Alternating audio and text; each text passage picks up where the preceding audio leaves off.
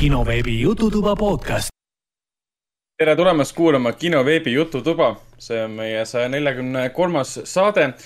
see on ühtlasi meie aasta kaks tuhat kakskümmend kaks siis esimene tavasaade. mina olen endiselt kinoartist, programmijuht Ragnar, minuga koos saates nagu ikka on äh,, alustaks, alustaks Hendrikust. on, on Hendrik, kes on siis Foorum Cinemas programmispetsialist tere, Henrik siinpool. ja kultuurikriitik Raiko. Ma nüüd lehvitan ka, et enam ei ole lihtsalt niisama, vaid nüüd saab lehvitada kaamerasse siis. ja, ja täna tuleb äh, kõikide eelduste kohaselt mammutsaade, sest äh, Raiko pole oma nimekirja siia pannud, ma juba kardan seda hetke, kui Raiko siia õige. meie dokumenti selle sisse paste ib. see on mingi kolm A4 siin tõenäoliselt. Vend on ka praegu esimest A4 lõpetamas siin nimekirjas. ei no tegelikult ei ole, sest ma tegelen ju selle uue veebipoe, veebipoega ja muude projektidega, nii et äh, väga Suurepärane. hullu äh,, hullu ma ei saa panna. aga eks me siin jõulude ja aastavahetuse ja kõige muu kandis ikkagi filme oleme, oleme vaadanud. kommentaare on seekord, seekord vähe, aga samas on olnud väga huvitavad kommentaarid või noh, väga huvitav üks kommentaar pigem, mis, mis tekitab ka huvitava diskussiooni meie poolt. Ja egas midagi, mainime, mainime üle, et kõik kinoveebi jututoa saated on leitavad Delfi taskus, SoundCloudis, Apple podcastis, Spotify's, Google podcastis ja enamustes teistes podcasti rakendustes meid on siis võimalik leida Youtube'is kinosaate nime alt, meid on võimalik leida Facebookis kinosaate nime alt ja muidugi kinosaade.ee lehelt. ja liigumegi kommentaaride juurde. tegelikult ongi siis kaks kommentaari meie eelmise aasta, eelmise, eelmist aastat kokku võtnud saade ilmus siis ka kinoveeb.ee lehel ja seal oli üks kommentaar, mis ei seostu mitte millegagi, ma lihtsalt loen igaks juhuks ette Äh, keegi siis küsib, et kas see on ka nominent rohelised munad kalju otsas ja kivi peal tuuleenergia valguses väga kalli hinnaga. palun dešifreerige mulle lahti, mida see kommentaar praegu tähendas. et rohelised munad kalju otsas, nii. Millele see vihjab? see on mingi kõrgem pilotos, ma. oota, mis ta ütles, ütle korra uuesti see kommentaar. rohelised munad kalju otsas ja kivi peal tuuleenergia valguses väga kalli hinnaga. ehk siis see seostub elektri hinna tõusuga. ja, ja täpselt, täpselt, täpselt. Aga need rohelised munad on, kas see seostub mingi, mingi Harry Potteri selle neljanda filmiga, kus olid need munad, mis sa pidid vee alla panema, et saada sealt äh, järgmise, järgmise selle Triwizard Tournamenti vihje või see on mingi kõrgem pilotaas, mina sellest aru, aru ei saanud äh,. küll küll ma sain aru väga hästi Villu kirjast, kes saatis meile ainsana, ainsa inimesena saatis meili, kus siis soovis head, head uut aastat ka meile. Villu meili nimi oli ka väga huvitav. kas üleeilne supp ongi maitsetu? tere kinosaade, head uut, head uut sulle ka, Villu. Villu kommentaar oli siis selline. uus Matrix jama eelmisel aastal Space Jam jama, Coming to America kaks jama. muudkui tuleb juurde mittevajalikke järgesid. siit tekkis huvi, palju on neid kümme või rohkem aastat tagasi linastunud filmi või filmiseeriate järge, mida on saatnud edu. Kas Mad Max, Rocky või mis need veel olnud on? ma otsisin mõned variandid välja Need küll ei ole otseselt filmid, mis on kümme või rohkem aastat tagasi nagu, nagu ilmunud, seal on mõned, mis on kolmkümmend viis aastat tagasi, mõned nendest filmidest tulid kümme aastat tagasi. ja nad olid omakorda järjed kolmkümmend aastat tagasi ilmunud filmidele. aga mis on nagu head ja edukad olnud, ma ei tea, ma ütleks kohe, et Villuga täiesti nõus, et Mad Max Fury Road ilmus kolmkümmend kolm aastat hiljem pärast siis Mad Max, mis see oli, Beyond the Thunderdome'i ja, ja Rocky, Rocky Balboa, mis ilmus kuusteist aastat pärast Rocky viite, oli, oli ka väga hea film ja sellest need kaks filmi, mis omakorda irdusid äh,. Creed ja Creed kaks, neid ma isiklikult vaadanud ei ole, kuigi ma olen kuulnud ainult äh, häid äh,, häid asju neist. ja mis siis veel, et ma tõin siin välja näiteks Trainspottingu järg. Kaks tuhat seitseteist tuli välja, kakskümmend üks aastat Aa, hiljem. õigus ja, muidugi, selle tuli järg ja, ja mul on siiamaani vaatamata see tegelikult, et see tuli kuidagi väikeste. mul ka, mul ka, ma ei, miskipärast, oota, mis aasta oli, viisteist või? Äh, ma kohe ütlen sulle. kuusteist oli see. seitseteist oli T2 Transporting. nojah, ma ei, ma ei tea, mis toimus mu elus, aga ma ei tea, ma olin just vist mingi aasta olnud vist äkki seal Foorum Cinemases ja, liiga erutatud selleks, et filmi vaadata. oo, okei. Okei. tööt-, töötad kinos ja oled liiga erutatud, et filmi vaadata. see on huvitav.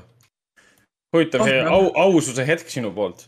see jah, kuidagi peab ju aus, aus ka oma, oma kuulajate suhtes. ja siis ma tõin siin välja näiteks Tron Legacy, kaks tuhat kümme tuli välja, tuli kakskümmend kaheksa aastat hiljem pärast esimest osa. oli tegelikult väga hea film.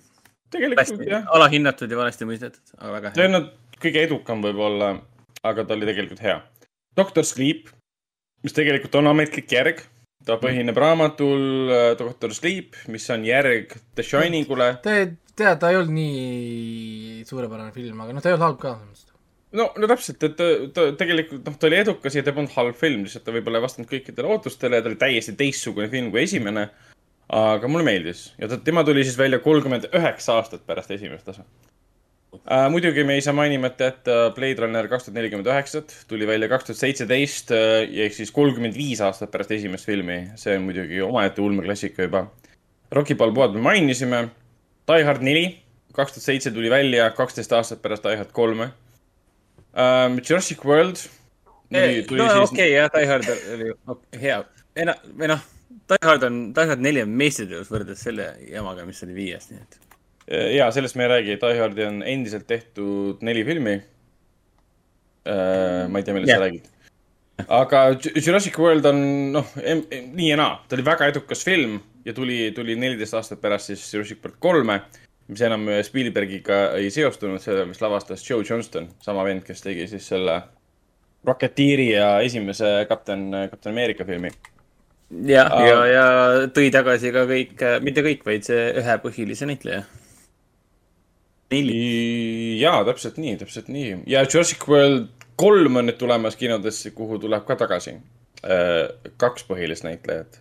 ma ei tea, kui suured need rollid on, aga nagu ma aru sain, siis Laura Dern ja, ja mm, doktor Alan Grant ehk siis Sam Neill tulevad, tulevad tagasi. loodetavasti on neil suurem roll kui Ian Malcolmil selles Lost Kingdomi filmis uh,. Incredibles kaks tegelikult mulle väga meeldis, tuli neliteist, neliteist aastat pärast esimest filmi uh,. Glass tegelikult, kui võtta, et see on nüüd siis see uh,, okei okay,, see on väga jah, jah. kas ta oli hea või mitte, see on väga subjektiivne praegu, mulle ta meeldis, ta tuli üheksateist aastat pärast siis seda Un- Unbreakable'i välja. Need on need järjed, et äh, kuule, aga mis siis oleks, kui see film on tegelikult esimene osa sellest seeriast, mis siis, et viisteist aastat hiljem ma tulin selle idee peale, no noh, suva. nojah, see ei ole jah, selles mõttes järgi, et ma, ma kindlasti planeerisin seda. Mis siis veel, Men in Black kolm tuli kümme aastat pärast teist osa uh,. Star Wars Force Awakens tuli kümme aastat pärast siis seda kolmandat filmi um, Revenge of the Sith siis. sa, Toy Story kolm, nii Star Wars on, asja, millest sa räägid? viimane Star Väga edu- Warsi film oli seitsekümmend üheksa. mine ära. viimane Star ma Warsi film. olen, ma olen ka öelnud seda. ei, ei, selles mõttes, ei, sorry, siin on tegelikult küll filme, Rogue One näiteks oli siin ja siin on, siin on olnud küll Star Warsi asju, siin on Mandalorian on, on olnud ja, ja see on üllatav seeria selles mõttes, et äh, tehti ainult paar üksikut filmi alguses.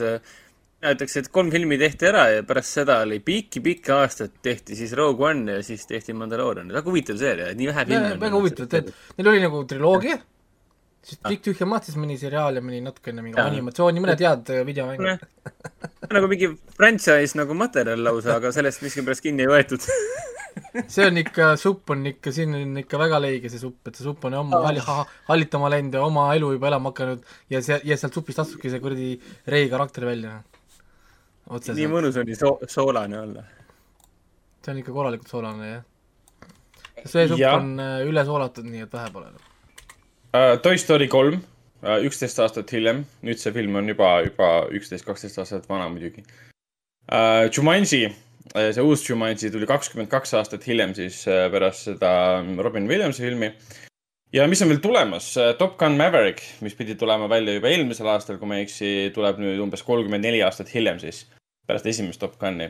Avatar kaks tuleb see aasta väidetavalt välja ja see on siis kolmteist aastat hiljem ja väidetavalt siis ka järgmine aasta see või järgmine aasta tuleb välja ka Beverly Hills äh, Cop neli äh, mis on siis kas kakskümmend kaheksa või kakskümmend üheksa aastat hiljem. Need on siis tulevased filmid. tegelikult neid häid filme, mis on tehtud kümme kuni kolmkümmend aastat hiljem pärast eelmist filmi, on ikka olnud. muidugi meelde jäävad ikkagi need, mis on väga kehvad. siin, mida Villu nagu loetles ka, Coming to America oli umbes see, et milleks ja kellele. ja Space Jam nagu milleks ja kellele ja okei okay,, Matrix on jälle subjektiivne, mulle meeldis. ärge vihake mind vot, aga need olidki kommentaarid, et me saame rahulikult edasi liikuda kuulajate mängu juurde. et kas meie kuulajate mäng on endiselt teine hooaeg või me lähme nüüd uue aastaga kolmanda juurde? meil on üheteistkümnes äh, episood ja. teisest hooajast. see on teise, teise hooaja üheteistkümnes, üheteistkümnes episood on siis äh, selle vastused ootame siis kahekümne esimeseks äh, jaanuariks äh, kella kuueks info, et kinosaade.ee ja ma eeldan kõikide, kõikide varasemate kogemuste põhjal, et siin on jälle kuus-seitse äh, muusikapala ja siis äh, on kinosaade.ee lehel äh, kuulajamängu all on ka pildid. aga sellest kõiget, äh, kõigest pikemalt räägib meile Raiko. jaa, pildid, asjad jah, kuidas ma jälle jõuan äh,.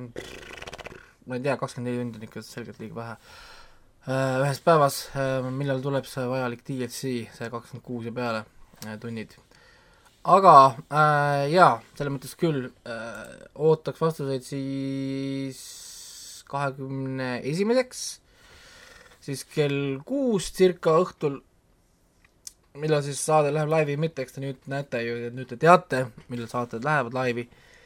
ja, ja siis äh, räägime ja vaatame, kes võitis, kas võitis, sest eelmine kord jäi võit äh, välja andmata ma isegi ei tea praegu järjestuses, kus meil oleme piletitega, mis auhind peaks üldse olema, ausalt öeldes. et eelmine kord vist pidi minema Artisi piletid vist ja sina otsustasid, et ei saa. jaa, sellepärast, et õiget vastust ei olnud ja õiglane oli mitte anda. ehk siis tegelikult me oleme, kas me oleme endiselt Artisi piletite juures või läksime uue ringi peale juba? ma ei tea, ühesõnaga meil on see arutamata, ühesõnaga saate kinopiletid. Me mõtleme välja siis, mis kinost need piletid tulevad, aga kinopiletid tulevad ja, ja nii. aga kuna meil ei ole eelmise saate, eelmise kuulajate mängu stuff'i rääkida, sest äh, meil ei olnud vahepeal kuulajate mängu, äh, siis me saame minna tegelikult ju sujuvalt nüüd ähm, äh, kuulajamängu juurde, ma arvan. nii, ma võtan äh,, võtan lahti üheteistkümnes kuulajamäng, saate kuulata, saatejuhid saavad ka kuulata nüüd. lihtsalt. ja suud, suud kinni hoida, aga number üks äh, tuleb siis äh, nüüd yeah..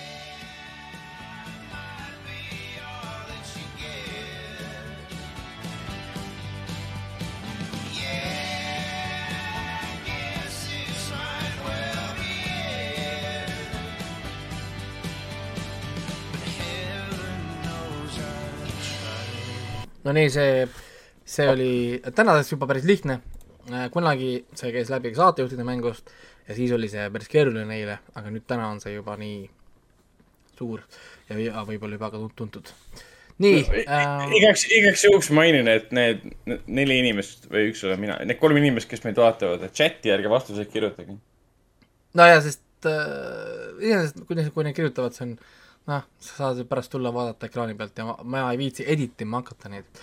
nii et ja, äh, ja. siis, siis te lihtsalt rikute ära äh, teiste jaoks selle avastamise rõõmu. jah, nii, number kaks tuleb äh, nüüd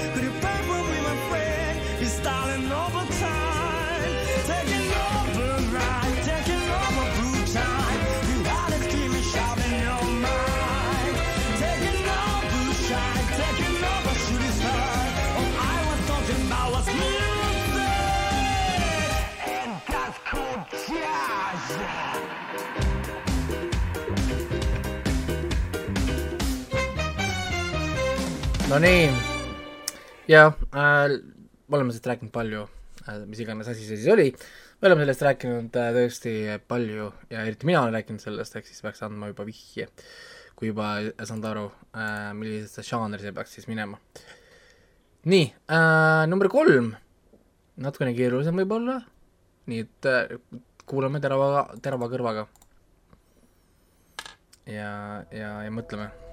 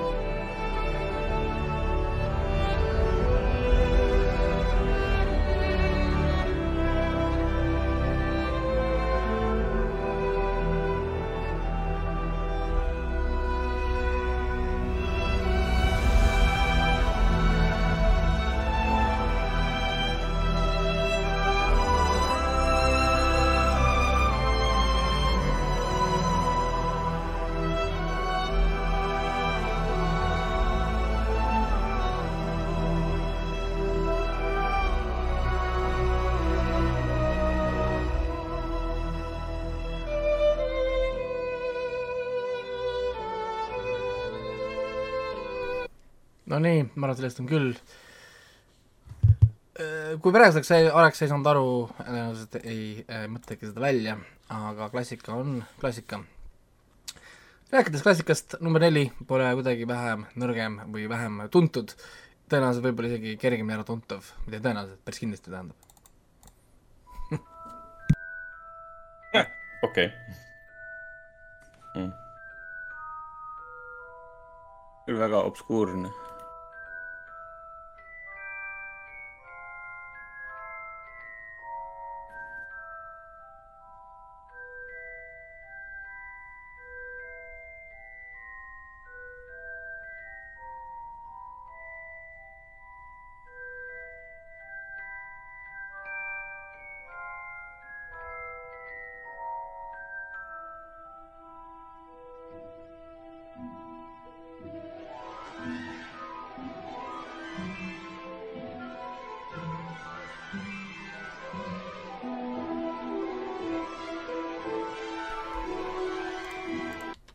ei tea, äkki tuli, tuli tuttav ette mm,.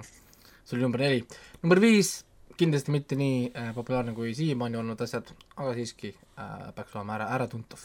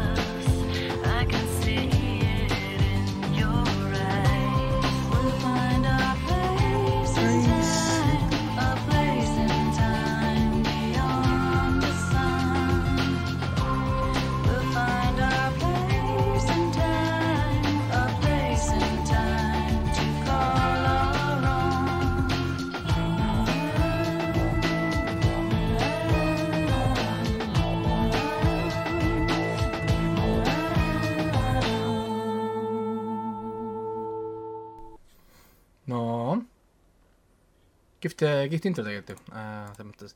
ja viimane, väga, väga meeldejääv. number kuus on äh, jah, ma ei ütle midagi, vaadake ja kuulake.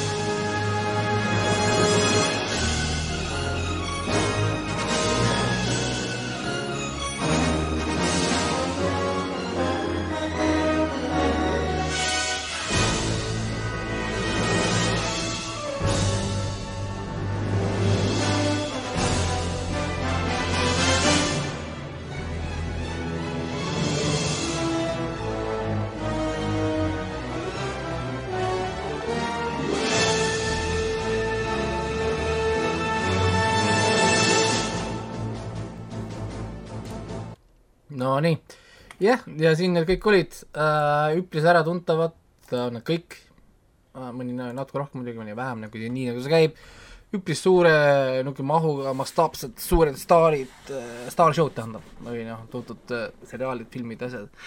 nii et äh, usun, et on kerged äh,, tahan saada palju õigeid vastuseid äh, võimalikult paljude inimeste käest ka siis. Ja juba siis järgmiseks reedeks kella kuueks circa enam-vähem äh, päris vastu näppe ei anna, kui valel ajal tuleb, võib-olla, nii et äh, muud ei olegi. Äh,, muud ei olegi, ma arvan, et äh, kohe suht- sujuvalt äh, liigume kuhu? Äh,? liigume siis, siis äh, mida vaatasime kodus, meil oli nüüd päris pikk vahe. Ähm,. siis siin erinevatel äh, põhjustel aastavahetused vaata aga olgu äh,, midagi, ma juba lükkan kohe sujuvalt siia ekraani peale ühe huvitava äh, asja, milleks on äh, minu, ma arvan, selle aasta üks äh, parimaid asju tõenäoliselt, sest ma usun, päris suure tõenäosusega see juba lõpetab minu nii-öelda äh, listis, siin ta ekraani peal on, rääkisime sellest äh, kolmandast hooajast, rääkisime tegelikult juba ka ähm, meie aasta parimates saates eelmisel aastal, nüüd on, nüüd on ta tagasi, aga nüüd on ta neljandal hooajal, mis siis linastus kolmkümmend üks detsember ja sorry, aga nagu miks on Cobra Kai nii hea? nagu, nagu, nagu päriselt, ma ei, vahepeal mõtlen selle peale, et, et ma ei saa aru, miks see Cobra Kai nagu toimib. ta on kohati nagu nii veidralt äh, naiivne, on ju, ta kordab ennast ikka nagu räigelt tegelikult, ta paneb sama plotline'ist ringiratast ja sa vaatad, sa ahmid seda täiega kahe suupoolega nagu. Ja, ja, ja kuigi, kuigi ma püüdsin küll neljand-, ma püüdsin küll neljandas hooajas leida nagu probleeme, et kas see hooaeg on, äri on hakanud väsima, kas miski on midagi selles, mis enam ei toimi või midagi sellist, ma püüdsin leida probleeme, sest ma tundsin nagu mingisugust äh, ma ei tea, tempo aeglust või midagi, aga kui ma hakkasin selle peale mõtlema, kuskilt kinni haarama, siis reaalselt nagu ei ole mitte kuskilt kinni haarata. väga hea tempo tegelikult, see ja see, millega see neljas hooaeg lõpeb, see oli lihtsalt imeline. ilus ja ei korralik efekt. meie mitte ainult, sorry aga, aga viimane episood, neljanda hooaja viimane episood, see on korralik kuradi noh. fire on selle asja nimi. Seal oligi nii palju ootamatusi. puudu, puudu oli see viimasest episoodist ainult see skuutri lugu. Fire. sest see oli ikka nagu tõesti ikka korralik turniir, korralik karate, koreo, koreograafiad, kaamera ei shake'i, kuradi Matrix noh. Vaata, tule vaata, kuidas tuleb teha võitlusstseene. noh. uus aasta ikka Matrixi juba algu. kuradi Matrix Resurrections, no mine korra Cobra Kai võtetele, noh. vaata, mismoodi see kuradi kaamera peab olema paigal. et, et ja need fucking võitlusstseenid on lihtsalt nii, nii, nii puhas, ilus pilt, käed, jalad, keha liigub nagu selgelt, sa näed kõike oma kuradi silmadega. Ja see on nii energiline, iga, ja siis, kui see hoog tuleb ekraanile ja siis käib see hook on ka jah muidugi. kotka kilja, kil-, kot-, kotka kiljatus käib, siis ma alati mingi süda jätab löögi vahele lihtsalt oh.. ja siis on jah tema up, tema need ta- tätoveeringud ja värgid seal, ta teeb jaa, seda see, kus ta liigutab ennast nagu, Tiivad ta liigutab lendavad- ennast nagu see, ta liigutab ennast nagu Ralph Fiennes liigutas ennast selles Brett Ratneri Red Dragonis, kui ta näitas oma draakonit. no näed, ei no sa teed neid tiivasid, noh, sa näitad neid tiibu ju, või noh, nagu sa teed seda tiiva liigutust nii-öelda. ja et ei, korralik, ei, kindlasti, kui Netflix on olemas, siis Cobra Kai must watch ja inimestel on ikka niisugune, ma olen vaadanud, ütleme vaadanud, ma olen tähele, tähele pannud, et pa- pa- paljudele inimestele sa soovitad, ütleme Cobra Kaid, siis on niisugune nagu veider reserv, ma ei tea, reservation umbes, ma ei tea, ma ei ole Karate, Karate Kidist fänn. Pole üldse oluline, absoluutselt, isegi kui sa pole näinud Karate Kidi, ikka vaadake Cobra Kaid. see on, see on hoopis teine story, see on hoopis teine maailm ja, ja, ja mul on küll tunne, et see Cobra Kai paneb veel kaua edasi, me teame juba viies hooaeg tuleb, onju. aga, aga ma arvan, me saame kuuenda võib-olla veel, selles mõttes, ta läheb ikka nagu pikalt edasi, selles mõttes see Cobra Kai.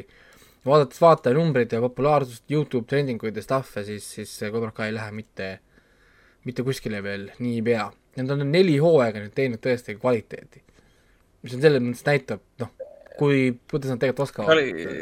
ja see kvaliteet läheb aina paremaks, mis on nagu väga kummaline nähtus. et nad suudavad on üllatada, võimalik? vaata samet, nad suudavad nagu üllatada, sul on nagu neid vau-momente ikka veel tuleb, sul tuleb turniir, onju.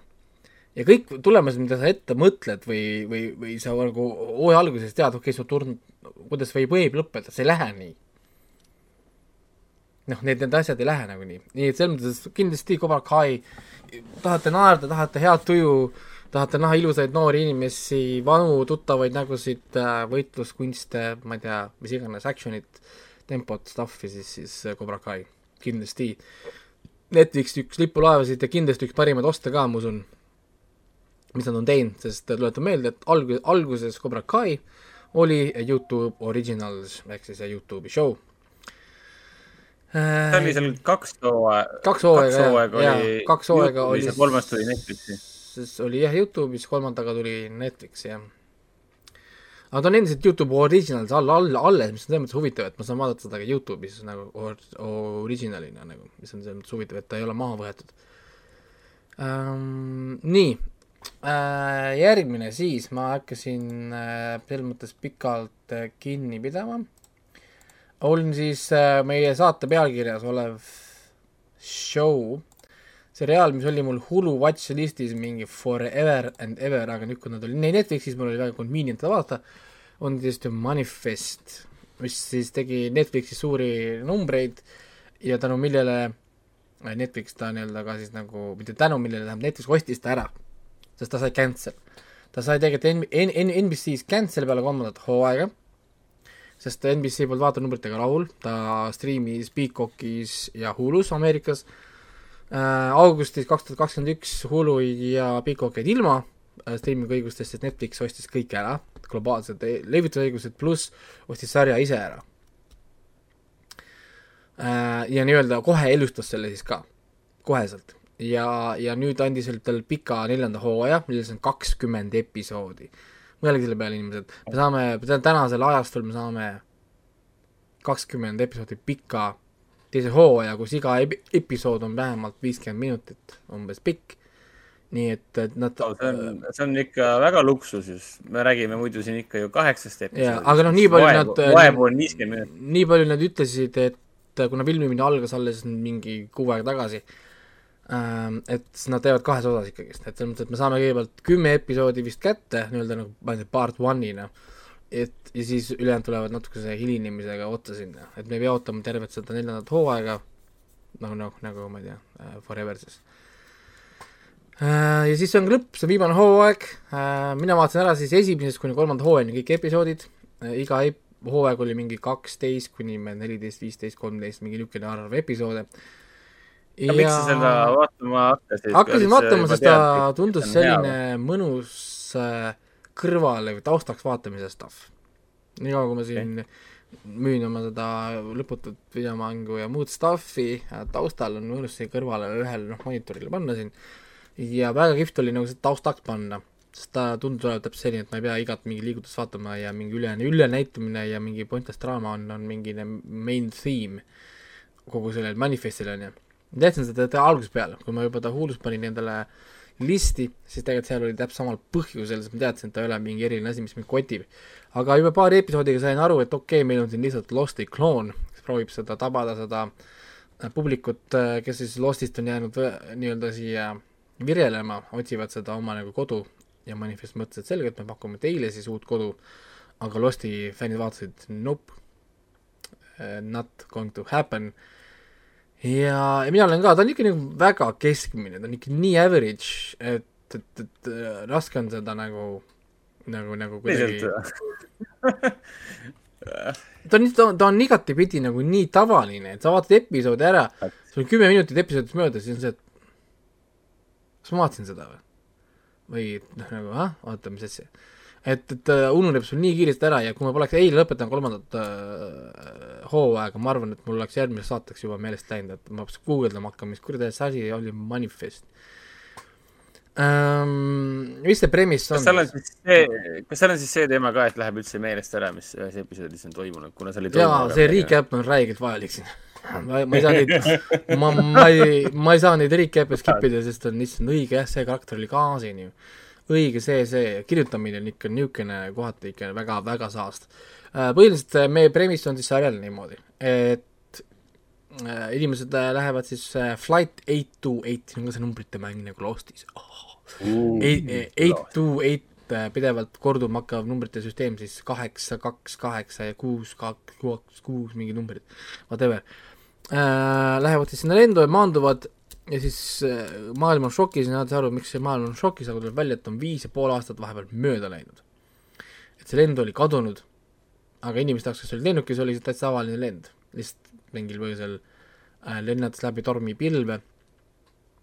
Nad siis teleportisid ennast, ma ei tea, tulevikku või, või maailm teleportis, ühesõnaga mingil põhjusel nad sattusid viis ja pool aastat tulevikku. Ja siis äh, alguses tundus niisugune huvitav, selles mõttes, et äh, me hakkasime nägema lihtsalt inimeste elust, mis on toimunud. noh, umbes sarnaselt siis äh, Marveli universumile, kus oli see Snap, viis aastat olid ju, või palju seal seda vahe seal oli seal põhimõtteliselt sama nagu stuff, et tulevad koju, korterid on müüdud, ma ei tea, uued mehed on naistel, naistel on uued mehed, uued lapsed äh,, noh, avastavad, et maailm on nad ära unustanud ja, ja edasi liikunud, on ju.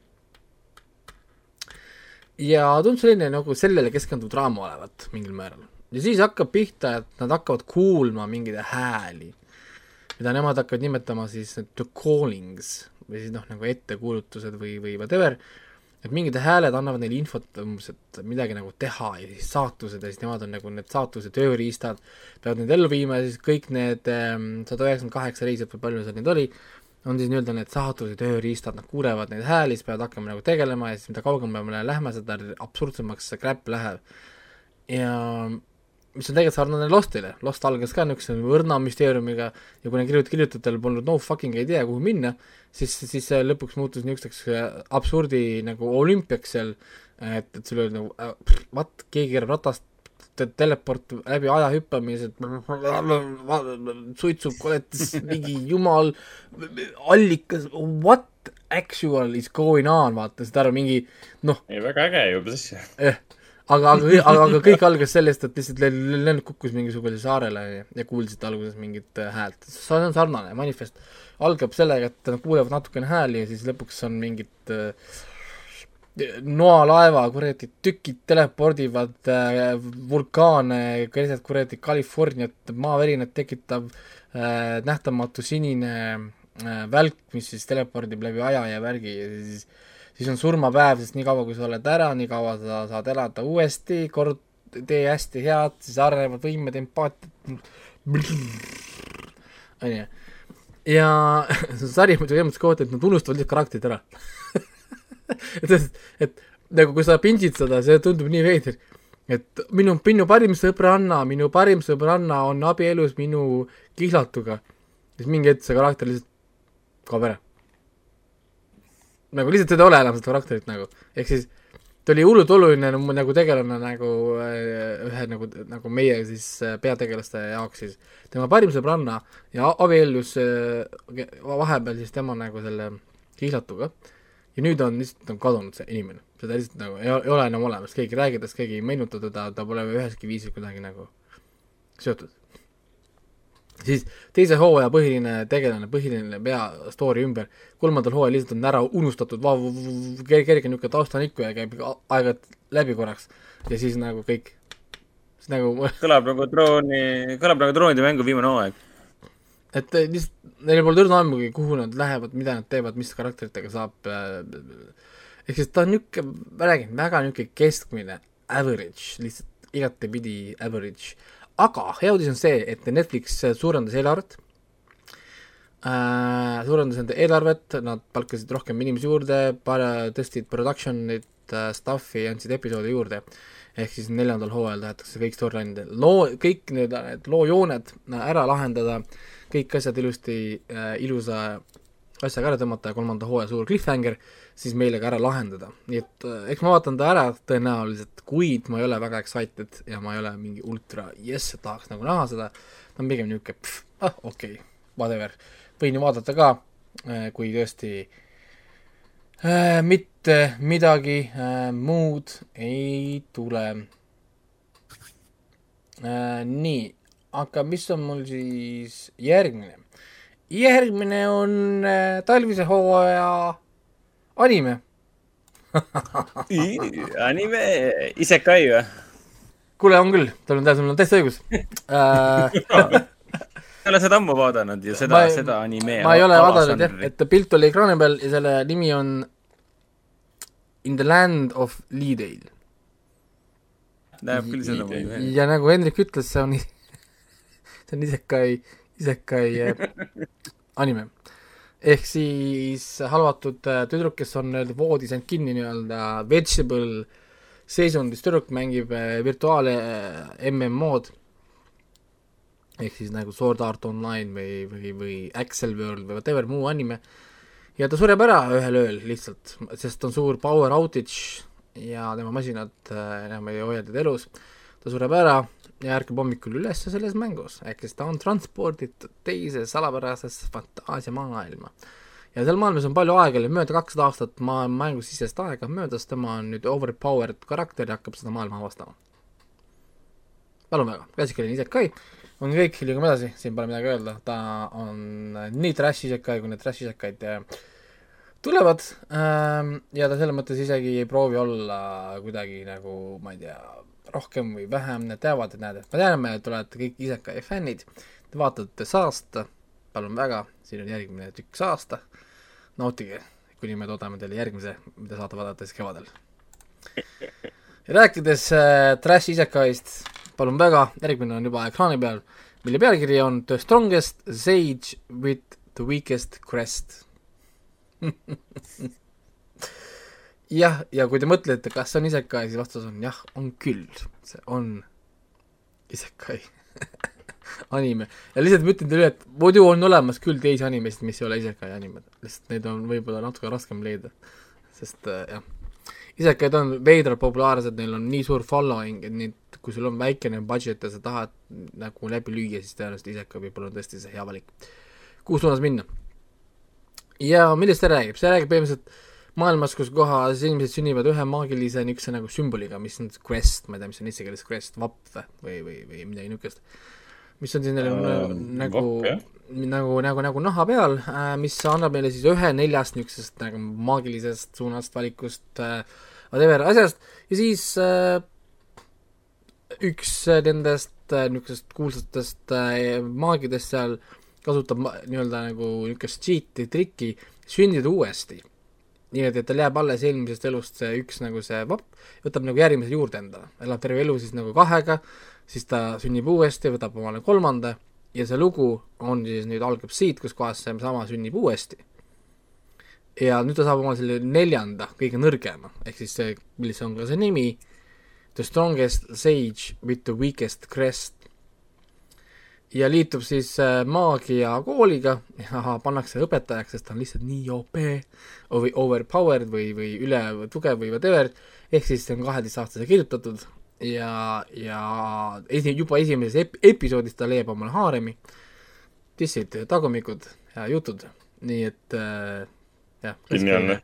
klassikaline isekai ilma, ilma erilise nagu, nagu mingisuguse äh, sügavama pundita tõenäoliselt, seda on olnud hetkel ainult vist üks või, või kaks episoodi, aga jah, ta on sügise hooaja, sügise, talvise hooaja oma, ehk siis tal on kaksteist episoodi ainult, nii et äh, nagu ikka niisugune lühikene ja äh, niisugune, niisugune mõnus asi, aga liigume kohe filmi juurde, ma ei hakka siin pikalt seisma jääma, ekraani peal tuleb üks vana film, üks väga hea film ja põhjus, miks ma vaatasin kodus hästi palju juba vanu filme, asju oli seesama, et ma räägin, ma tegelesin siin koodimisega, ma tegelesin siin erinevate moodulite kirjutamistega, ma tegin seda veebilehte ja asju, ehk siis niisugust, niisugust toorest tabelite ja asjade tööd, siis on hea mõnus niisugune taustale panna filme, mida sa oled nagu näinud, ehk siis sa kuuled, film. sulle meelde.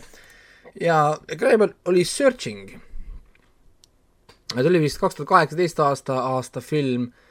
Ja, ja minu arust üks parimaid äh, niisuguseid on-screen filme või selle kohta oh,, kuidas neid nimetatakse, on computer screen film või, või, või mis see nagu see niisugune mm, niisugune ala, žanr neil võib olla? see on mingi, mingi- ekraanitõmmiste movie või ei, Mingi- mingi- meil oli mingi- inglise keeles oli üks spetsiifiline termin ka sellele. Screen record- Screen cap movies. Screen Screen cap grab või movie mingi screen cap, capture movie, Screen mingi, movies või midagi mingi, mingi ühesõnaga tal on mingisugune tekkinud mingi oma nagu niisugune nagu nimetus.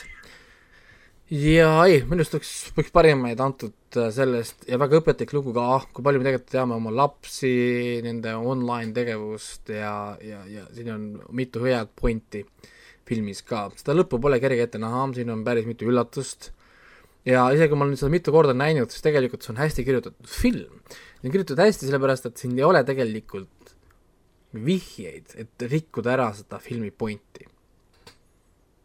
mis on selles mõttes nagu hea. isegi, isegi mina ei mäleta, millega see, mis, milles see twist enam seisis. ma alles hiljuti vaatasin seda esimest korda. esimesel koroona aastal äkki, kaks tuhat kakskümmend. jaa, oli küll jah. ja ma ei mäleta ka praegu, milles see pööre seal lõpus seisnes. mäletan, et see oli hästi pöördeline, hästi ootamatu. jaa, on küll. ja see on, ja see on hästi mõnus twist, mitte ainult üks, siin on kaks twisti järjest. ja, ja see on hea tegelikult kumbagi tulemas. sest ta, ta on tegelikult nii kavalalt tehtud ja niisugused vajalikud elemendid on nii loomulikult sisestatud, et see ei tundu fake. noh, no saad aru, et see ei ole umbes nagu, et vaatad õudusfilmi, kus ema ja laps mängivad äh, äh, peitust, mis on niimoodi, otsi mind sa saad kohe aru, igaüks saab aru, et ahah, selge, me saame kohe varsti selle äh, clapping'u horror momendi, sest sul on vaja Jaa. establish ida seda clap'i. Siis kui see film midagi establish ib, siis ta on nii loomulik, et sa ei pane tähele, et ta tegelikult pani mingi asja paika, mida tal on hiljem nagu vaja. ja isegi ma räägin, mitte uuesti vaatamistel on see tegelikult nagu nii hästi tehtud. ja Searching, palun tõesti, seda saab äh, vaadata äh, täna vist juba suht igal pool, sest film on juba nii vana, et ma usun, et te leiate seda Telia asjadest ja värkidest ähm,. Eesti keeles olla võis otsing või midagi sellist. ma ei tea, mis teist jaa, Eesti kinodes oli ta küll Otsingu nime all. kas ta oli meil kinos? oli küll jah? ikka, oli ikka jah, otsing jah. kindlalt oli kinos või? ma mäletan nagu küll, praegu äh, oma kinokodukat praegu vaatasin seda. selge. nii, aga järgmine asi on Luka, ma ei tea, kas ma olen Lukast varem rääkinud või ei ole um,. mina, mina olen kindlasti, tähendab saates üldse oleme sellest rääkinud küll. Ma vist, ma vist ühe korra mainisin, ma vaatasin seda lastega ja siis ma lihtsalt vist ei räägi, rääkinud Lukast ise. aga, aga ma tegelikult räägin korra ikkagi natukene paar sõna ka äh, Lukast.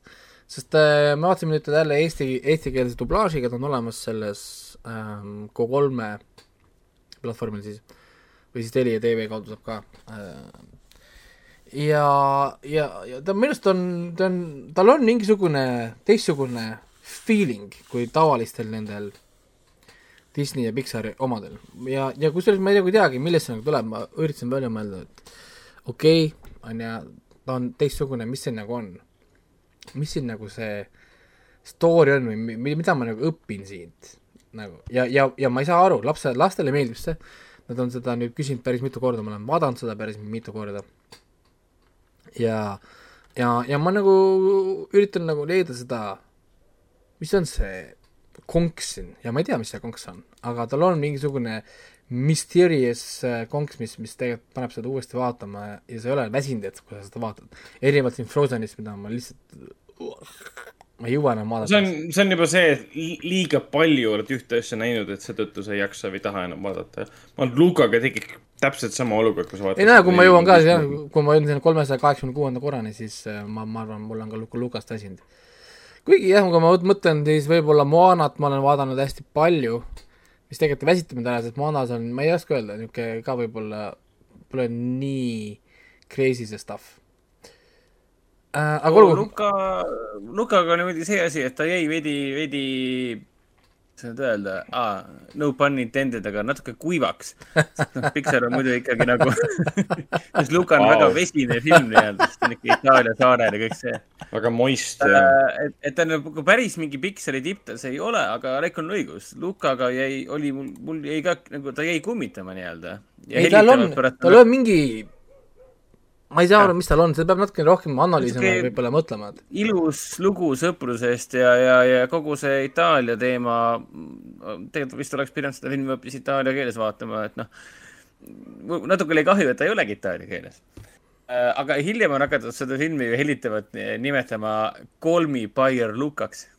sellepärast, et paljude inimeste jaoks nad vaatasid seda filmi, mõtlesid, et issand, aga see on ju põhimõtteliselt nagu Call me by your name laste, lastega, lastele. Mhm. kaks sõpra saavad kokku, armuvad, algul on sõbrad, siis on armuvad ja nii edasi, et noh, sellepärast ongi see Call me by your Luka, et see trendib kuskil Twitteris praegu. aga, aga hitt-film., aga kuna äh, Dave Chappell on öelnud, et Twitter is not the real place, liigume siit edasi äh, Daylighti juurde kõik on nõus sellega. äh,, milleks Daylight on äh, Sylvester Stallone võib-olla üks parimaid filme minu meelest. Fail Daylight ja ma vaatasin seda lapsepõlves ikka palju, mul oli VHS ja värgid ja me vahetasime seda VHS-i see oli nii crazy film ja sorry, ütleme praegu Netflix olemas, ainult seepärast vaatasin, et see Netflix soovitas mulle, vaata Daylight. Ah, nice. ma ütlesin, et yes, you have a deal. ma vaatan seda filmi ja sorry oh,, aga ta on nii nagu ambitsioonikas projekt, siin on niisugused action stseenid, sorry, see esimene, see auto stseen, kus kohas me näeme seda protsessi, kuidas see tunne plahvatab, see kestab forever. iga kord mõtled, okei okay,, nüüd on otsas, enam plahv- plahvatused üle. veel, okei okay,, nüüd on läbi. mingi, saad aru, tunnelid lähevad ja see läheb ja see action läheb kogu aeg nagu crazy maks, klassikaline, terve aeg on pinge peal, iga liigutus on mingi elu eest võitlemine, kõik karakterid järjest surevad kogu aeg. Mul oli, mis siin toimub, kas oli kogu aeg nii tume film või? nagu täiesti küll ei mäleta, et see tume oleks olnud, ma et see oli Mäletan lõbus. toreda seiklusfilmi. ei no sorry, vaadake seda nüüd uuesti täiskasvanuna nagu kõik järjest saavad surma, emad, lapsed mingid koerad, kuradi jutud, kõik surevad kogu aeg ja, ja crazy.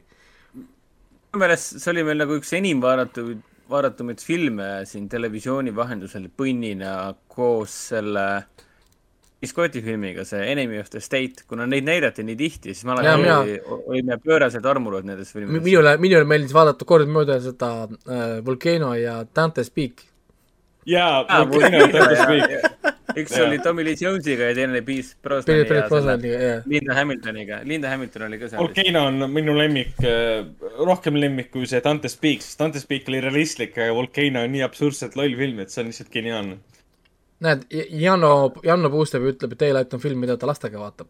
ma pole sinna jõudnud, kusjuures. okei. aga, aga, aga aga lastega võiks küll vaadata, aga noh, see on jälle see, et noh, lastega vaatad Tommit ja Jerry't ka, siis ikka üritad seletada, et kuule, panniga ärge päris näkku lööge ikkagist, et kas lastega võib vaadata filmi, mille Rotten on kakskümmend seitse protsenti? miks, see on jumala, see on ju jumala hea film.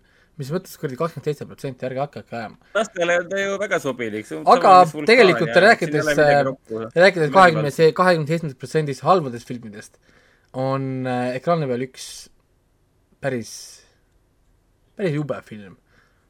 päris saast ikkagist ja ma olen tegelikult, mul on, on siin üks saade, kus ma pikalt räntisin selle üle, kui kuradi sitt see film tegelikult on. aa, esimene või? ja mis teine on parem või? teine on veel hullem. ma, no esimene on ikka mitu korda parem kui esi-, kui teine. ja te, teises tõmmatakse see mingi Harry Osborne'i sõprus välja kuskilt mingit tagumikust jälle. aga, aga, aga Amazing Spider-man siis mul on nii kahju Garfieldist. mul on Garfieldist nii kahju. kui ta andis see stsenaarium, stsenaarium kätte talle, sest 4K-s ma ostsin terve selle bundle'i, no ma maksin selle eest. aa, ma ostsin kõrgelt kõiki Spider-manid, viis korda Spider-mani filmi, ma maksin selle eest, ma pean selle teise ka nüüd ära vaatama, see on täitsa crazy. ja, pead.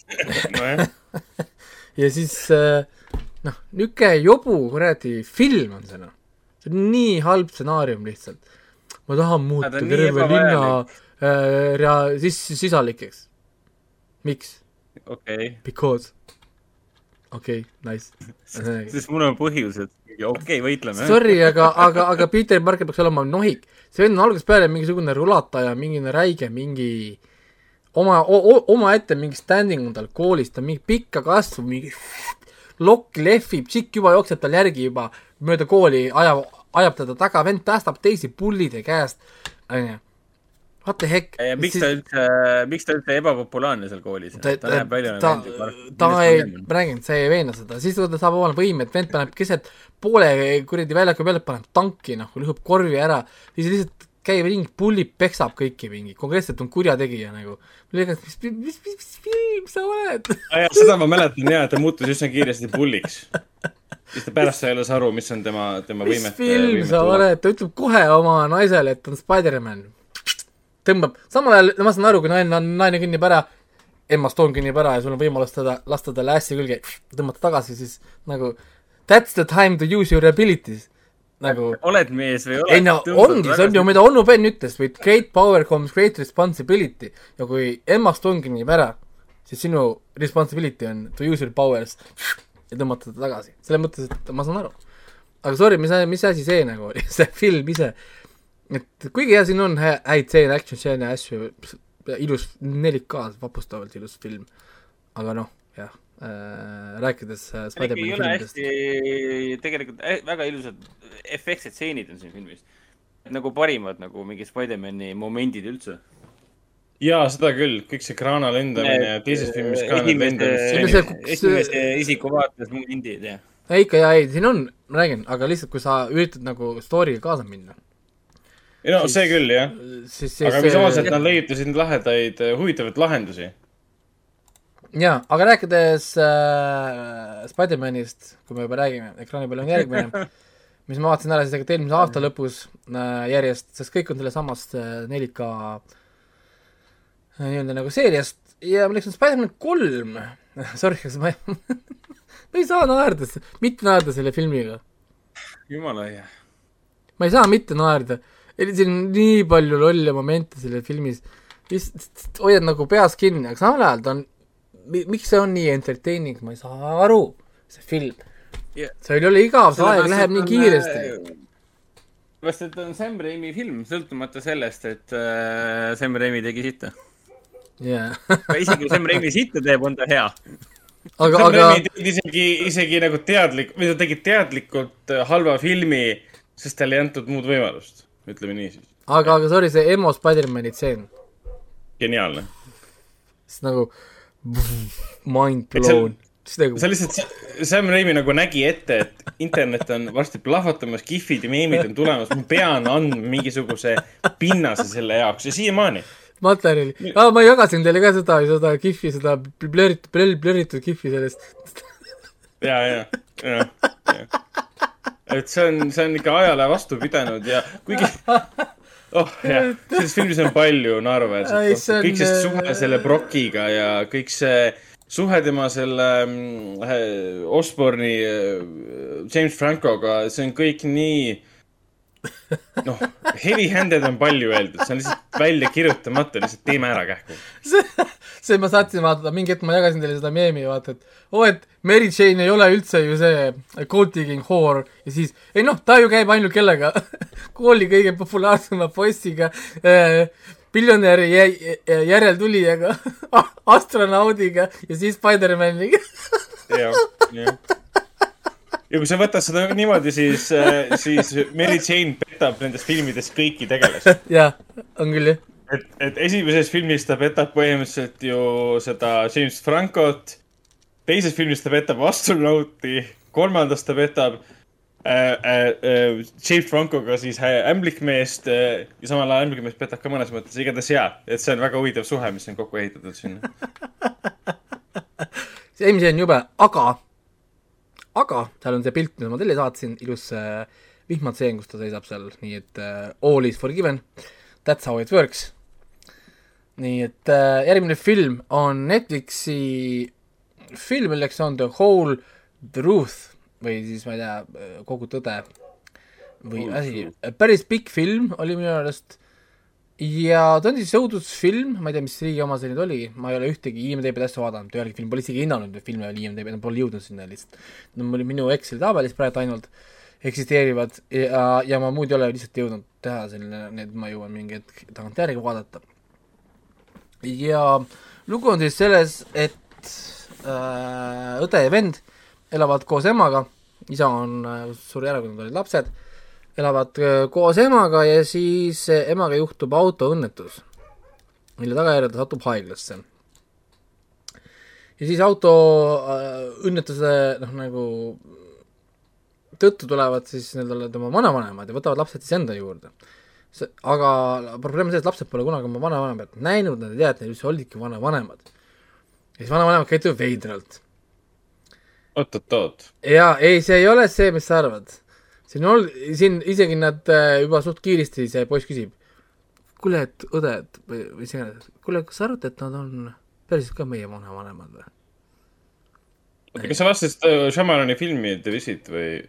ei, ei, ei, see, see ei ole see. okei, okei, Ähm, ja, ja siis nad üks päev äh, leiavad veidra augu seinas, mida näevad ainult nemad. vanemad, vana, vanavanemad seda auku ei näe, keegi teine seda auku nagu ei näe, kui nad seda august sisse vaatavad, nad näevad nagu mingeid veidrad sündmuseid kuskil kõrvalmajas või kõrvalruumis, kus toimuvad mingid verised veidrused asjad, mingi äh, nende jaoks seletamatud asjad, nad saavad aru, et äkki see on mingi kummitus, mida nad näevad. ja, ja siis see kummitus äh, stuff hakkab neid juhtima lähemale nagu tõele. ja tõde, mida siis jahitakse, ongi see, miks äh, nende ema ei ole rääkinud nendele vanavanematest, miks vanavanemad käituvad veidralt, miks see, see vanaema on nagu ta on, no spoilers, miks vanaisa on nagu ta on, no spoilers ja, ja mis juhtus nende isaga. Mhm. vanavanemad on seotud isa kadumisega. mm,. Not going to say aga, aga, aga jah, ta selles mõttes seal on huvitavaid kohti, ta on klišeede kogumik põhimõtteliselt, kui keegi kuskil võttis, et oh klišee ja klišee ja klišee, me paneme kõik kokku, onju.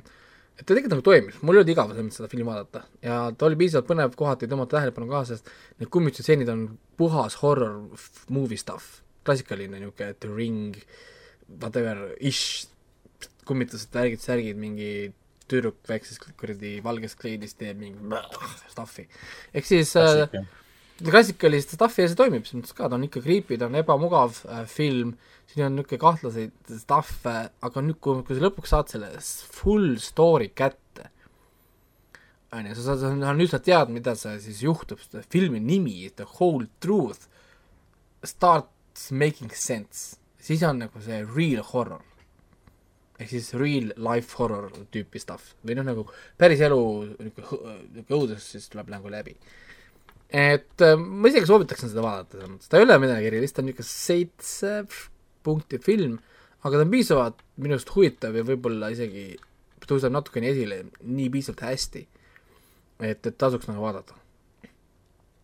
et ta, ta ta ei ole oli, mis asi, Tai, Tai film ta on mingi jah, kuskil sealtkandist ja ta ei ole selles mõttes puhas õudukas ka, ärge minge sisse vaatama, oh see on õudusfilm. ei, ta on, on jah, Tai film. ta on ikkagist nagu mingi draama õudus, siin on õuduselemente palju, sest kui sa vaatad treilerit, siis ta tegelikult näitab sulle enamus ajast seda kummitustüdrukut nagu, et näidata sulle, et on õudusfilm. aga taga ei ole tegelikult õudusfilm sada protsenti, siin on ikkagist see noh, see draama, see perekonna stuff ja kõik see stuff ikkagist noh, nagu nii-öelda nagu noh, nagu seal sees.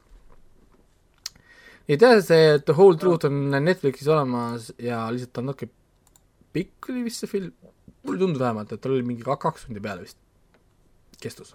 kaks null viis, kaks null viis. okei, no igal juhul jah, jah. ja, ja, ja lõpp äh,, selles mõttes, et ta mingi otseselt ei üllata äh,, et veider oli näha see, et tundus, et film on nagu äh, poole sunni peal nagu läbi, tundus mingi hetk.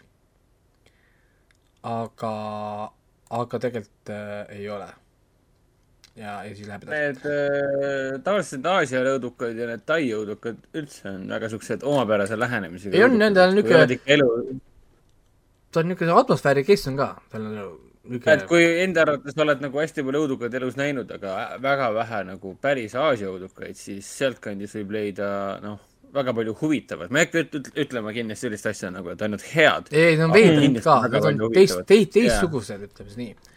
aga rääkides teistsugustest asjadest äh,, järgmine asi on ekraani peal, milleks on Green Snake ähm,. Green Snake on siis Hiina animatsioon, Netflixi mm. jaoks tehtud. aa, see on see, reklaamiti päris kõvasti. ja, ja kui eelmise aasta minu topi lugesite kinoveebist äh,, või kurat, ma pole jõudnud ikka veel artikliga teha, pidin tegema kinosaatesega meie selle pikema listi, issand küll ja, ja kus on välja toodud kõik. nii palju asju tegemata, siis äh, äh, mul oli seal see Nesha Reborn tegelikult ka, mis on siis ka Hiina animatsioon, mis meil, millest ma kirjutasin siis tegelikult ka ja, ja nad fleksisid sellega palju oma niisuguse animatsiooniga ja sujuvusega ja stuff'iga lihtsalt näitasid, et kuule, meil on miljon hiinlast, kui igaüks teeb ühe, ühe kaadri, vaadake, kuidas see kõik välja näeb.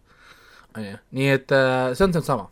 Green Snake ka ilus lihtsalt, ta on, ta on ainult tuhat kaheksakümmend, pole isegi 4K-s, aga ta on, ta on sama nagu Ar- Arkane, tal on nii kõrge bitrate, tal on nii palju informatsiooni, iga kuradi piksel on välja joonistatud, ehk siis äh, hästi ilus animatsioon.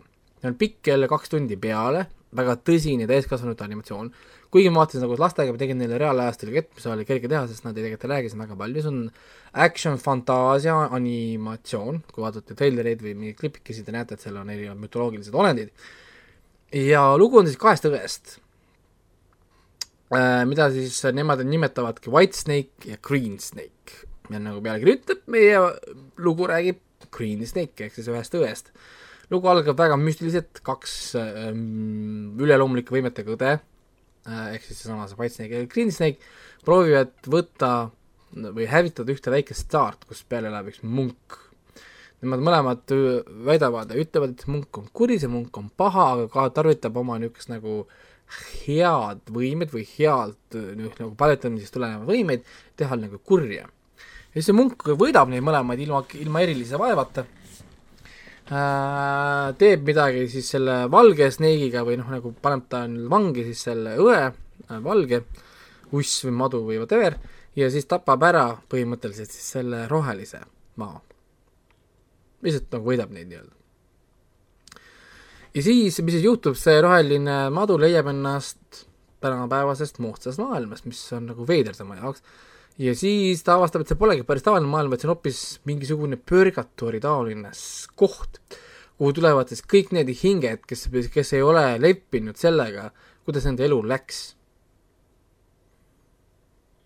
Ja ta kohtab seal teisi igasuguseid erinevaid veidraid loomi seal on äh, need härjapead, seal on hobusenäod äh,, seal on äh, need lendavad tiibadega igasugused asjad ja ja siis me hakkame saama seda nagu seda loori või seda tausta, mis koht see on, mis, mis koht on see Asuravill, kus nad seal elavad?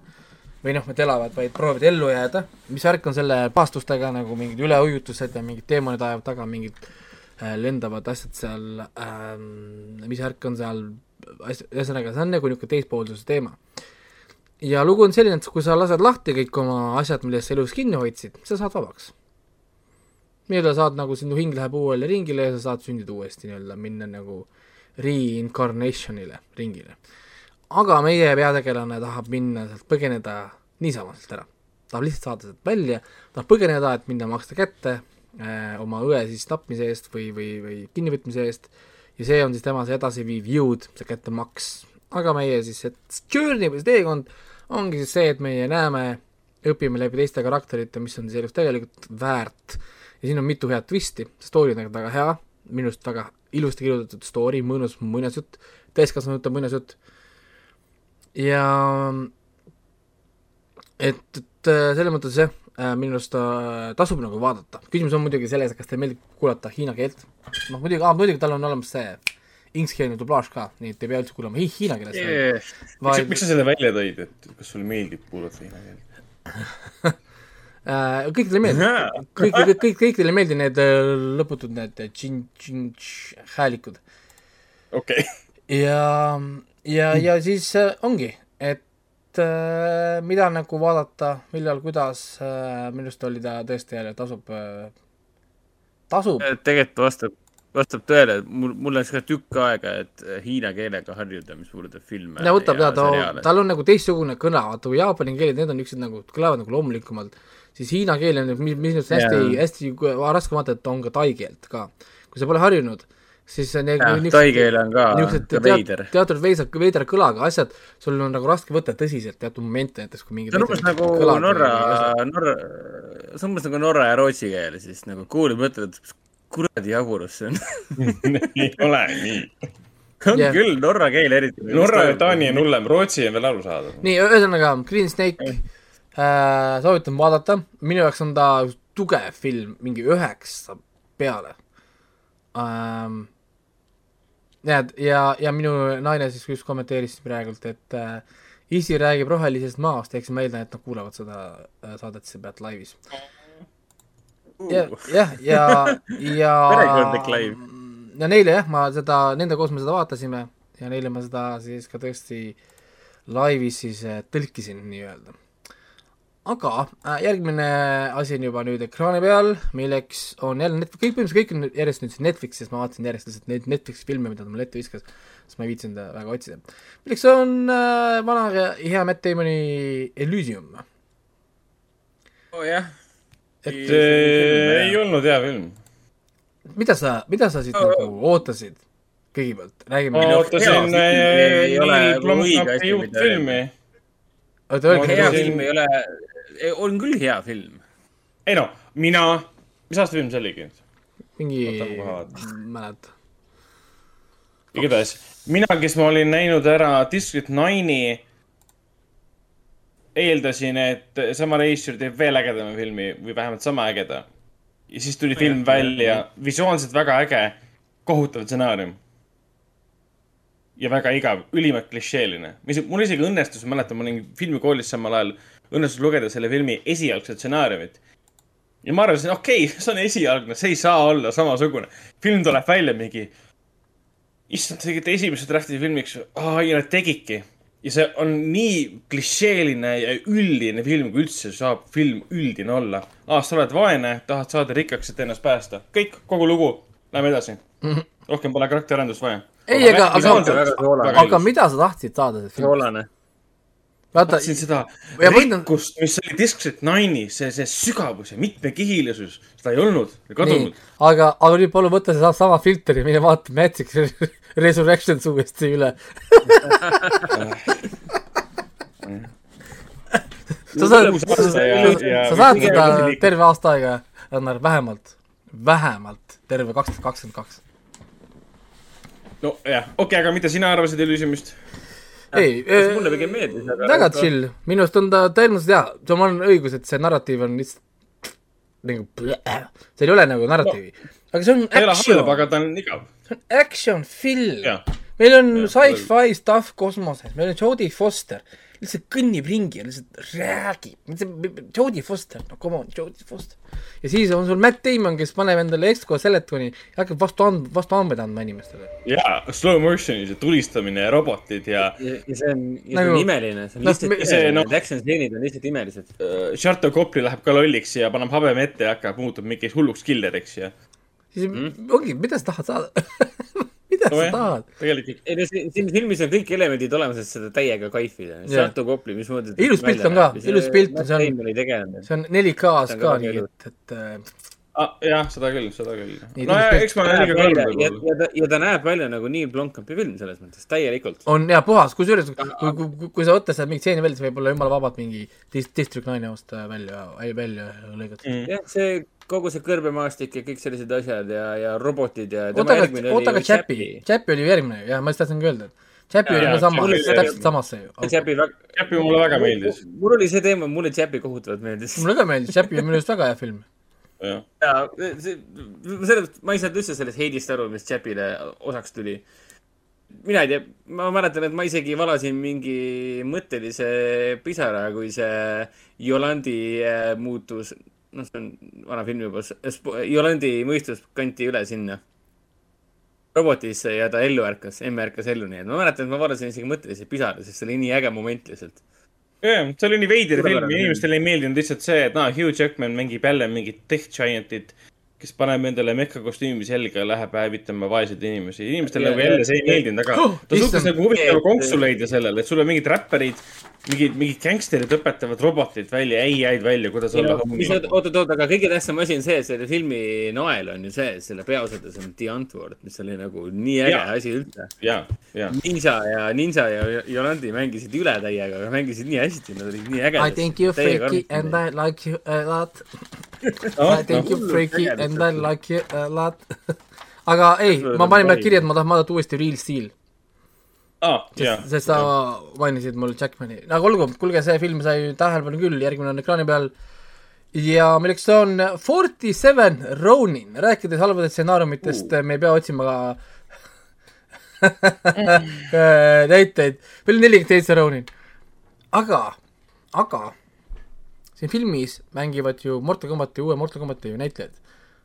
Shang Tsung on siin, meil on Scorpion on siin, ja, ja, ja, ja. ja siin oli veel tegelikult need äh, näitlejad, ma ise avastasin, issand, on varem koos mänginud, ma isegi ei pannud seda kokku uue Mortal Combati ajal, et on, et nelikümmend seitse Ronin üldse eksisteeris. ja, Ja, ja, ja. ja, ma vaatasin seda filmi nüüd nagu ühe silmaga ja siis mingi hetk ma jäin tõesti mõtlema, panin pausi peale ka, sihuke kõige reflection moment oli, et miks see mulle meeldis kunagi. nagu Ta oli visuaalselt okei okay. um,. no ma ei tea jah, see on, see oli tõesti halb film, selles mõttes, et nagu ta on ikka, põhimõtteliselt iga asi on halb, isegi Keanu Reavesi näitlemine on juust. siin on probleem probleemi otsa lihtsalt, see mitte mingi üks asi ei kanna sind vett, millega mis no ta lihtsalt see, et ta film, filmina, ta, sa ei saagi siukest asja nagu tööle panna, kui sa kirjutad teda nagu mish-mash'ina kõigest. ja lihtsalt loodad, et mõni idee jääb siis nagu, nagu tatipallina seina külge nagu kinni. jää-, jääb külge kinni ja sa loodad, et see nagu töötab, aga lihtsalt ei. ja kogu see lugu selle filmi taga oli ka nii veider, et sul oli see Karl-Erik Rintš, kes tegi ühe väga ägeda mm, CG äh, live action lühifilmi The Gift uh,. Youtube'is lasti see välja, väga äge nägi välja ja siis stuudio mingi, kuule, anname sulle, anname sulle kakssada pluss miljonit, tee meile nüüd räige blockbuster tuntud näitlejatega ja siis Reischer oli nõus. ja siis ülejäänud Hollywood vaatas mingi miks te annate algajale režissöörile, kes teeb esimest mängufilmi, kakssada viiskümmend miljonit, et teha sellist filmi. andke talle kõigepealt kaks miljonit, vaadake, mis ta teeb. Ja tulemus oli käes, lihtsalt nad panustasid jälle sellele, kuna mõned näited töötasid, sa võtad noore režissööri, kes ei ole midagi varem teinud, annad talle hästi palju raha, ta teeb meistriteose. aga mõni ei saa hakkama lihtsalt selle, selle, selle pi- pinge all ja kõige selle all ja ja ma arvan, et kõik need stuudiobossid olid ka umbes niimoodi, et jaa, pane see asi sinna, pane see asi sinna ja režissöör ei osanud ei öelda, sest oli tema esimene film. ja tulemus ongi siis see film, mis me nüüd saime ja mida, mis kukkus nii korralikult läbi, et sellest sai räige, räige, räige flop selle, selle aasta peale ja kui sa vaatad kõikide aegade suurimate flopide nagu nimekirju, on see film ka seal olemas. ma täitsa usun, see on veidralt halb film tegelikult, istud ja vaatad ja aga noh, millegipärast ma mäletan, et see oli nagu fun, aga seekord ma ei tundnud seda fun'i ka enam, et mul oli nagu nope, nothing here, tõesti väga-väga kurb. aga olgu äh,, milleks me räägime sellest nii kaua ja rääkides halbadest filmidest äh,, mul on äh, kohe siin üks äh, kahelendine pildi ka, siin ta on, on ekraani peal nüüd nii. ekraani peal, kui te praegu vaatate, näete ilusat Alissa Milanot, kes on äh, netjana nüüd tagasi. siin, siin äh, filmis ta oma kehaolusid meile ei näita, aga ta proovib näidelda. nii et, et jah, proovis näidelda. oi jumal äh,, tegemist on siis selle Netflixi uue filmiga Brazen, mis on siis Nora Robertsi Saasta romaani põhjal tehtud äh, äh, film mingil põhjusel äh,. naised loevad seda Noora, Noora Robertsi juustu ja, ja nüüd tehti sellest juustust ka film ja tulemus on äh, juust. ma naersin, füüsiliselt naersin, sest see on nii halvasti kirjutatud. Et kui sul tahad nagu filmi, kus tahad õppida, teha case study, kuidas karakterit mitte kirjutada või sündmused mitte lahti arvutada, siis palun väga.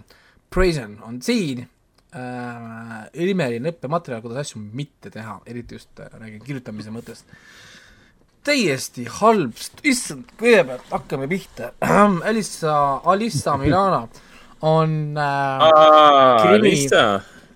äh, mingi krimiromaani kirjutaja, kes siis kirjutab äh, lihtsalt mingit mõrvast, tapab naisi seal oma lugudes, sest see on kuidagi, ta isegi mainib patriarhit ja värki, et on Mm. ühesõnaga the usual stuff, see on see, mille pärast ta lihtsalt Milano kunagi vastu näppe sai, sest tal Twitteris oli kergelt men hating'ist äh,. siin ta teeb sedasama asja nüüd, aga nagu minimaalsemas rollis, sest see on ikka, visatakse is- lihtsalt sisse, et oh, see nii on, on ju, no see selleks äh,. mis siis edasi?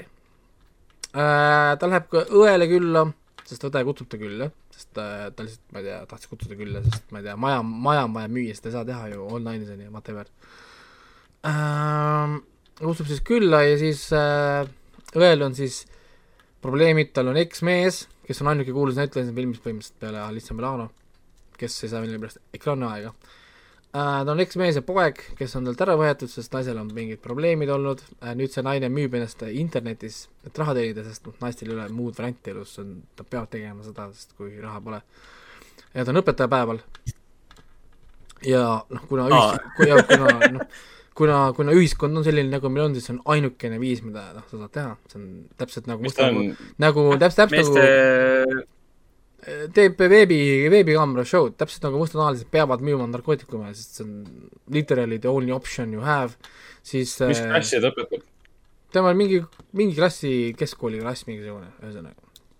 okei, ja siis äh, ta mõrvatakse ära, tahtja. aa, ja siis ta hakkab seda uurima ja siin on reaalselt sellised stseenid, kus kohas see Alissa Milano karakter läheb politseijaoskonda. seal on see staardetektiiv, keda nad meil haibi-, haibivad üles kui äh, fancy ja osav detektiiv see on. see, ta läheb sinna, ta on nii ennast täis, see tšikk, vaata. ta läheb nagu sinna, et mina lahendasin kolme päevaga selle juhtumi, mida New Yorgi politsei lahendas kaheksa kuud. ja siis see kapten on, jaa, sa saad kõik ligipääsu igale poole. okei. nagu, tsiviilisik saab ligipääsu igale poole, mis puudutab politsei uurimist. jaa, jah, okei. okay.. see on väga pädev asi, mida, mida kohtus pärast nagu mul põhjendada. oli, oh my god, lihtsalt nagu ah,, see läheb ainult hullemaks, saad aru, see läheb ainult crazy maks. see läheb ainult halvemaks ja mingi hetk on see, kas see on paroodia. ei, see on Nora Roberts. kuradi üks, üks edukamaid kirjanikke, nagu ma saan aru, onju. aga noh, inimesed seda Saasta stuff'i loevad, nii et palun väga, polegi vaja, kui sul on lugejad, siis tegelikult who, who cares in a sense. ja, ja siis äh, jah, see film lähebki sealt edasi, et see naine käib ja uurib ja siis seal on nii palju idiootseid stseene ja tal, ta reaalselt, ta uurib oma õe, õe, õele mõrva, ta läheb politsei juurde. anna mulle infot siis mina annan sulle ka infot. see on nagu see, et aga me mõlemad uurime su õe mõrva. kas sa saad aru sellest või? nagu, mis mõttes, et sa hoiad nagu infot kinni siis, kui ma sulle infot? What? nagu, et ja see on ühel ja samal eesmärgil tegutsemine ju. no mul äh, nainevõrd kirjutas siia chati, et äh, tema on kindel, et raamat on palju parem, filmi tegijad rikkusid lihtsalt asja ära. ma hakkasin seda vaatama sellepärast ainult, sest ma mõtlesin, et ma tahan midagi vaadata naisega koos ja minu naine loeb seda aasta ra-, raamatuid mingi räigelt. ta loeb neid nii, nagu mina söön makaroni hakklihaga, siis äh, isegi tema oli filmis pettunud. et mis asi see on? ja siis ta üritas mulle väita, et Noora Roberts tegelikult kirjutab paremini, mul oli see, et are, are you, are you sure about that?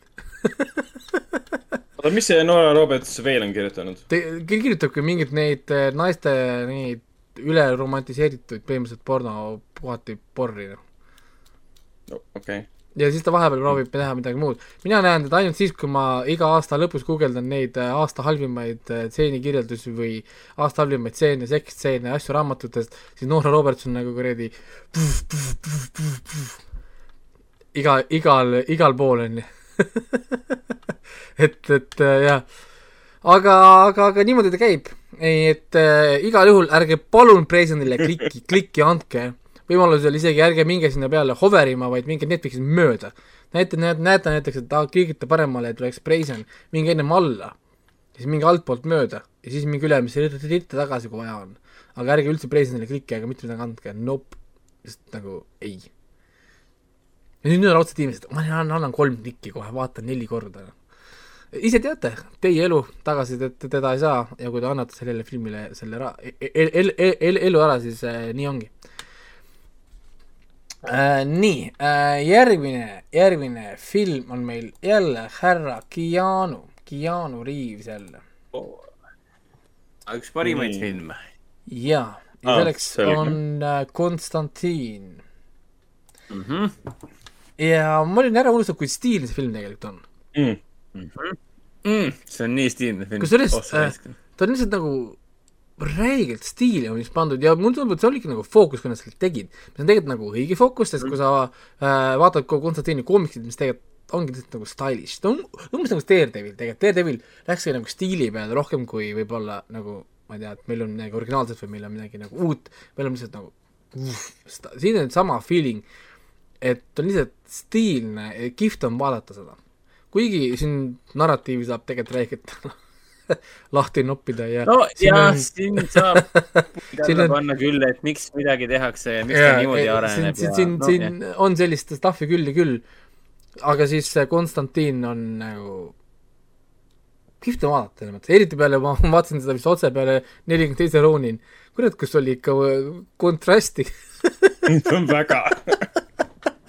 Et kui, kui, kui vaoshoitud roll võib ta tegelikult olla ja seal siuksed üksikud plahvatusmomendid, mis Konstantinis eriti selgelt tema nagu näitlemismaneeride juures välja paistab.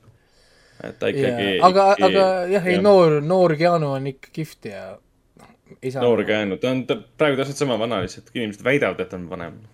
aa, ja see, ta, ta paneb, ta paneb habeme ette, et mängida, näidelda, et ta on vanem. ei no see oli see meem, et vaata, Keanu Reaves on nii pühendunud oma rollidele, et ta, et, et ta võttis reaalselt kakskümmend üks aastat, aastat, et vana, et vananeda Matrix Resurrection ro rolli jaoks. nojah, Commitment. või kui sa vaatad neid, neid Matrix Resur- Resurrectioni neid äh, intervjuusid, siis on see, et Carrie-Anne Moss ilmselgelt vananes. ja sa vaatad seal kõrval äh, Keanu Reavesi, mis juhtus? Nagu üle kahekümne aasta on möödas. kuidas sa sellest kusjuures kusjuures see oli seal manifestis, mida kogu aeg, kogu aeg öeldi, et kui inimesed tuli viis aastat hiljem tagasi, siis alla, kõik ütlesid meestele, see on ebaaus, et te näete kõik samasugused välja ja siis naised olid kõik vananenud äkki nagu. kõik olid, what the fuck, vaata, et noh nagu, et see on ebaaus, miks meestel on niimoodi? sa näed parem välja, siis kui mina lennukisse läksin. What the fuck? nii, aga see selleks, ühesõnaga Konstantin Maa vana film, väärt film Netflixis olemas, miks te ei vaata, who knows. järgmine asi on ekraani peal, milleks on Back to Outback, mis on Austraalia animatsioon, lastega vaatasin, jälle tegin seda reaalajas tõlget, ma saan juba päris heaks selles reaal, reaalajas tõlkes, ma hakkan varsti seda võin teha juba siin, ma ei tea, otse. hakkad raha küsima selle eest. no ma hakkan sind kinno kutsuma lastefilmide festivalil, hakkad otse äh, seal saalis tegema live jah dublaaži,. et ma võtan, võtan mõtted hästi kokku ja värki ja, ja auto, ei Back to Outback on väga i- kerge laste story, meil lugu algab sellest, et me oleme Austraalia ühes äh, nii-öelda nagu loomapargis, fun park, kus kohas inimesed käivad vaatamas erinevaid ohtlikke loomi, sest nagu me teame, Austraalias kõik asjad tapavad sind ära. kui see liigub Jaa. if it moves, it will kill you. ütleme nagu koht siis meie plan-, plan-, planeedil Maa ja seal ongi siis turistidele ja asjadele mõeldud niisugune nagu pargikene, kus saad vaadata krokodille, madusid, skorpioneid, mis iganes muid loomi, kes on kõik erineval viisil surmavalt mürgised siis kõikidele. ja siis sealsamas pargis elab ka nunnu koala, kelle nimi on Pretty Boy, kes on siis kakskümmend neli tundi äh, kaamerate ees nii-öelda nagu inimesed vaatavad ja ta on mingi rahvusvaheline kuulsus ja, ja siis ähm, lugu põhimõtteliselt algabki sellega, kus kohas äh, neil toimub nagu show ja ühe show käigus siis ühe selle showrunneri poeg kukub sinna alligaatori või krok- krokodilli siis sellesse basseini. krokodill muidugi on vana sõbralik mammi, kes tahab aidata tegelikult, aga inimesed ei saa aru ja siis nemad kuulevad ainult seda karjumist ja hambaid ja värke ja siis ühesõnaga päästetakse kõik ära ja viimasel hetkel siis krokodill viiakse nagu minema sest umbes ta on nüüd inimestele ohtlik ja rünnanud ja värki ja, ja siis teised loomad siis seal see madu, madu ja ja siis skorpion ja mis iganes see veidra sakiline äh, mürgine loom seal on, nemad otsustavad kõik minema, minna nüüd, põgeneda, minna tagasi loodusesse oma perede juurde, kus nad tegelikult nagu pärit on, sellest see film ongi, väike road trip film läbi linna, läbi kanalisatsioonide, läbi inimeste kohtavad ämblikeid, ämblikuid, tähendab igasuguseid muid erinevaid loomi ja siis neid ajab tagasi seesama äh, nende siis see nüüd omanik siis sealt pargist. ja on kõik, kuni lõpuni välja niimoodi niisugune tagaajamine, klassi-, väga klassikaline animatsioon selle koha pealt. ta ei ole üüber mingi fancy animatsioon, ta pole üüber fancy mitte midagi, lihtsalt piisavalt tore, et vaadata. kui ta oleks eestikeelse dublaažiga olemas by default, siis oleks tegelikult, ma usun, ka tal ka mingid pop, pop, nagu pop, popu, pop, kuradi, mis sõnad on eesti keeles? noh, mis asi? oota, ma mõtlen, kuidas ta oleks, kas ma saan nüüd üldse öelda eesti keeles, ühesõnaga ta oleks piisavalt populaarne, aga, aga ma tahtsin öelda Aa. midagi muud, aga ma arvan, et seda sõna vist eesti, eesti keeles ei eksisteeri. nii äh,, ja viimane niisugune film, mis ma vaatasin, aga mitte veel kõik asjad, millest ma räägin, oli äh, film, mis on nüüd ekraani peal ei ole ka veel ekraani peal, sest ma ei pannud seda nüüd nii, nüüd, nüüd, nüüd on suht halva kvaliteediga, aga noh. ekraani peal ta on ja selleks on Spike Lee film Inside Man ja, ja ja jälle Netflix, sest äh, noh, why not on ju, ja lihtsalt mõnus oli vaadata kaks tundi ja, ja värki. mind häirib see, et nad liiga palju spoil ivad sulle seda lõpupointi. Natukene liiga palju viskavad sulle stuff'i, see häirib mind siis, kui ma kunagi seda filmi juba nägin. Nad peaks tegema nagu tegi see film Searching, mis ei spoil'i sulle seda ära mitte ühelgi viisil. aga millegipärast Spike Lee'd ja, ja ma ei tea, niisugused kas siis mingi stuudiod asjad või keegi kuskilt on kuklas, et kuulge, et ikka vihjake ka või noh, nagu andke nagu infot ette ja siis noh, mulle, mulle ei meeldi see, lõhuvad seal auku ja oh this is a great shithole. siis nagu okei okay,, nagu you telling me what it is, sest nagu ja ta liiga palju rõhutas seda, et oo, ma lähen esi, esiuksest välja. liiga palju rõhutas seda ka, noh nagu niisugused asjad, et okei, ilmselgelt sa ei lähe esimesest välja. et, et jah, ei kihvt film, jälle Jodie Foster ja, ja ja, kuule, aga seda sa tead, et sellele tehti ju järg ka. järg, jaa, pole kuulnudki. selle nimi on Inside Man Most Wanted. See on direct to video ähm, järg, kus ei mängi mitte ühtegi tuntud näitlejat ähm,. tuli välja ah,, MJ Bassett tegi, püha jumal, igatahes tuli välja siis kaks tuhat üheksateist. What the fuck, MJ Bassett, oota Jaa,, kas see on see just on, seesama, äh, kes tegi ja sama mees, kes, kes kahe. kes hävitas Silent Hilli Silent Hill Revelationsiga, kes hävitas Solomon Kane'i Solomon Kane'iga ja tegigi ainus hea film on endiselt uh, Death Watch. ta tegi selle äh, Megan Foxiga tegi filmi nimega Roar vist või? Rogue, midagi sellist. Rogue, kus see, see ema lõvi, filmi nimi oli Ema lõvi, kus siis ema lõvi ajab taga Megan Foxi kuskil kõrbes. igatahes ja va- vapustav süžee um,. Inside Man Most Wanted tundub geniaalne film olevat uh,, mida ma kindlasti vaatan ära, eriti teades, et esimese osa tegi aga Spike kõige tähtsam küsimus, mis ta IMDB reiting on? viis koma seitse. Oh, oh, Isegi- isegi, kusjuures mina See ei ole ootasin ma ootasin mingi kolm koma üheksa või neli koma üks või midagi niisugust ootasin. kuule, kuule. viis koma, oota, mis, mis see Inside Man'i esimese oma on siis? nii päris vaatame, kõrge olema. esimene oli seitse koma kuus. nojah, vahe, vahe on sees. vahe on sees, aga see pole üüratu. nii et ähm, jaa, selles mõttes on õigus aga olgu, me Kindlasti ei, ma mul on juba, aeg läheb, meil on äh, miljon asja äh,. järgmine asi, millest ma tegelikult tahan rääkida, on asi, mis ma, mis ma lõpetasin ära, nüüd ma tahan natukene rändida. milleks on Apple Jah. TV Invasion, Invasion. vend on sinuga nõus. jah, mina, mina ei kavatse seda, mina ei kavatse seda lõpuni vaadata, sest ma ei jaksa, mul ei, ei ole nii palju närvi, närvikava. põhiline mure mul oli see, eriti teisel poolel kuradi sellel äh, hooajal, pange mõni kuradi tuli põlema selles kuradi võtteplatsil, noh. mina võin ka niimoodi filmi teha, et ma panen siin Tuled kustu ja, ja kuradi, tegelikult peaks ju panema mingit Tuled kustu, sest kuradi ruumis. paneme Tuled kustu, näed, ja, ja paneme niimoodi ja siis, see on film jah, oh,. siis kuuled, See saad aru näe vaadake, see on nüüd stseen Invasionist ongi niimoodi, et siis vanu vaikus kuuled, mingid helid käivad, keegi teeb midagi. jõle huvitav on, sa näeksid seda. ja siis niimoodi me vaatame tund aega, mul nagu, mis seal toimub? mingi tulnukas kuskil. nagu, näita mulle ka, ma tahaks näha, ma tahan näha, ma vaatan 4K-d, sest ma tahan näha, ma ei taha istuda kuskil pimedas, noh. Pange tuli põlema kuskil võtte, võtteplatsil, võta telefoniga pane, ma ei tea, whatever, noh. noh, täiesti crazy, kus ma täiesti närvi lihtsalt, et nagu, nagu kuradi mitu episoodi järjest ja järjest ja järjest keegi tuld põlema ei pane mitte kuskil. no sorry nagu, what the fuck. aga ei, muidu selles mõttes jah, ta on ultra aeglase tempoga peredraama. aga kuigi ma pean ütlema, et mulle meeldis Cliffhanger.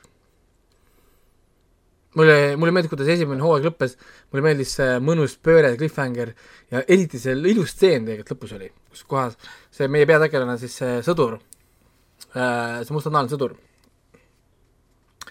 äh,, kui ta on seal nagu rannas ja see kaamera liigub ümber tema ja siis me näeme tema silmades peegeldust, mida ta näeb, siis on nagu vau wow.. ma tahan näha teist hooaega. teine hooaeg sai kinnituse ka ju. Tuleb jah, kõik teine, kõik hooaeg- Apple'i asjad said oli cancelled või?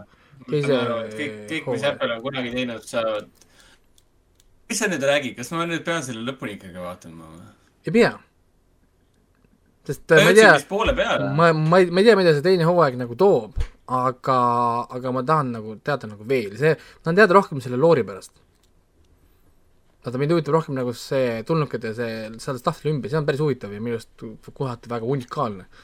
mind väga vähe huvitavad siin osade karakterite mingi peresuhtekesed kuradi, mingid äh, ap-, apokalüpsis ja mingi stuff on ja siis oo, ta keegi pettis kedagi, jumala suva, täiesti pohhui see on kõige mõtet, mõttetu te- teema antud juhul, kui me räägime siin mingis äh, noh, sellises mastaabis. nii, aga, aga, aga äh, kuna aeg on raha ja meil pole aega ega raha, ma Siis- igast juhuks mainiks veel nii palju, et ma, ma pärast ei hakka Invasionist enam rääkima. ma mainiks seda, et see sari Apple TV-s, ta näeb nii hea välja. nii ägedad näitlejad, ta on, eriefektid on väga head, muusika, Max Richt-, Max Richter tegi muusika. kõik on nagu sada protsenti nagu kaaspõhjas, raha on pandud mängu, intelligentsed inimesed teevad kvaliteeti. lihtsalt ma vaatasin viis osa järjest, kuidas äh, asi liigub nagu tigu, kes on pekstud nuiaga vaesemaks.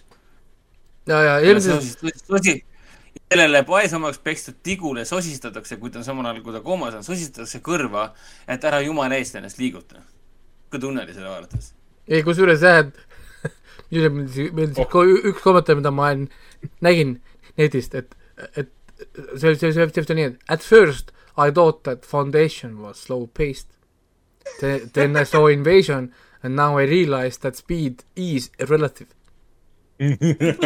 jah.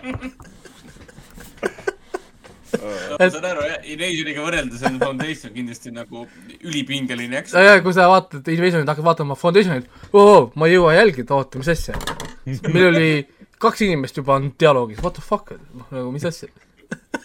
Invasioniga sa jõuad ühe stseeni jooksul, kahe, kahe järjestikuste stseeni jooksul jõuad sa reaalselt, ma ei tea, kaks sigaretti ära teha ja tagasi tulla, mingi, aa, nad ikka veel räägivad siin.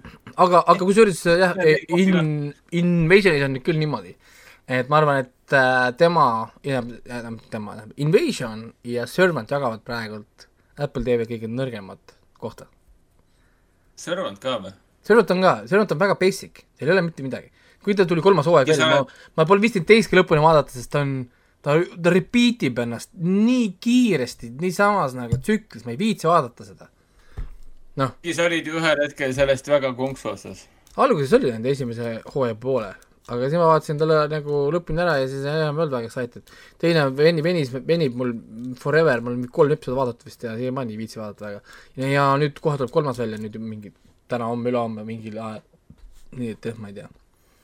Aga olgu, liigume edasi, nii, Black Clover äh, on mul ekraani peal, kaua räägitud äh,, ilus tehtud äh, suur anime, mis siin pidi lammutama, aga vaatenumbrid ei olnud nii suured, kui taheti, sai cancel.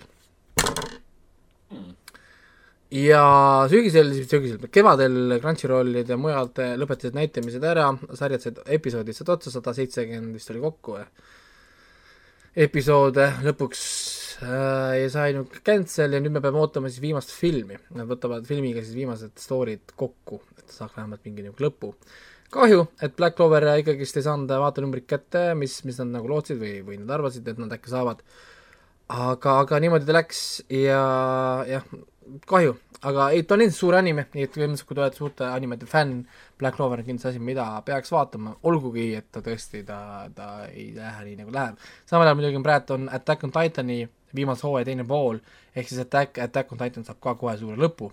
mina muidugi juba lugesin manga lõpuni, et mina, mina ei viitsinud enam, enam oodata. Ja, ja millest ma veel äh, kiiresti räägin, on nüüd äh, hästi oluline asi, mis on siis selle aasta esimesi suuri lõppe, on siin. Dexter, Dexter New Blood.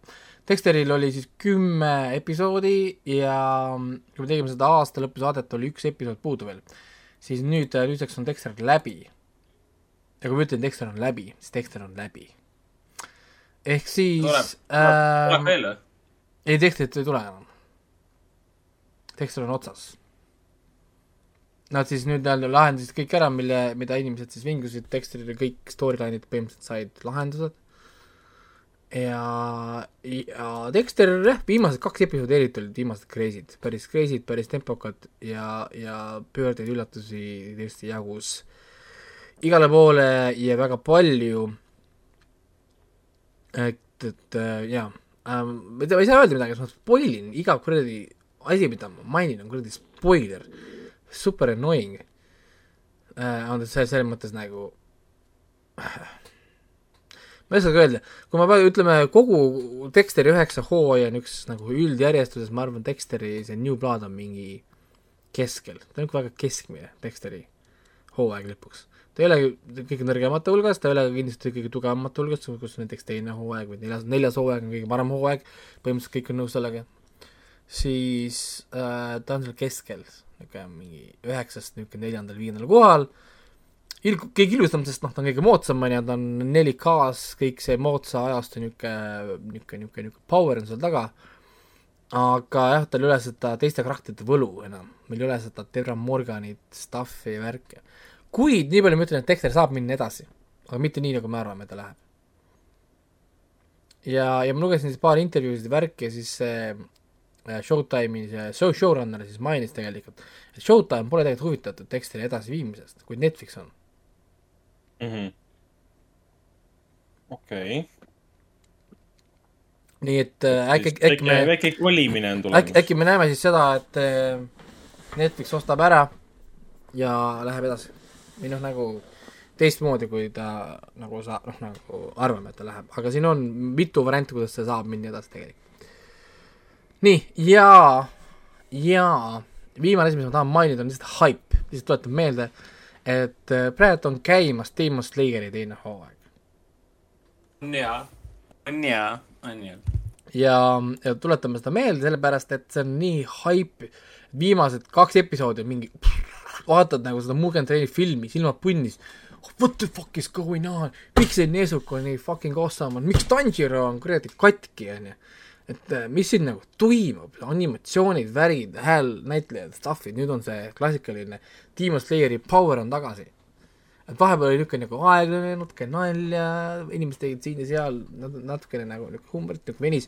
Ja nüüd on action peal, siis, siis saad aru, et see on ikkagi see ultimate action anime ja, ja räigelt rokib, nii et homme neljakümne episood, ma juba ootan seda homme hommikul või, või tähendab homme õhtul tähendab, paned peale ja pff, vaatad kohe ära.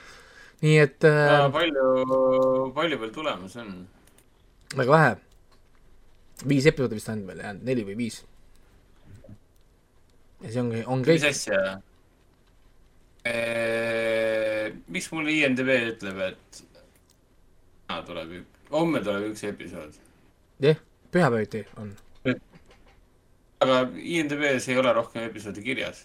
Nad, nad panevad sinna, nad panevad sinna ükshaaval, sest neil ei ole infot. nojah, nad lähtuvad sellest, mis nad saavad ju seriaali levitajatelt, tootjatelt, mis tuleb sinna algupärasesse kanalisse. aga kui sa lähed jah Crunchrollidesse, nendesse, kes on nagu need edasimüüjad või nii, et siis nendel on pandud äh, kuni kaheksateist on Mm. juba olemas see kuupäevad, asjad on lihtsalt pandud TBA-d ähm,. jah, tuletan siis meelde, et see kestab, see on hype ja kui olete anime fänn, siis ärge tulge juttu, et ma pole vaadanud Demon Slayerit. Siis what the heck, mida sa teed siis? vaatad isekaid? kas see vabandab välja siis või, et kui sa, kui sa sa oled, sa, Demon sa, sa, ei sa oled nagu, sa oled. nagu sõltlane, kui oled iseka ja lõksus kinni ja ei saa minema. iseka hoiab sind kinni ja minema ei lase, sa oled lihtsalt lõksus ja mõtled, kurat, kuidas ma siia sattusin ja kuidas ma siit minema saan. Aga kas sa soovitaksid meil ette võtta või meie, meie kuulajatele ette võtta üks isekai anime, millega nagu tutvust teha antud žanris, mis see oleks? Rezero, Resera, okei jah, aga, okay.. aga lihtsalt pange valmis, et see on heavy shit. see on mäest-, see on meistrite poolt kirjutatud stuff, aga see on nii heavy. et, et mm. ja kui teil on mingi depressioon või tunnete, et hakkate kalduma, siis äh, ärge Reseerat vaadake. siis vaadake seda Slime'i äh,, Slime'i. Ah jaa, That time how how, how I got reincarnated as a slime. et see on nagu väga elu, elu positiivne, siis ReZero on pigem ütleme elu negatiivne, ütleme siis nii.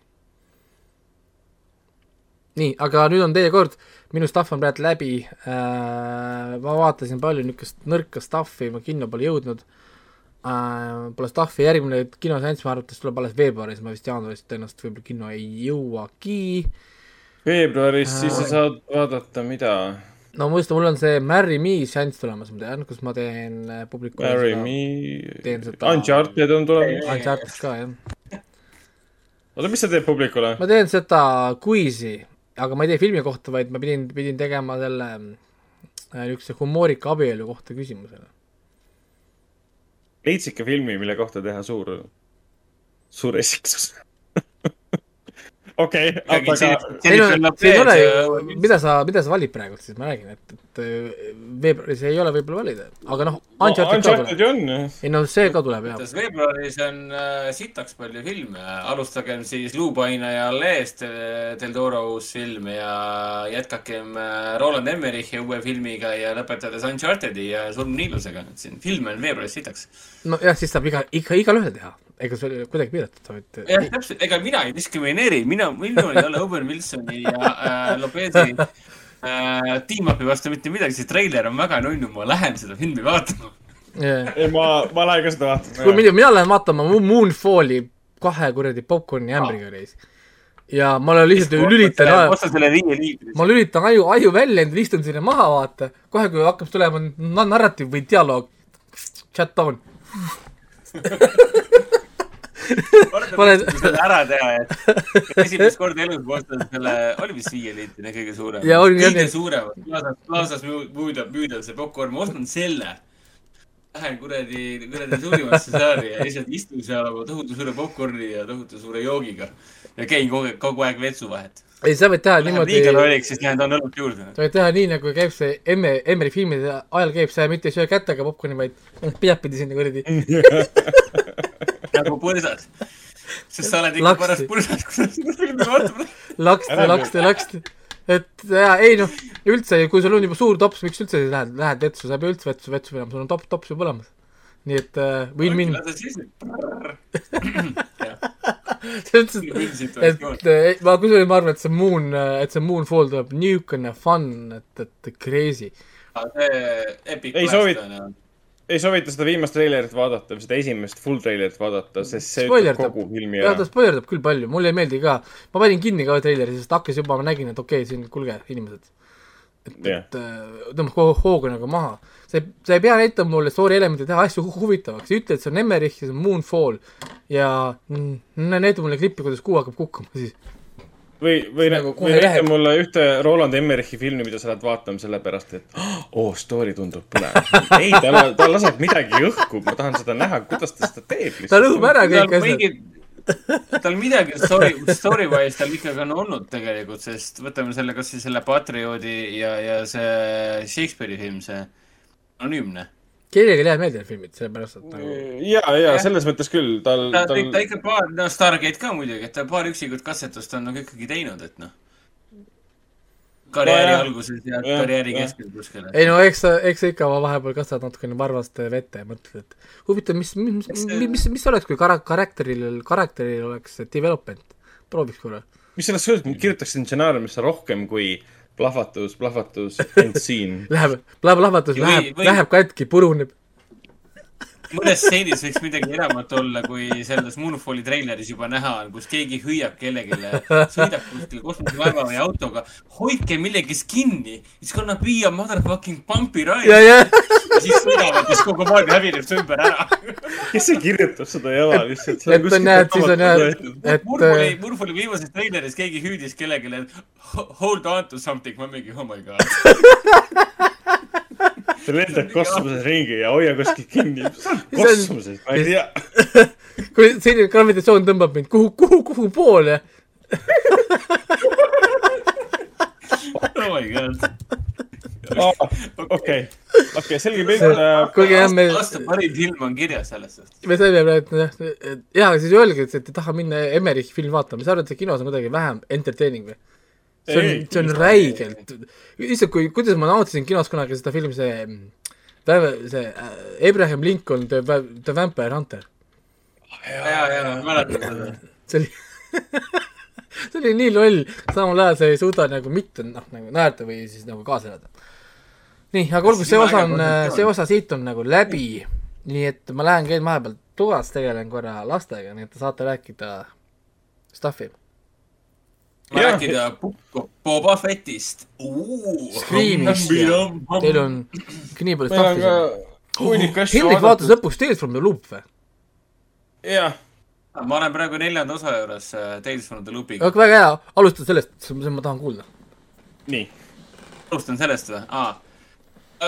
jaa, igatahes Amazon Prime videos Eestis, eestlastel kättesaadav on see Tales from the Loop. kunagi ammu, vaata Raiko vist oled kõik ära vaadanud, kui ma ei jaa eksi., ma rääkisin sellest jah. Kaks tuhat kakskümmend tuli see välja, lõpuks hakkasin vaatama, et peamine põhjus, miks ma seda, miks ma seda vaadata tahtsin, oli loomulikult see, et äh, Amazon ostis selle Tales from the Loopi õigused äh, Simon äh, Stalenhagilt, kui ma ei eksi, siis ta on rootslane. teeb hä- hästi-hästi lahedaid digi, digimaale, kui ma nüüd ei eksi, need on digimaalid. ma võin mööda ka panna, igatahes ta teeb väga lahedaid maale, kus ta paneb nagu kaheksakümnendate eeslinna, eeslinna paneb kokku mingisuguse eriti ulmelise fantaasiaga. siis selle põhjal siis tehti seriaal.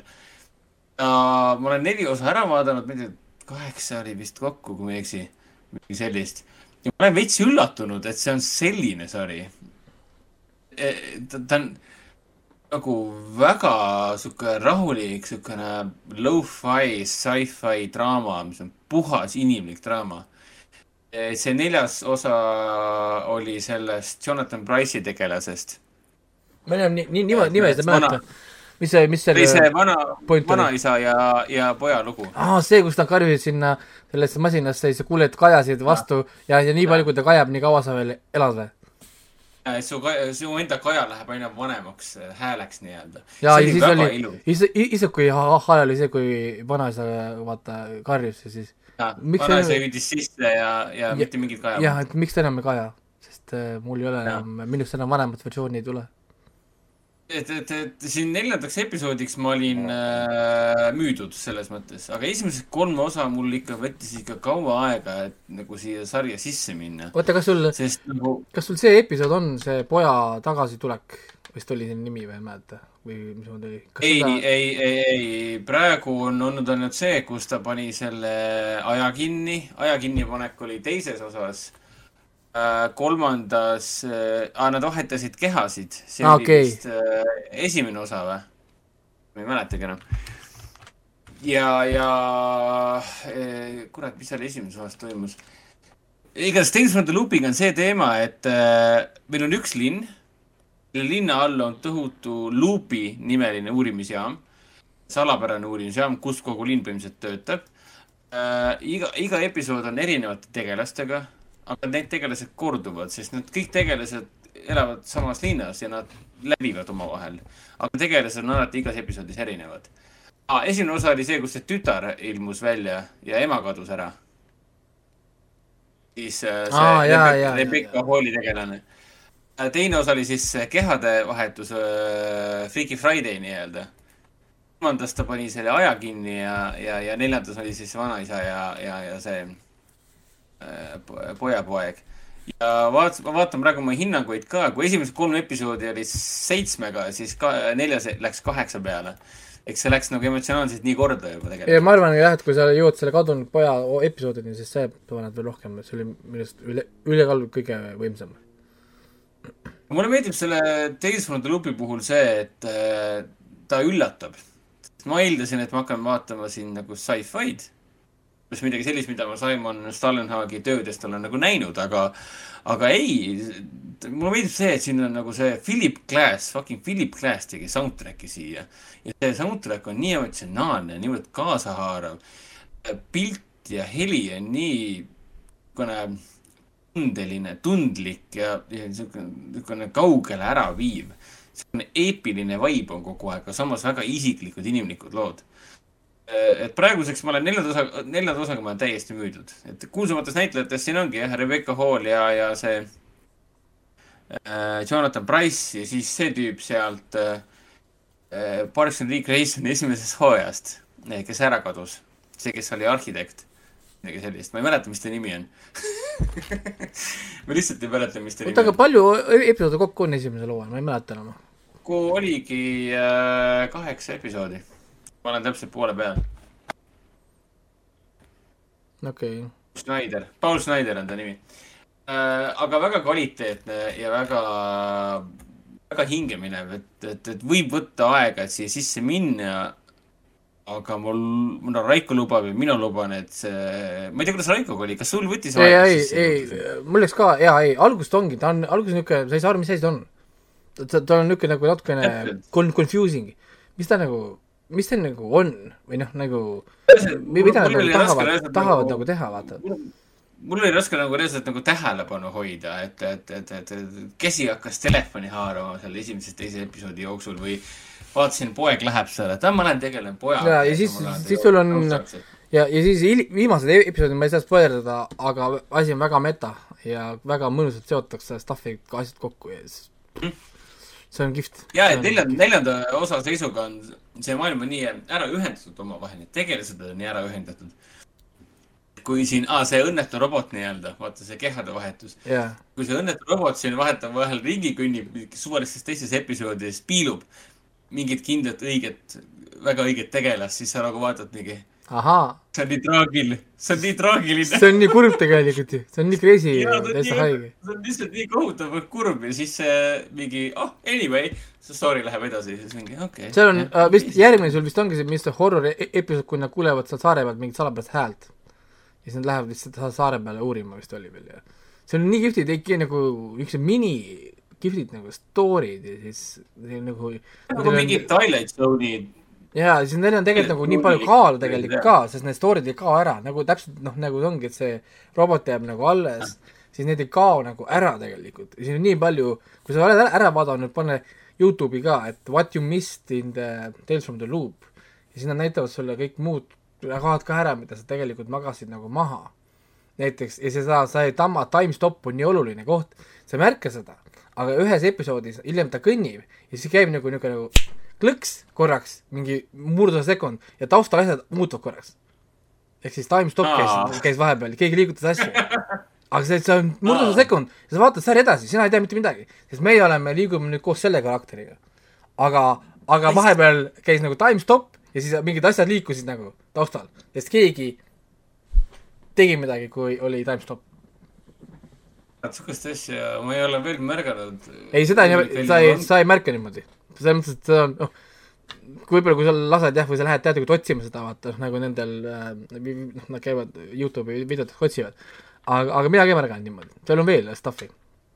väga lahe, väga lahe. et kui sa vaatad kõik need asjad nagu ära, näiteks seal, ma saan aru, nad ühes episoodis sa kuuled tagant seda sireeni või seda häält, mis on tegelikult selle saare episoodi hääl, siis noh, nad on, ühesõnaga nad algusest peale nagu kõik planeerinud või noh, nagu kõik on nagu kokku kirjutatud. ja, ja kõik on omavahel ühendatud, ei ole, ükski episood pole- suvaline, kõik on omavahel, omavahel ühendatud, see on üks maailm nii-öelda selles mõttes. see äge, jaa.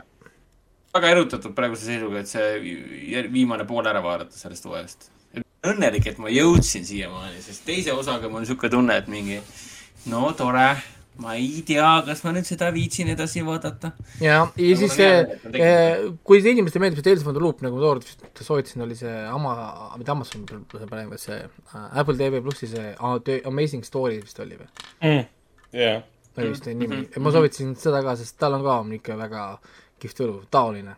niisugused äh, lühi, eraldiseisvad mingil määral story'd, niisugused sci-fi lõksuga. Aga Henrik, kas sa seda mainisid, et Rahvaraamatus on müügil need äh, tema raamatud ka ju? jaa, Simon Stalenhagi kaks äh, suurt Jaa. kõvakaanelist kunstiraamatut on reaalselt Rahvaraamatus müügis jah, mingi kolmekümne, kolmekümne viie euroga. et äh, soovitan lappama minna või lihtsalt guugeldada, et väga ägedad pildid, maalid, mida ta on loonud. see mõte, et ta võtab selle täiesti tavalise, ma ei tea, sinu kodukandi näiteks kui sa elad kuskil eeslinnas nii-öelda Pirita kosel või, või, või äh, mis meil siin Sakus kuskil näiteks. ja, ta muudab Sinu- selle ja võõrapäraseks sinu maailmaks. ja, et mitte ainult võõrapäraseks maailmaks, vaid sinu kodukandis lihtsalt on, ma ei tea, tohutu suured ähm, futuristlikud tornid, hooned, robotid kõnnivad ringi. mahajäetud hooned, mis on näha, et on kunagi olnud väga suur osa mingisugusest äh, laborist näiteks, aga see on nüüd nüüdseks hävinenud nii-öelda. siis selle jäänukid kõnnivad ringi ja hiilivad ringi. okei okay., nii, aga kas sa tahad jätkata sealt, kus sa enne pooleli jäid, enne kui Raiko nõudis sinu arvamust the Loopi kohta äh,? Book of Boba Fett, mida me oleme mõlemad täpselt sama kaugele vist vaadanud, kui ma ei eksi. sa oled ka vaadanud viimase osa ära või? kolmanda? Kok- kokku on hetkel siis kolm, kolm episoodi ja kolmas episood, nagu ma aru saan nüüd artiklite põhjal, mida ma olen internetis näinud või noh, Facebookis pigem siis pealkirju näinud, sest ma ei ole nendesse süvenenud, sest äh, miks ähm,, olen, olen aru saanud, et see episood on tekitanud väga palju negatiivset vastukaja siis Star Warsi fännide seas ja üheks põhjuseks olevat siis äh, äh, see nii-öelda hoversõidukite, sõidukitega sõid-, sõidukitega siis see gäng, kes elab selles Moss, Mosse Espas siis. ja kes, ja mul ei tekitanud mitte, igati, igatahes mainin, et äh, mulle Boba Fetti sari nagu meeldib. mulle ka, ta on Mandaloorianiga samas vaimus loodud, stiliseeritud ja ta on, tal on sama. aga samas, aga samas täiesti teistsugune. Ja noh, teistsugune karakter ja kõik see ja mitte ainult karakter, vaid kogu, kogu narratiiv on täiesti teistsuguse lähenemisega. siin Noh, võiks- tegemist või- ei ole, tegemist ei ole Mandaloorianiga tegemist ei ole ühelt planeedilt teisele liikumisega, tegemist ei ole ka eh, ma ei tea, selle s- palgamurisuka tööga ja nii edasi. siin, siin ei ole pearahakütiga ei ole midagi pistmist. siin ei ole mingi väikse looma, vabandust, mitte looma, aga väikse, väikse olendi kaitsmist, kaitsmist ka. Et ta on küll Mandaloorian või noh, see Bounty Hunter on nagu peategelane, aga no jällegi tema on oma selle maski juba peast ära võtnud ja pigem on kogu asjas ju see, et tema on Moss, Oliver Mosse Espa, kui ma ei eksi.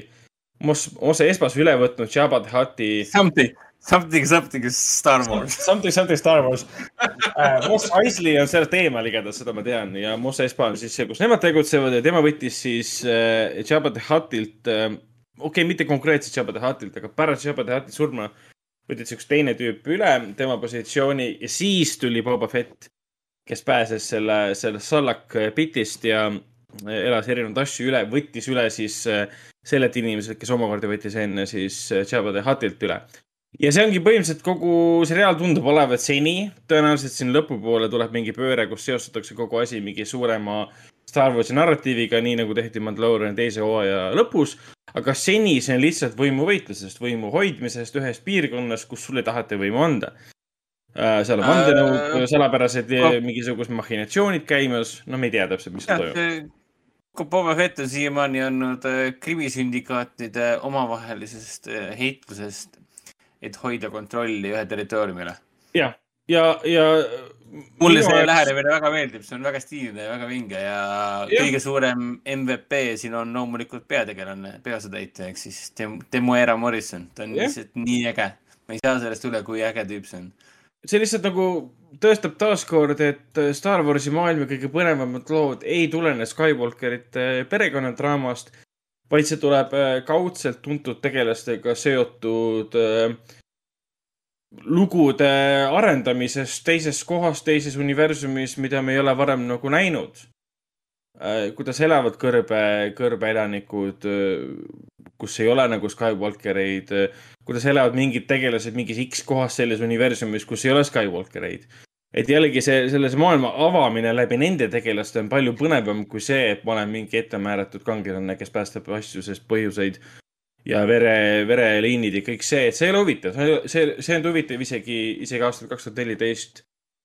okei okay,, siis oli lootust, et see muutub huvitavaks, aga seni mulle väga meeldib, mulle tõesti, tõesti meeldib ja aga see kolmas osa, nii ah,. ma tahtsin lihtsalt öelda seda, et ta ei ole loomulikult Mandalooriani tasemel. sest siin on äh, näha, et nad on nagu vägisi ette võtnud äh, nagu teise, väga teise lähenemise. noh, siin loomulikult selle sarja loojaks on jälle John Favreau ja, ja kõik Dave Filoni ja, ja noh, kõik inimesed on samad tegelikult. kes peale tuli, oli ju Robert Rodriguez. see on ju äge, sest ta ju lavastas esimese ja kolmanda episoodi. ja, aga tema oli ju seal ka juba Mandalooriani ajal. ta oli siis ka üks produtsentidest või? üks, üks reisijärides, ma mõtlen. aa, okei, ja, ja, okei, okei, okei. Ja Price Dalla-, Dallas Howard, Price Dallas Howard, jah, täpselt. et, et aga mis selle kolmanda puhul nagu välja tuuakse, ongi see, et see üks motogäng on seal nii-öelda, kes näeb liiga hipster, liiga punk, liiga mitte Star Warsilik välja ja see siis on väidetavalt Star Warsi fännid äh, nagu ka tagajalgadele ajanud, et äh, Star Wars ei, ei, ei ole enam see, mis ta tegelikult pidi olema, sest see lugu leiab aset ju pärast äh, siis äh, kuuenda Star Warsi filmi sündmuseid äh, bla,, blablabla, et see ei lähe, miski ei lähe kokku. ma ei tea, mind see ei häirinud, ju siis ma pole nii suur Star Warsi fänn, nad tegid ägedalt välja, miks mitte, palun tehke veel. ma ei tea, mina olen äh, tänu Rise, Rise of Skywalkerile, tänu sellele viimasele triloogiale olen mina üks nendest, kes on huvitatud Star Warsist ainult, ainult siis, kui see asi ei puuduta mingisuguseid äh,, issand jumal, mis selle suure põhipaha nimi oli, Darth Sidious või? Darth Sidious. teema ei puuduta Star- Darth Sidioust, sitte, Jedisid äh, ja, ja Sta-, Skywalkereid, sest see, sa oled ikka suuteline tegema kolm triloogiat ühest ja samast äh, nimest, perekonnast, siis äh, sul on probleem. sa tahad lihtsalt ainult raha ja sa ei hooli sellest maailmast, samal ajal kui sul on fännid, kes tahaksid, fännid, kes loevad koomikseid, graafilisi romaane ja, ja, ja raamatuid, mis laiendavad Star Warsi universumit ja on sellest erutatud, samal ajal kui kinno minnakse miljonite kaupa vaatama, siis äh, ei tea, mingit Keilo Renni ja, ja kedagi Reid, kes tahab keegi olla, aga ükski filmitegijatest tea, ei teagi, kes ta on ja mis ta teeb, aga küll me siis, ma ei tea, random sitte välja mõtleme kuskil board meeting ul, et noh, nutshell, see on siis minu kirjeldus viimasest triloogiast, et noh, sellepärast Mandalorian ja Boba Fett ongi nagu värske tulek, et sa näed midagi uut ja huvitavat. Võib muidugi vaielda, et miks Boba Fett on jällegi äh, kuskil kõrbes ja endine bounty hunter ja kõiksugused asjad, et see on väga sarnased teemad, aga noh, see selleks. no eks ta Mulle see- kõrbes, kõrbes on sellepärast, et selle, selle tehnoloogiaga on lihtsam filmida, vaata maastikke, kus on, mis on kõrbed ja lahe valgus on ja kõik see. jah, sest me ei ole nende seriaalidega siiamaani mingis suures linnas käinud. ei ole jah. siiamaani kõik, mis ma näinud olen, et äh, Boba Fetti puhul on see tore, see on siuke klassikaline ka, et noh, tüüp käib oma selles äh, tankis ennast, oli vist paktatank, fakta, jah. enna, ennast äh, ravimas nii-öelda, oma keha ravimas. ja siis kohe moment, kui ta sinna sisse läheb, siis mingi uu, intense flashbacks. Läheb minevikku ja näeme, kuidas ta siis kuuendas äh, filmis äh,, noh, esialgses kolmandas filmis siis ellu jäi. ja, ja, ja kuidas ta siis nende, oota, Tusk and Raiders. Tusken Raideritega kokku, kokku puutus ja kuidas ta sai öö, osaks nendest, nende, nende, nende, nende põhiasukatest nii-öelda. ta ütles, et Tüünimeri, Tüünimeri kuulub, see on siis Boba Fetti sõnad, et Tüünimeri kuulub Tusken Raideritele. See on väga põnev, et avada seda maailma uue nurga alt ja, ja ma ei tea, mul ei ole selle sarjaga kuskile kiiret et selle, seekord on see, et soundtrack on kellegi teise poolt tehtud, ma ei tea, kes see on. aga ma ei mäleta praegu peast lihtsalt. aga selle Mm., aga teemamuusika on ikkagi vana hea Ludwig Göransson ehk siis Mandalooriani soundtrack'i ja Teneti soundtrack'i ja Black Pantheri soundtrack'i looja. Ja see Ludwig äh, on väga hea tööga hakkama saanud. mul on see reaalselt nagu telefoni helin ka praegu, see of Boba Fetti äh, teemamuusika, sest see on nii eepiline. iga episoodi lõpus me näeme taaskord neid storyboard'e ja siis see muusika jääb taustaks. see on üks nendest vähestest seriaalidest, mille lõppu sa vaatad, sest sa tahad, tahad tunnetada seda kõike, mis sa näed.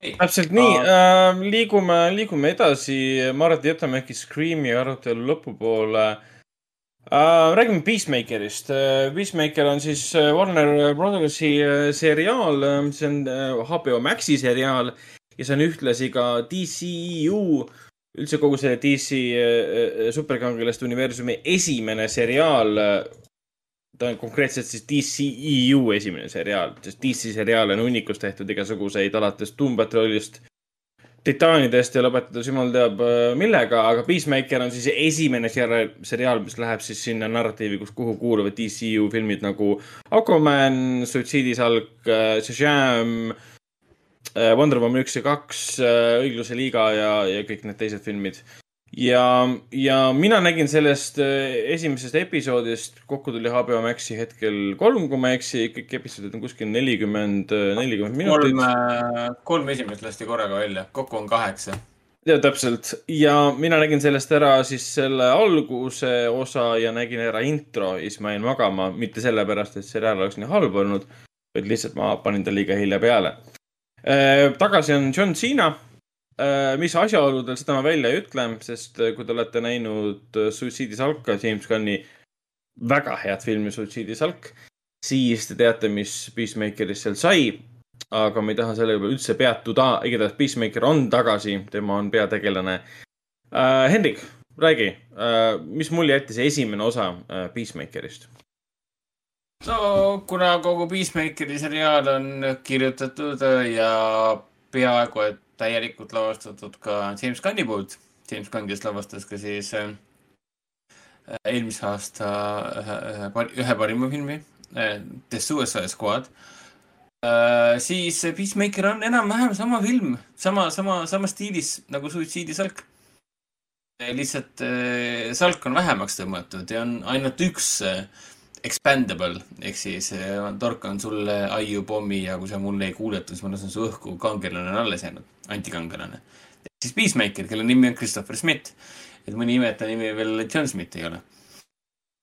ja ma ei hakka midagi spoilerdama, aga, aga esimene osa paneb paika selle, kes ta tegelikult on, kust ta tegelikult pärit on. Ragnar, sa vaatasid ikka lõpuni esimese osa või?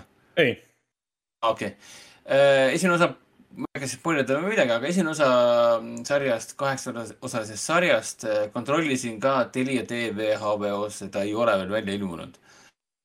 ma ei tea, kas ta tuleb ka, kuigi näiteks Eufooria uus hooaeg algas peale, esimene osa on vaadatud ja selle esimene osa on täitsa olemas äh, Telia tv-s, nii et on lootust, et mõnepäevase hilinemisega, Peacemaker tuli välja neljapäeval. Jõuab see Peacemaker esimene osa ka siis sinna Telia tv HBO-sse. loodame. aga muidu mulle see tegelikult isegi väga meeldis, ta oli väga tore. ta jätkas sama stiili, sihuke paks must huumor äh,, nilve, kohati vastik äh,, väga ääretult vägivaldne äh,, ootamatult totter ehk siis täpselt samas vaimus. see samas vaimus, mis äh, James Gunni suitsiidisalk äh, naeruvääristab äh, patriootlikkust, naeruvääristab kangelasi, naeruvääristab iseennast, naerab kõige üle ja samal ajal kritiseerib seda teravalt. ma loodan, et see järgmise seitsme episoodi jooksul, ma saan kaks osa veel vaadata järjest. Nad teevad ka selle teemaga midagi, sest Peacemaker ise äh, on ju, on ju ülipatriootlik äh, tüüp, kes peab ennast kangelaseks, kes on valmis, valmis kaitsma rahu, tema mõistet rahu, ükskõik mis hinnaga. nagu ta ütles seal suitsiidisalgas. esimene osa selles äh, Peacemakeri seas, et äh, teeb äh, recap'i, mis toimus suitsiidisalgas Peacemakeriga. ja Pe- Peacemaker suitsiidisalgas lihtsalt ütles, et ma olen valmis tapma iga mehe, naise ja lapse ja vanuri äh, ainult selle nimel, et saavutada rahu. tal on täiesti pohhui, keda ta tapab, peaasi, et rahu on võimalik saavutada. ehk siis sadistlik mõrtsukas, kes teeb, mis tahab. see on peast nupust, nupust nikastanud, sest tema isa mängib siin Robert Patrick. kes äh,, kelle kõige kuulsam roll oli kindlasti Terminaator kahes T tuhandena. mis T tuhat, oli küll T tuhat. ja teine kõige, ma arvan, see oli T-one thousand. ja, ja teine kõige kin- kuulsam roll tal kindlasti äkki oli siis selles salatoimikutes, äkki, vähemalt minu jaoks. võttis üle Malderilt, kui ma ei tea, ta, see Conn läks midagi muud tegema. David Duchovny läks äh, vist, ma ei tea, evolutsioonifilmi või mis see tegema läks mõnele, mõnele orgiale või kuhu ta läks. oh.? aga Beats esimene osa oli pigem rahulik, ta ei väga kiirelt ei arene kuskile. lõpp on väga hea, täiesti ootamatu. Siin on mingi, lõpus on mingi teatav äh, viide äh, möödunud DC filmidele, mis vahepeal on välja tulnud. tekitas väga palju küsimusi. lahendus sellele, mis me lõpus nägime, oli absurdne pask, aga väga-väga naljakas. täielik suitsiidisarg selles suhtes et äh, kui sa tahad näha nagu naljakat musta huumorit äh, ja keskmist sõrme superkangelastele näitavat seriaali, siis Peacemaker on sinule, et meie vaatame seda muidugi praegu HBO Maxist. et, et, et jah, loodame, et ta tuleb ka Telia HD, Telia HBO-sse. nii, kas me Mis räägime? Screamist äkki või? teeme kokkuvõtte Scream üks kuni neli või? jah, okei okay.. või sa tahaksid rääkida Hawkeye'st näiteks? Oled sa Haw- Hawkeye'd vaadanud? ikka vaatasid ära kõik? ja ma vaatasin Hawkeye lõpuni, see on nii ammu juba tegelikult. ma vaatasin seda enne aastavahetust ju lõpuni äkki äh,. räägime siis, äkki räägime siis Hawkeye'st ja Harry Potteri kahekümnenda aastapäeva eri, erist. ja, igatahes äh, Hawkeye on nüüd siis juba mitmes äh, Disney plussi seriaal. loeme siis peast kokku, ma midagi ei guugelda. kõigepealt äh, tuli WandaVision, siis tuli see Winter Soldier ja Captain America, see on kaks tükki, siis tuli Loki, mis oli kolm tükki.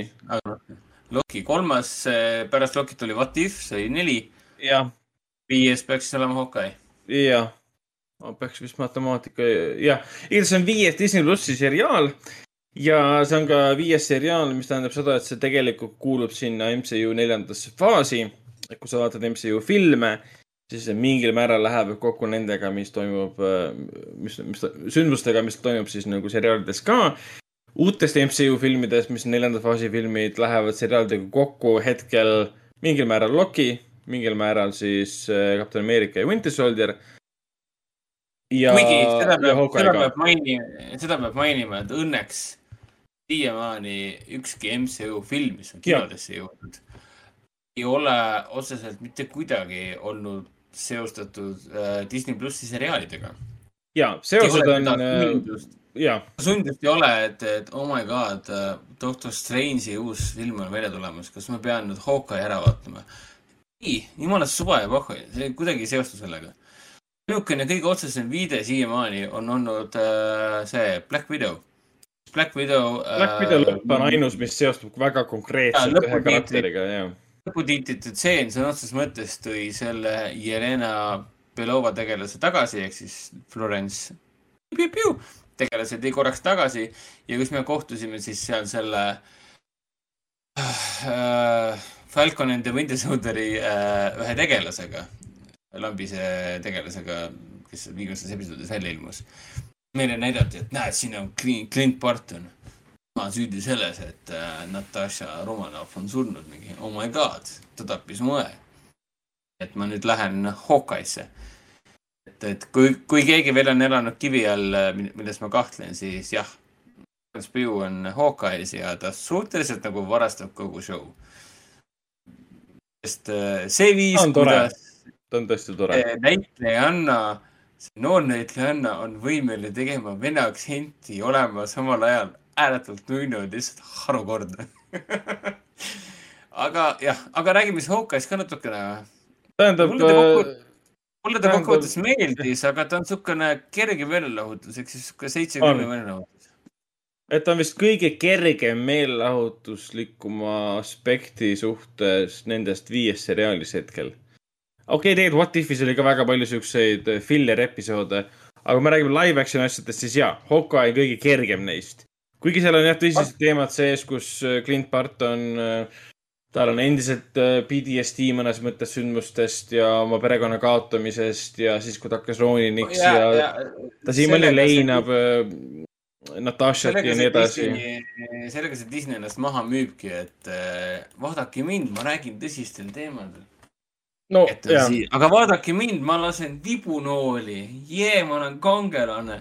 Ja siis ma New Yorgi kesk, oli vist New York või?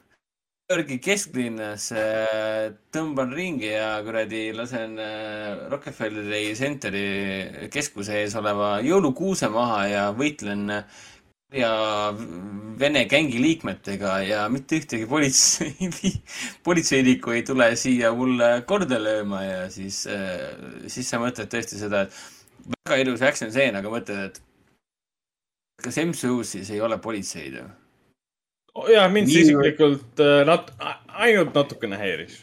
nagu New Yorgi kesklinnas toimub nagu põhimõtteliselt nagu terrori, terror, terror toimub tegelikult New Yorgi kesklinnas ja politsei mingi. see Clint Barton, tead, ta seal laseb nooli, küll ta, küll ta hakkama saab, me ei hakka teda häirima, et kõik on hästi, et noh, whatever. Aga nunnu on see, et see Hawkeye jättis sisse sellise äh,, ta on jõuluseriaal selles mõttes. Jah. väga jõuluse, väga sooja tunde ja seda oli nagu tore näha noh, vahelduseks midagi kerget, mis ei nõua sult äh, Lokile omast või WandaVisionile omast mingisugust äh, multiversumit või universumit murdvat äh, sündmust. vahelduseks midagi kerget ja toredat, nii et iseenesest ma kiidan teda, aga ei midagi kohustuslikku. jah, no No- samas ta ei ole mitte kuidagi ka selle Winter Soldieri ja Hawk-, Falconid ja Winter Soldieri äh, laadset, mis oli lihtsalt äh, keskpärane ja mõttetu. oota, mis selle seriaali nimi nüüd oligi? Falconid ja Winter Soldier, oli jah? ma ütlesin enne vist Captain American The Winter Soldier. jaa. no vahet ei ole, on mul läheb kogu aeg sassi. Aga ei, Hawkeye mulle ka meeldis, ta on, ta on tore, ta on, ta on naljakas, ta on südamlik. siin on väga klassikalised pöörded sees seoses perekonnaliikmetega ja nii edasi. siin on äh, lahedad äh, võtted selles mõttes äh,, lahedad perspektiivivahetused, mis puudutavad näiteks kaks tuhat kaksteist aasta siis tasuta filmi sündmuseid, me näeme teise inimese vaatevinklist seda. me näeme, et see ei olnud ainult võitlus tasujate ja siis tulnukate vahel, see oli võitlus elu surma peale ka inimeste jaoks, kes seal linnas elasid tegelikult. et seal said ju inimesed surma. et seda teemat ju tegelikult lahkas mingil määral siis, lahkasid tegelikult Netflixi Marveli seriaalid ka, mis on nüüd ka canonis sees. ja, ja alguses ma ei nagu ei hoolinud nendest tegelastest, aga Jeremy Renner on äge näitleja, ta oskab selles rollis ennast väga mugavalt tunda. Hailey Stanfield on väga tore näitleja, kes oskab taaskord ennast väga mugavalt tunda selles rollis. ja siin noor ja on, väga andekas ja Vera Farmiga on siin ja. Vero Farmiga on alati ilus ja hea, et see on tema, teda on alati rõõm vaadata. et ta nagu, ta ei nõua, ta nagu ei nõua sinult palju, aga samas ta annab sulle piisavalt palju tagasi, et sa nagu tunned, et, et, et tore vaheldus oli. Et mitte liiga tõsine, mitte liiga kerge, aga, aga niisugune piiripealne. et natuke oli, natuke oli- on, on Marvelis seda ka vaja, et sa filmidega on seda keeruline teha, sa ei saa, sa ei saa lihtsalt MCU filmi teha, mis on puhas komöödia. kõik küsivad, miks sa tegid tuletan, tuletan siinkohal meelde, et me räägime siis äh, Disney plussi seriaalist äh, Hawkeye, mis kuulub MCU-sse. kotka siin. Now, and now back to you, Ragnar. Teeb mul väga jah, rohkem lisada polegi, et vaadake ära, kui on võimalus äh,, eks Disney pluss peaks varsti tulema Eestisse ka. Netflixist juba läks äh,, läksid sõbrad ära, ma, mul on tühjus sisemuses, ma hakkasin, hakkasin Seinfeldi edasi vaatama taustal. see pole ikka sama, see pole sama. ei ole, ei, ole ikka sama, et sa ei lähe Ei. sinna sisse kuidagi või? Uh kusjuures alles hiljuti ma nägin äh, Family Guy's äh, päris head äh, nalja. uh. Nad siis äh,, Brian ja Stewie sõitsid siis autoga, Brian juhtis.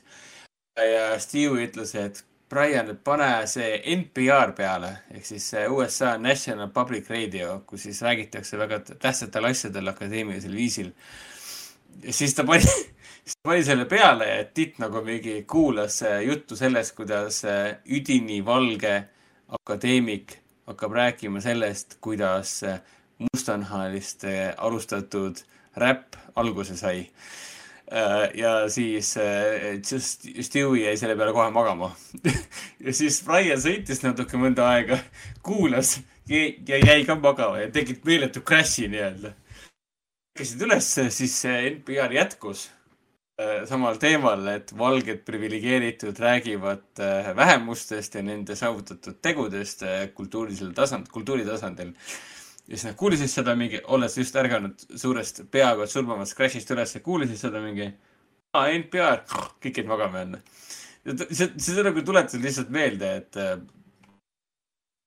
jah, Family Guy on jätkuvalt hea. ma ei tea, miks see mulle praegu meelde tuli. ei, see tuletab mulle ka meelde, et peaks Family'ga edasi vaatama, aga hetkel saab seda teha põhimõtteliselt läbi Hulu. Sest Eestis selle Netflixis ei ole minu arust uusi Family Guy hooaegu lisatud. ei ole jah, ei ole jah, ei ole. veel pole lisatud ja eks ta varsti peaks tulema. vist ei jaksa vaadata seda, aga. Vot, liigume edasi. räägime, räägime Harry Potterist või? no räägime Harry Potterist. tuli siis äh, Harry Potteri kahekümnenda aasta siis, aastapäeva siis äh, spetsial välja. Umbes nagu tuli spetsial välja, see on ka siis HBO Maxis, Warner Brothersi toodetud, üllatus-üllatus. umbes samasugune spetsial nagu oli siis tasu, tasu ette jah, vau, sõprade oma. kus siis näitlejad tulid kõik, kõik kokku ja siis Harry Potteriga tehti sama. kutsuti kõik, kõik näitlejad ja tegijad kohale, välja arvatud äh, J.K. Rowling, sest põhjused ähm,. Ja üllatavalt tore oli. ei no, J.K. Rowlingut ei kutsuta ainult sellepärast, et tal on, ta on inimene, kellel on äh, oma arvamus äh, mingis, mingil teemal. selle peale öeldi, et sul ei tohi olla arvamust mingil teemal, et sa oled meie vastu, kui sul on oma arvamus. igatahes selle, ma ei hakka sellesse praegu süvenema. point on selles, et see kestis mingisugune kaks tundi ju, kaua ta oli, rohkem või? see oli, see oli, ta oli päris pikalt käis või oli poolteist tundi midagi. et võrreldes selle sõprade omaga, mis umbes nagu hakkasid vaatama, sai kohe läbi. Harry Potteri oma oli ikka korralikult pikk. kõik äh, siis äh, seitse filmi, noh, või noh, kaheksa filmi said siis äh, läbi võetud, nad olid peatükkideks jaotatud. lapse periood siis üks, kaks, siis kolm, neli, suures kasvamise periood ja viis, kuus, seitse siis äh, lõpuperiood kõik reisjörid käisid läbi, David Yates, Chris Columbus, Alfonso Cuaron, Mike Newell. no ikka korralik äh, nostalgialaks selles suhtes, et mina Jaa. ja Ragnar oleme ikkagi Harry Potteriga üles kasvanud ja no meie, meie, me ju lugesime neid raamatuid samal ajal kohe, kui nad välja tulid, me olime, vaatasime neid filme, kui nad välja tulid, me olime sama vanad põhimõtteliselt, kui need tegelased me luge-, me lugesime raamatuid ju vahetult enne seda, kui film välja tuli. jah, jah. meil oli nii, niipidi. ja nagu kohutavalt fännasime ka siis filme ja muidugi loomulikult kritiseerisime, kritiseerisime ka eriti siis noh, viiendat ja kuuendat äh, filmi, sest noh, kuidas sa teed sellist lihuniku tööd, aga no mis seal ikka ei. no kuues oli veel okei okay,, aga viies oli küll äh, kohutav, kohutav pettumus. jah, aga, aga tore oli näha neid jälle tagasi ja nad kõik muust ei räägi kui sellest, et no mis see kogemus oli ja värvikamad meeldejäävad momendid võtte, võtteperioodist. tore oli jälle näha kõiki, Rubik Grinti ja, ja, ja Emma Watsonit ja Daniel Radcliffe'i ja äge on ka see, et Daniel Radcliffe on ainus neist kolmest esikolmikust nii-öelda, kes, kes, kelle karjäär on läinud ikka väga erinevatesse suundadesse, et noh, see on ikka hämmastav, et tema üks e eelmise aasta, üle-eelmise aasta üks ägedamatest filmidest oli ju Guns Akimbo, kus ta mängib mingit täiesti suvalist luuserit siis talle tullakse koju, talle polditakse või noh, kuidas eesti keeles seda öelda, kinnitatakse, raiut-, ei, kinnitatakse poltidega, poltidega kinnitatakse talle käte külge püstolid, sest on äh, sunnitud osalema äh, surma peale minevas mängus, online mängus. ta jookseb mööda tänavat ja peab erinevaid inimesi tapma. Nii, jah. Vene reeglist teeb oma asja, aga hästi ilus ja armas oli, et äh, tuletas mulle jälle meelde see Harry Potteri kahekümnenda äh, aastapäeva episood, eriosa nii-öelda. tuletas mulle meelde, et äkki peaks seda uuesti vaatama. Harry Potterit. või äkki peaks hoopis lugema, see on ka teine variant, et äh, ma alles hiljuti vaatasin seda kaks tuhat kakskümmend või kaks tuhat üheksateist jaanuaris, ma vaatasin kogu Harry Potteri seeria läbi. et äkki rohkem ei jaksa. jah, võib ka nii, no ma ma ei tea, ma ise mõtlen, et kui ma vaatan, siis nüüd ma vaatan esimesest osast alates, siis mingi aeg ma vaatasin kolmandast alates. sest ma ei tahtnud enam seda laste osa nagu vaadata, aga nüüd pärast seda spetsialit on küll tunne, et tegelikult seda, seda filmi tegemise kunsti saab nautida ka esimeses ja teises väga põhjalikult. ja, ja tore oli kuulata kuidas Chris Columbus, kes tegelikult on ideaalne lastefilmide režissöör, ta ju tegi esimesed kaks Home Alone'i ka võttis seda asja väga-väga tõsiselt ja ehmatavalt, ehmatavalt stressirohkelt esialgu, et esimese filmiga ta üldse ei nautinud seda. sest äh, nii suured nagu ootused, lootused olid tema peale ja siis kõik õnnestus, teise filmiga oli juba YOLO ja kõik läks normaalselt.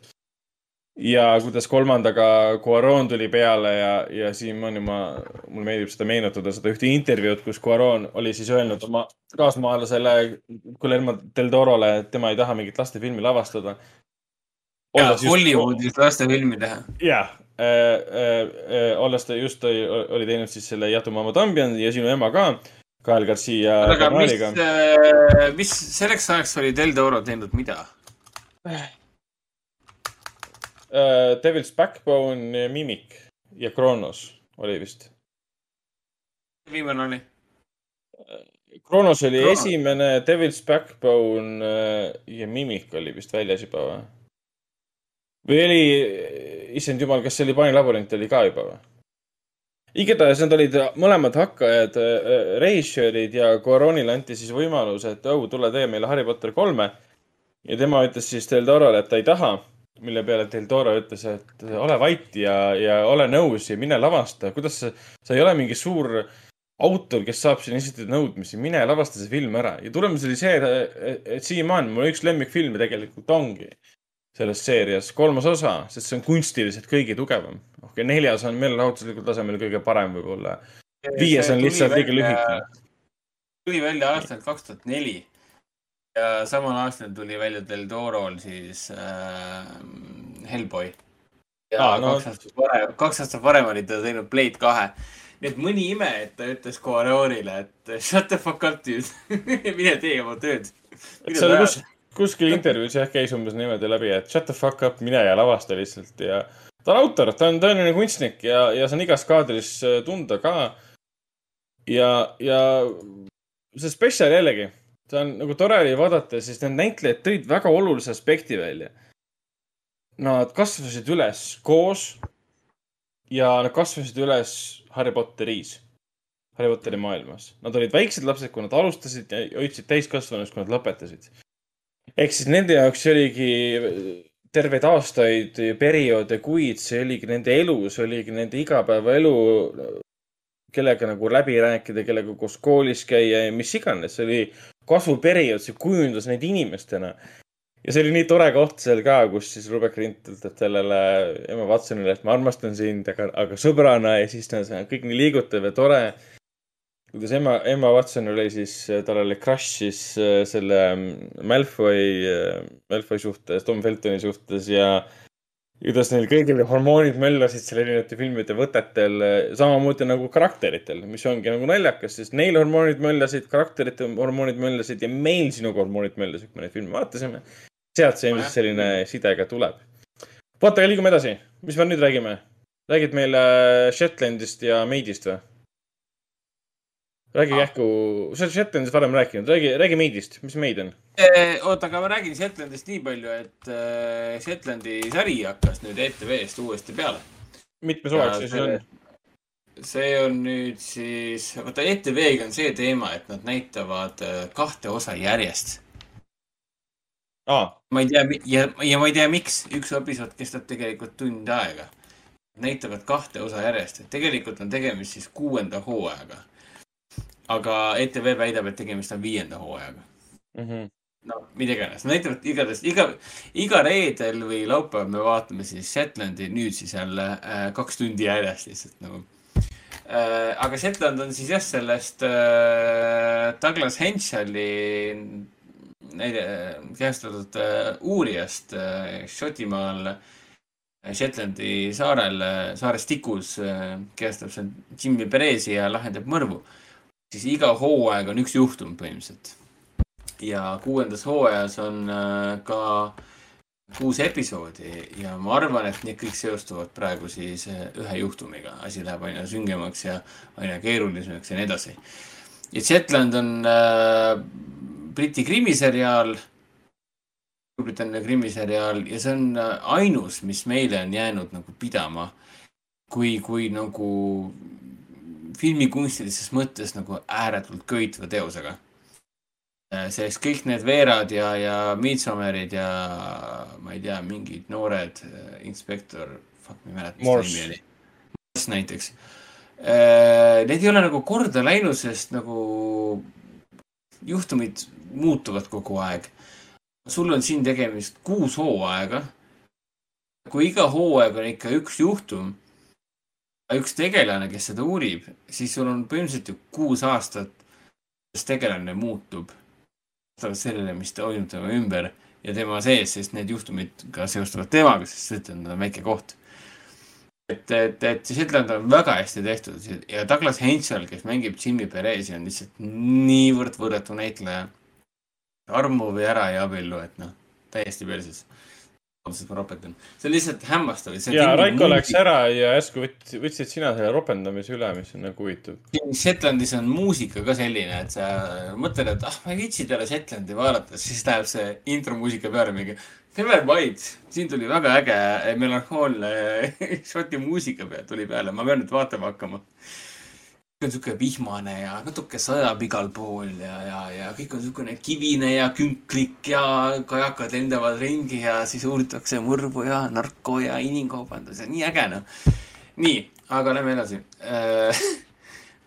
mis ma siin siis vaatasin ah,, Maid, Maidi, jah, Maid äh, tuli eelmise aasta seriaal, Netflixi seriaal. vaatasin ära esimese, esimese osa. Tahtsin lõpuks teada saada, milles siis nagu asi on, sest seda on hullupööre kiidetud. IMDB-s on sellel sarjal kaheksa koma neli äh, hinnang kümnest, see on nagu päris crazy äh,.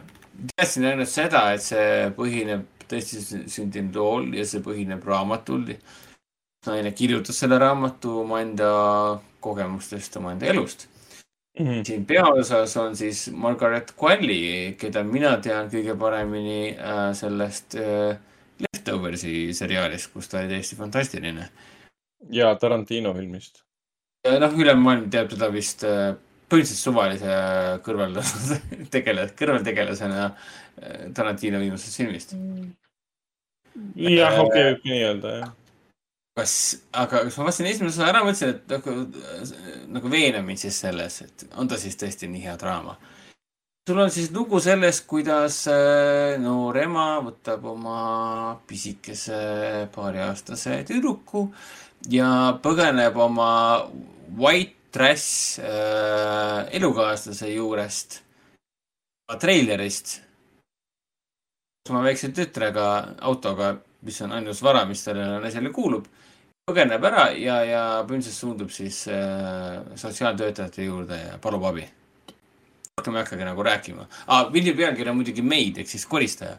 ehk siis esimene asi, mis talle pakutakse sotsiaaltöötajate juures on siis äh, see, et, et saada lasteaiakohta oma lapsele, et tööl käia, sa pead minema tööle. Pead töö saama, käima tööl ja siis sa saad tõestada, et sa käid tööl ja siis sa saad ka riiklikult toetatud äh, lasteaiakoha ja siis sa võid ka oma lapse panna lasteaia, lasteaeda. ja, ja sellest see nagu sari räägibki, et kuidas üksik ema, kes põgeneb oma öö, väga keerulisest suhtest öö, oma pisikese tüdrukuga. ütleme niimoodi, et tegemist on väga emotsionaalse, väga, väga, väga, väga karmi seriaaliga, aga ta on hästi nagu ta on hästi pingsalt ja hästi, hästi, hästi teravalt lavastatud ja näideldud. see Margaret Qualley, ta mängib nii hämmastavalt hästi siin. kuidas temas liiguvad tema silmade taga ja tema ümber liiguvad emotsioonid, mis teda valdavad. siin on ka sisse lavastatud momendid sellest, kuidas ta kujutab ette endale halvimaid ja parimaid stsenaariumeid, mis tema ümber võib, mis temaga võib juhtuda. et, et, et kui ta on hätta sattunud, siis ta juba vaimusilmas näeb, kuidas tema äh,, teda ahistav, temaga vägivallatsev elukaaslane välja ilmub. ja see on kohati nagu segadusse ajav, sellepärast et sa arvad, et see juhtuski praegu, aga ei, see oli lihtsalt tema kõige suurem hirm oli tema silme ees. sellised, need on siuksed äh, nagu sähvatused tekivad ekraanile. Ta juba näeb, vaatab korraks kõrvale, juba näeb, et näe, juba elukaaslane tuleb, võtab lapse kaasa, läheb minema ja nii edasi. suurimad hirmud ja suurimad unistused. et äh, esi, piloodi kohta oli see väga hea piloot, nii et kindlasti soovitan vaadata, kui sulle meeldib ikkagi range, mõnus äh, väga emotsionaalne, väga hästi kirjutatud, väga tõsine, aga samas väga eluline, ehk siis eluline tähendab seda, et see on selline draamat ja komöödiat ja, ja romantikat saab ja kõike seda. elu saab nii-öelda. kui selline asi sulle meeldib, siis The Maid'i piloot oli väga-väga kvaliteetne, seda peab ükskord vaatama. Agnes äh, lisas ka Youtube'i, Youtube'i chatis, et äh, Maid on väga hea, näitab, kui raske on sellest vägivaldsest ringist äh, ja mustritest välja murda. et Ah, äh, Henry Agne,, Agne, Agnesega täiesti nõus, et seal, et ütleme niimoodi, et äh, Agnesele võib öelda, et äh, kui me siin, miks me teist osa kohe otsa ei vaadanud, oli sellepärast, et mul siin kõrval hakati nii kõvasti ütleme nii, et väike mees ei, ei piima ja emme nuttis samal ajal. et see mõjus nii, nii emotsionaalselt, nii laastavalt, eriti selle piloodi lõpp, et, et panime hoopis Tales from the Loop'i peale, et midagigi nagu siukest emot-, noh, positiivsemat vaadata. igatepidi äh, mõistetav muidugi. ja see mõjus mulle ka, et see Margaret Colli tegelane, näitleja lihtsalt, mulle nii meeldivad sellised näitlejad, kes suudavad nagu hästi äh, noh, hästi keerulisi emotsioone nagu ühes hetkes näidelda. silmadega ja, ja, ja, ja, ja huultega ja, ja nagu lihtsalt nagu vaatad teda ja mõtled, et see on nagu päris elu, et noh, põhimõtteliselt lihtsalt. aga jah, kindlasti vaatame edasi. liigume edasi, issand jumal, meil on nii palju rääkida huh,. mis me meie, saate, ka meie saade kestnud on kaks tundi. liiga, liiga pikalt, meil on vaja. Scream'i, Scream'i juurde veel ei lähe, kas räägime need Korea asjad ära või sa tahad eufooriast rääkida enne? ma nägin sellest, et äh, kaks tuhat üheksateist aastal alanud äh, Zendaya seriaal Euphoria sai nüüd teise hooaja. esimese ja teise hooaja vahel oli ka kaks eriepisoodi. ja, ja see on ka siis olemas ka Telia TV-s ehk noh, Telia HBO-s. teine hooaeg algas nüüd aastal kaks tuhat kakskümmend kaks lõppude lõpuks. Ja kvaliteet, esimene hooaeg on väljas, üks episood äh, nädalas ehk siis pühapäeviti, Eesti aja järgi vist esmaspäeviti. ja kvaliteet on endiselt sama, ehk siis äh, ääretult stiiline, vägivaldne, poeetiline, romantiline, visuaalselt täiesti hämmastav karp lahti äh, seriaal noortest kooliõpilastest, kes püüavad suureks kasvada, mõista ennast ja oma seksuaalsust, tarvitada hästi palju narkootikume, tarvitada kõike, mis ette juhtub, seksida hästi palju, olla hästi kurb kogu aeg. aga see on hästi, hästi, see on hästi tõsine seriaal noortest inimestest, kes püüavad leida teed. Mitte ainult tõsine, jällegi mina räägin selle, selle mätta otsast, mida ilmestab esimese hooaja esimene episood. et mitte ainult tõsine seriaal, vaid see on filmi või noh, seriaali kunstiliselt ko- kohutavalt ilusti üles võetud ja mitte ainult ilusti, vaid leidlikult üles võetud. et kui lihtsalt tahta näha, kui kaugele on jõudnud filmikunsti tase või noh, seriaalikunsti tase, siis tasub juba sellepärast eufooriat vaadata. Eufooria on äh, pöörane, ma, ma siiamaani ei suuda uskuda, et sellist, sellisel tasemel seriaali on võimalik toota. aga noh, loomulikult seda teeb HBO. ma mõtlen selle, ma olen sellest seriaalist tihti rääkinud siin podcast'is, aga ma mõtlen selle all on see, et, et, et kui sa tahad näha nagu filmikunsti, siis Eufooria pakub sulle absoluutselt kõike kõige kõrgemal tasemel. just nimelt ma mõtlen kunstilises mõttes nagu autori mõttes, et see on lihtsalt crazy. Ja teine hooaeg alustab sama hästi, sama tugevalt kui esimene hooaeg. aga Agnes jättis meile ühe uue kommentaari, kus ta mainis siis äh, Meidi kohta, et ta hingas vist kahe päevaga kõik episoodid läbi. mis on äh,, which is crazy, sellepärast et kümme episoodi oli kokku. et väga hea tulemus, Agnes, kiidame et mina, mina tavaliselt nii kiiresti ei jõua. ma pean vist, kui on liiga emotsionaalne, siis ma pean hingama vahepeal. käima, käima all keldris suitsetamas ja vaatamas taevasse. minna välja ja vaadata neid taevatähti ja mõelda elu peale. nii. No selge. Mis järgmisena? tüüd rohkem mul vist ei ah,, Cobra Kai on mul lõpuni vaadatud, aga me juba Raikoga alguses rääkisime, et yeah. hämmastab, et äh, selle, selle kümnendi kaks parimat seriaali ongi nagu Euphoria ja Cobra Kai. hämmastav, et sellised seriaalid, seriaalid on olemas. mul on mõlemad Aa, aa. vaatamata. See on äh, väga kahju, mida kuulda uh,. Demon Slayeri seda Mugen Traini uh, arki või seda nii-öelda teist hooaega hakkasin ka vaatama Mhm. uh,. jõudsin, noh, alles jõudsin muidugi Demon Slayeriga alles sinna uh, teise, teise, teise hooaja esimese episoodini ehk siis teine hooaeg justkui on see ainult Mugen Trainist ehk siis Mugen Traini film tehti seriaaliks. Treeni olen ma näinud, tehti see ka seriaaliks. kuigi ma mõtlesin, et ma, äkki on hea viis, kuidas ennast äh, sinna kolmandasse või noh, päris teise hooaega sisse viia.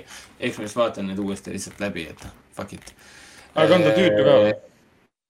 olen jõudnud muidugi vaadata ainult esimese osa. ja Aa. esimene osa on siis täiesti uus teistmoodi, materjal. jaa, jaa. Sellist materjali, mida kuskil Mugen filmis ei ole nähtud, aga ülejäänud episoodid peaksid olema samad, lihtsalt mingid lisatseenid on. okei, ja that's about it nii-öelda. okei, aga siis, mis asi on Folies Bergeret tuhat üheksasada viiskümmend kuus? ma hääldasin seda väga valesti vabandan kõikide prantsuse jah. keelt kõnelevate inimeste ees. Yes uh,, päris, päris hea. ma arvan, et midagi sellist. See on üks uh, väga vahva film aastast äh, viiskümmend seitse. kuule, sa taod seda mikrit seal päris hoolega, ma vaatan, et see on äh, väga vahva film, mida me avastasime ühel hetkel äh, TV Monde pealt, see on siis meie prantsuse kanal, mida me ikka tellime. ja, ja see oli vist, aa, see oli meie kolmekümne esimese detsembri film, mida me koos vaatasime. õigus, õigus. me tahtsime varakult magama minna, siis me olime lihtsalt väsinud, me olime haiged olnud ja, ja, ja kui me filmi lõpetasime, oli kell kakskümmend kolm nelikümmend seitse või midagi sellist, siis me mõtlesime, et ahah, aastavahetus jõudiski kohale. et noh, jah. aga see on kihvt äh, muusikal, prantsuse muusikal, mille peaosas on siis äh, Eddie Konstantin. Ja sellise kihvti nimega näitleja, see on, ta on pärit äh,, elas siis aastatel kolmteist kuni äh, üheksakümmend kolm. ta on siis vene päritolu näitleja, kes siis Prantsusmaal sai väga kuulsaks äh, lauljaks ja hakkas ka väga kuulsaks äh, näitlejaks. ja temaga oli see teema, et ta, ta seda mingi Bogarti stiili võttis üle, viis Prantsuses, Prantsusmaale ja hakkas seal äh, tuntud prantsuse tegelast mängima nii-öelda, prantsuse krimi või uurijat nii-öelda viiekümnendatel, kuuekümnendatel mängis siis ühte detektiivi, kelle nimi oli ah,, kelle nimi oli Lemmi Caution. saad aru, tegelase nimi on Lemmi Caution, hardboiled detective, kes on siis põhimõtteliselt Humphrey Bogarti äh, imitatsioon, prantsuse imitatsioon. ja see oli üks tema kuulsamaid rolle, Eddie Konstantin siis äh, viiskümmend seitse ta siis äh, noh, pigem oma karjääri alguses äh, või noh, kuskil seal keskpaigas tegi siukse väga kihvti filmi põhimõtteliselt omaenda elust, mis oli nagu naljakas. film räägibki nagu ühest USA sõdurist, kes on siis Pariisis ja arvab seal ühte tantsijasse ja ta jääb siis sinna ja hakkab siis ka lauljaks ja, ja näitlejanna saab siis lauljaks ja nende vahel tekivad siis pinged, sest üks on kuulsam kui teine. ma tean, see kõlab täpselt nagu A Star is Born, olgu see siis äh, esimene, teine või kolmas variant. igalühel on midagi. aga see on siis viiekümne seitsmenda aasta film ja iseenesest äh, ta on, noh, ma panin talle kuus kümme, sest äh, ta oli liiga lihtlabane. Mhm. aga ometigi ta on kütkestav puhtalt sellepärast, et seesamune, seesamune, seesamune Eddie Konstantin, see Venemaa pärit, Vene päritolu näitleja viiekümnendatel, kuuekümnendatel, ta on siukse, sihuke arminägu, et teda on väga põnev vaadata. et ta ei ole niisugune sinu klassikaline ilus mees, kes laulab ja tantsib. mul on veel plaanis võtta Eddie Konstantini IMDB ette ja hakata tema kuulsamaid filme nagu läbi vaatama, et näha, et mis asi see Lemmi Konstant, Lemmi Kostjan üldse on tegelikult. Aga kordame veel üle filmi nime, millest on jutt, sest Argo just liitus filmi, filmi nimi on siis äh, Folies Bergeret, aga selle leiab siis ülesse, ma arvan, et äh, Eddie Konstantini, Konstantini nime alt. kuulus prantsuse näitleja, kes suri üheksakümne kolmandal aastal ja viiekümnendatel, kuuekümnendatel mängis siis äh, paksu rahaga politseinikuid äh, Prantsuse, Prantsuse kinos. tere, Argo, Argo ilmus ka välja, meie suurim äh, mitte suurim väide, ütleme niimoodi, et meie, meie, meie armastatum fänn tuli ka äh,, liitus meiega, meie laiviga. Õnneks see salvestus on ka olemas pärast laivi, nii et kõik saab järgi vaadata ka. aga tere, Argo, rõõm, et meiega liitusid.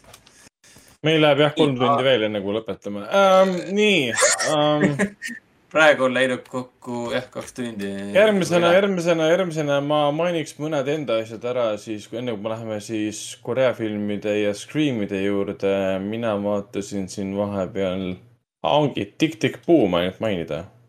Tikk-tikk Boom. ma saan Jaa. aru, et see on tõesti väga hea film. Tick Tick Boom Andrew, Andrew Garfieldiga, ma tuletan nüüd selle režissööri meelde, Lin-Manuel Miranda äh, lavastatud siis äh, film.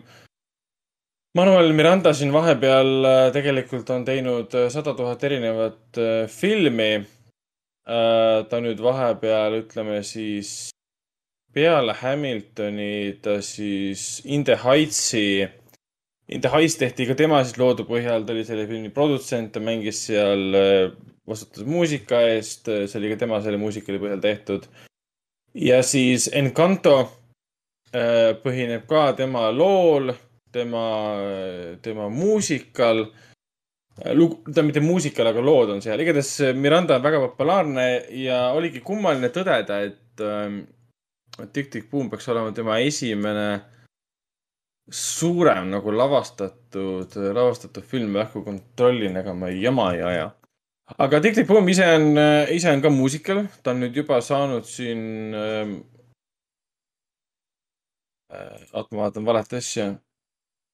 IMDB peksab segast, okei okay.. IMDB-s ei saa praegu vaadata ähm, neid asju, mis ma tahan vaadata, igatahes point on selles, et see film on muusikal, aga ta on teistsugune muusikal Äh, mis teeb teistsuguseks, põhiline asi on see, et kui muusikalide puhul mind häiris või ütleme, teiste inimeste puhul on häirinud see, et näitlejad lihtsalt ühel hetkel hakkavad laulma.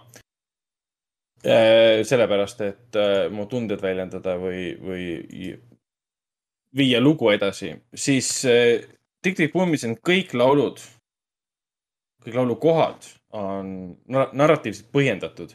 kui film on raamitud lauluga, inimene klaveridega jutustamas lugu, kõik laulukohad, kõik emotsionaalsed kohad on põhjendatud looliselt, narratiivselt äh, karakterite seisukohalt, miks on vaja laulma hakata, ei ole lihtsalt niimoodi, järsku nüüd laulame, sest, sest ma olen muusikalis. ja seda oli hästi tore vaadata.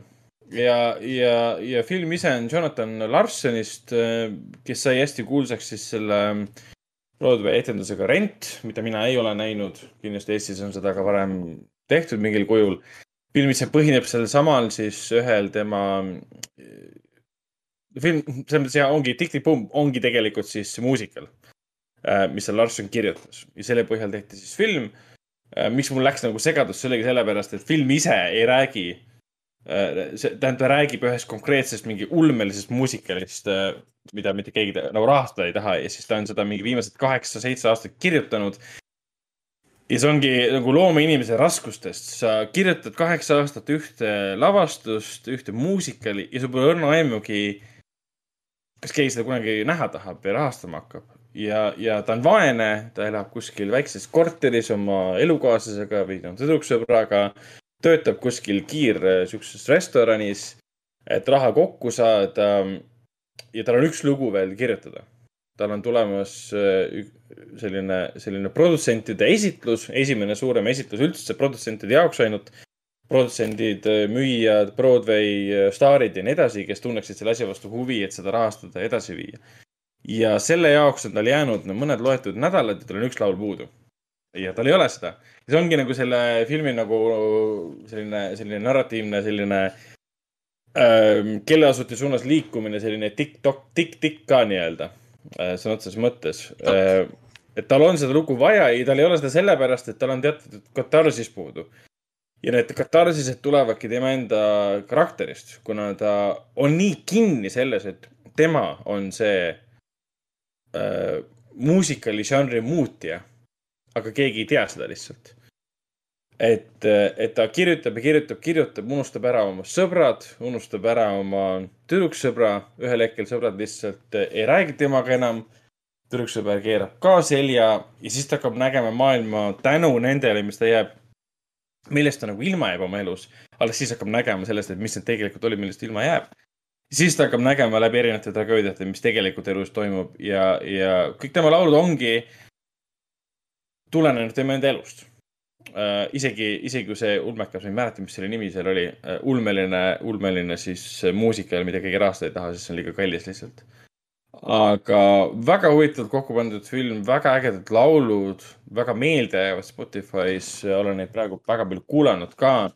Andrew Garfield, püha jumal, kui hea.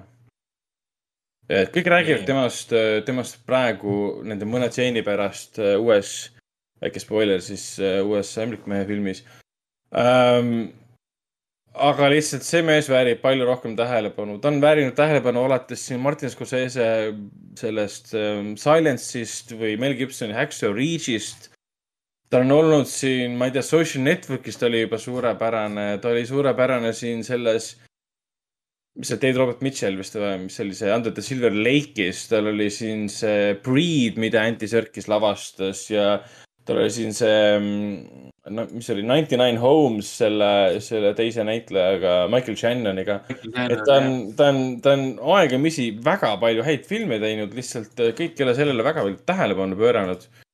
ja tikk-tikk, tikk, tikk-tikk-buum tõesti, et soovitan ette võtta, kui sulle ei meeldi muusikalid, siis soovitan just sellepärast ette võtta, see pöörab mitte su muusikalide usku, vaid see pöörab su sellesse Jonathan Larsoni usku. tema eesmärk on ka filmis ja ta sõnastab seda päris mitu korda, muuta muusikale, et need poleks sellised, nagu nad oleksid ja ma ei tahagi Larsoni kohta midagi enne öelda, sest kõik saavad seda ise lugeda tegelikult Vikipeedias, kes ta oli ja mis ta tegi. Sest ma ei soovita lugeda ka enne, kui filmi vaatate, sest see nii-öelda spoilerdab, kui te hakkate kasvõi esimest lõiku lugema tema kohta.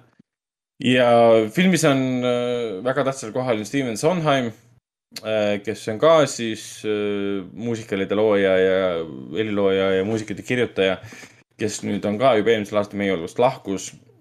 teda siin kes see mängis teda vist, väga tuntud näitleja, ma ei mäleta tema nime. on Netflixis olemas, Tikk-Tikk Boom, Netflixi, Netflixi film ja, ja ta on praegu jah, siis nomineeritud siin kuldgloobustel. ja ta ei võitnud ühtegi neist. ei võitnud jah, jäi ilma kõigest kuldgloobustel ja.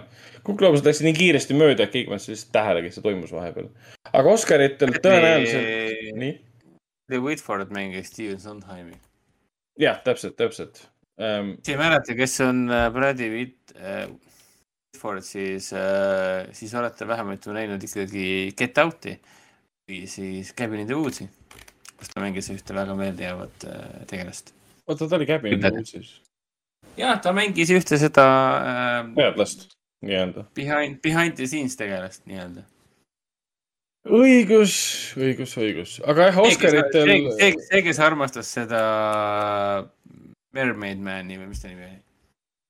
Ah ja, ja tuleb meelde. aga Oscaritel film tõenäoliselt hakkab kandideerima. muusika eest võib-olla on keeruline, ma ei mäleta neid Oscarite äh, reegleid enam. aga tõenäoliselt Garfield hakkab siin kandideerima.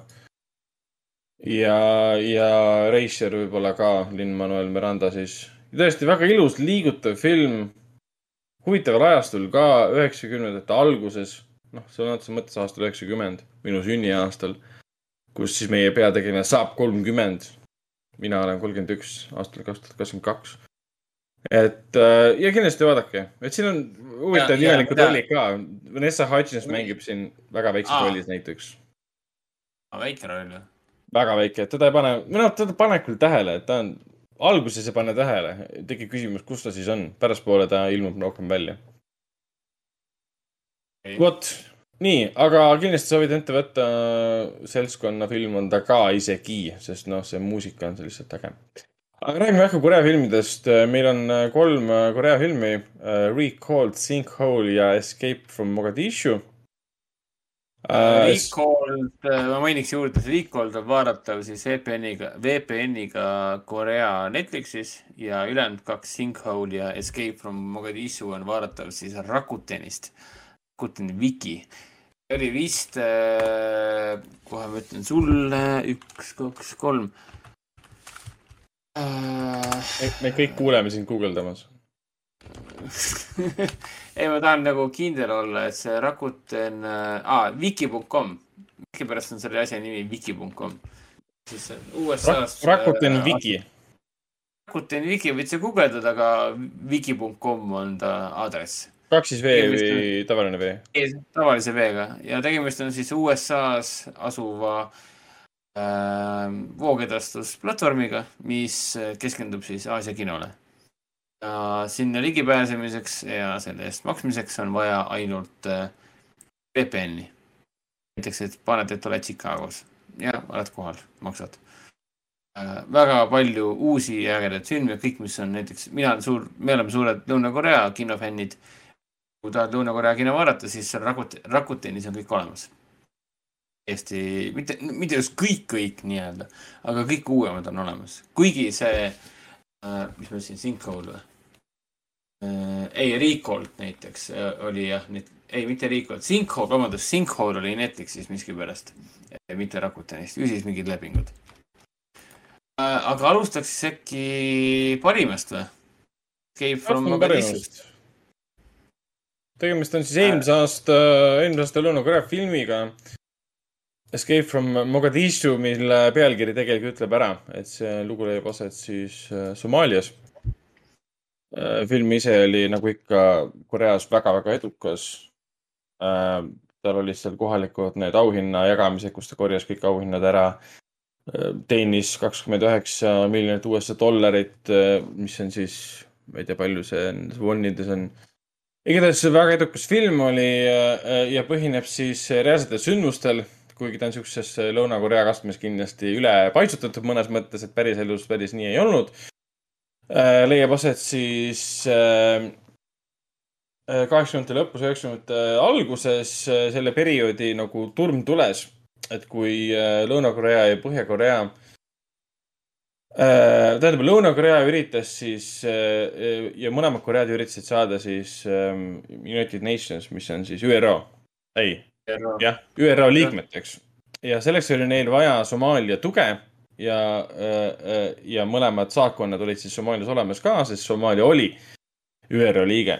ja lugu nagu näiliselt tõukubki sellest, et sul on kahe saatkonna äh, liikmed, kes siis äh, viivad läbi erinevaid mahhinatsioone, et saada siis Somaalia juhi heakskiitu. et ta annaks tema hääle ja, ja siis üks, noh, mõlemad Korea korraga ei saa, aga üks Korea saab. ja need mahhinatsioonid langevad kõik äh, põrmu, kui äh, toimub, toimub äh, sõda. kodusõda põhimõtteliselt Somaalias. minu, minu seos Somaalia kodusõjaga on nagu meil kõigil põhimõtteliselt ehk siis Ridley Scotti äh,, Ridley Scotti Black äh, Hawk Down. mis on natuke naljakas öelda, on päris, päris juhtum, päris olukord, inimesed surid, aga, aga ma olen harimatu, Somaalia ajaloo suhtes harimatu eestlane, kes teab ühte filmi, millest ma natukene oskan sa oled hari, hari, sa oled harimatu äh, kõrgklassi valge mees. jah, kõrgklassi muidugi um,. Escape from Mogadishu on ideaalne Lõuna-Korea film, mis puudutab action'it ja mis puudutab draamat. ta ei ole kindlasti selles mõttes äh, samal tasemel draama umbes nagu Parasiit, millega siin pool maailma tegi uuesti, uuesti tutvust, ma rõhutan uuesti tutvust Lõuna-Korea filmiga.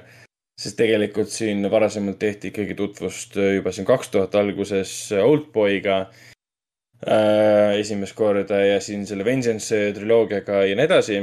Aga siis äh, Parasiit oli see, mis äratas maailma uuesti üles, et oh, Lõuna-Koreas tehakse ägedaid filme.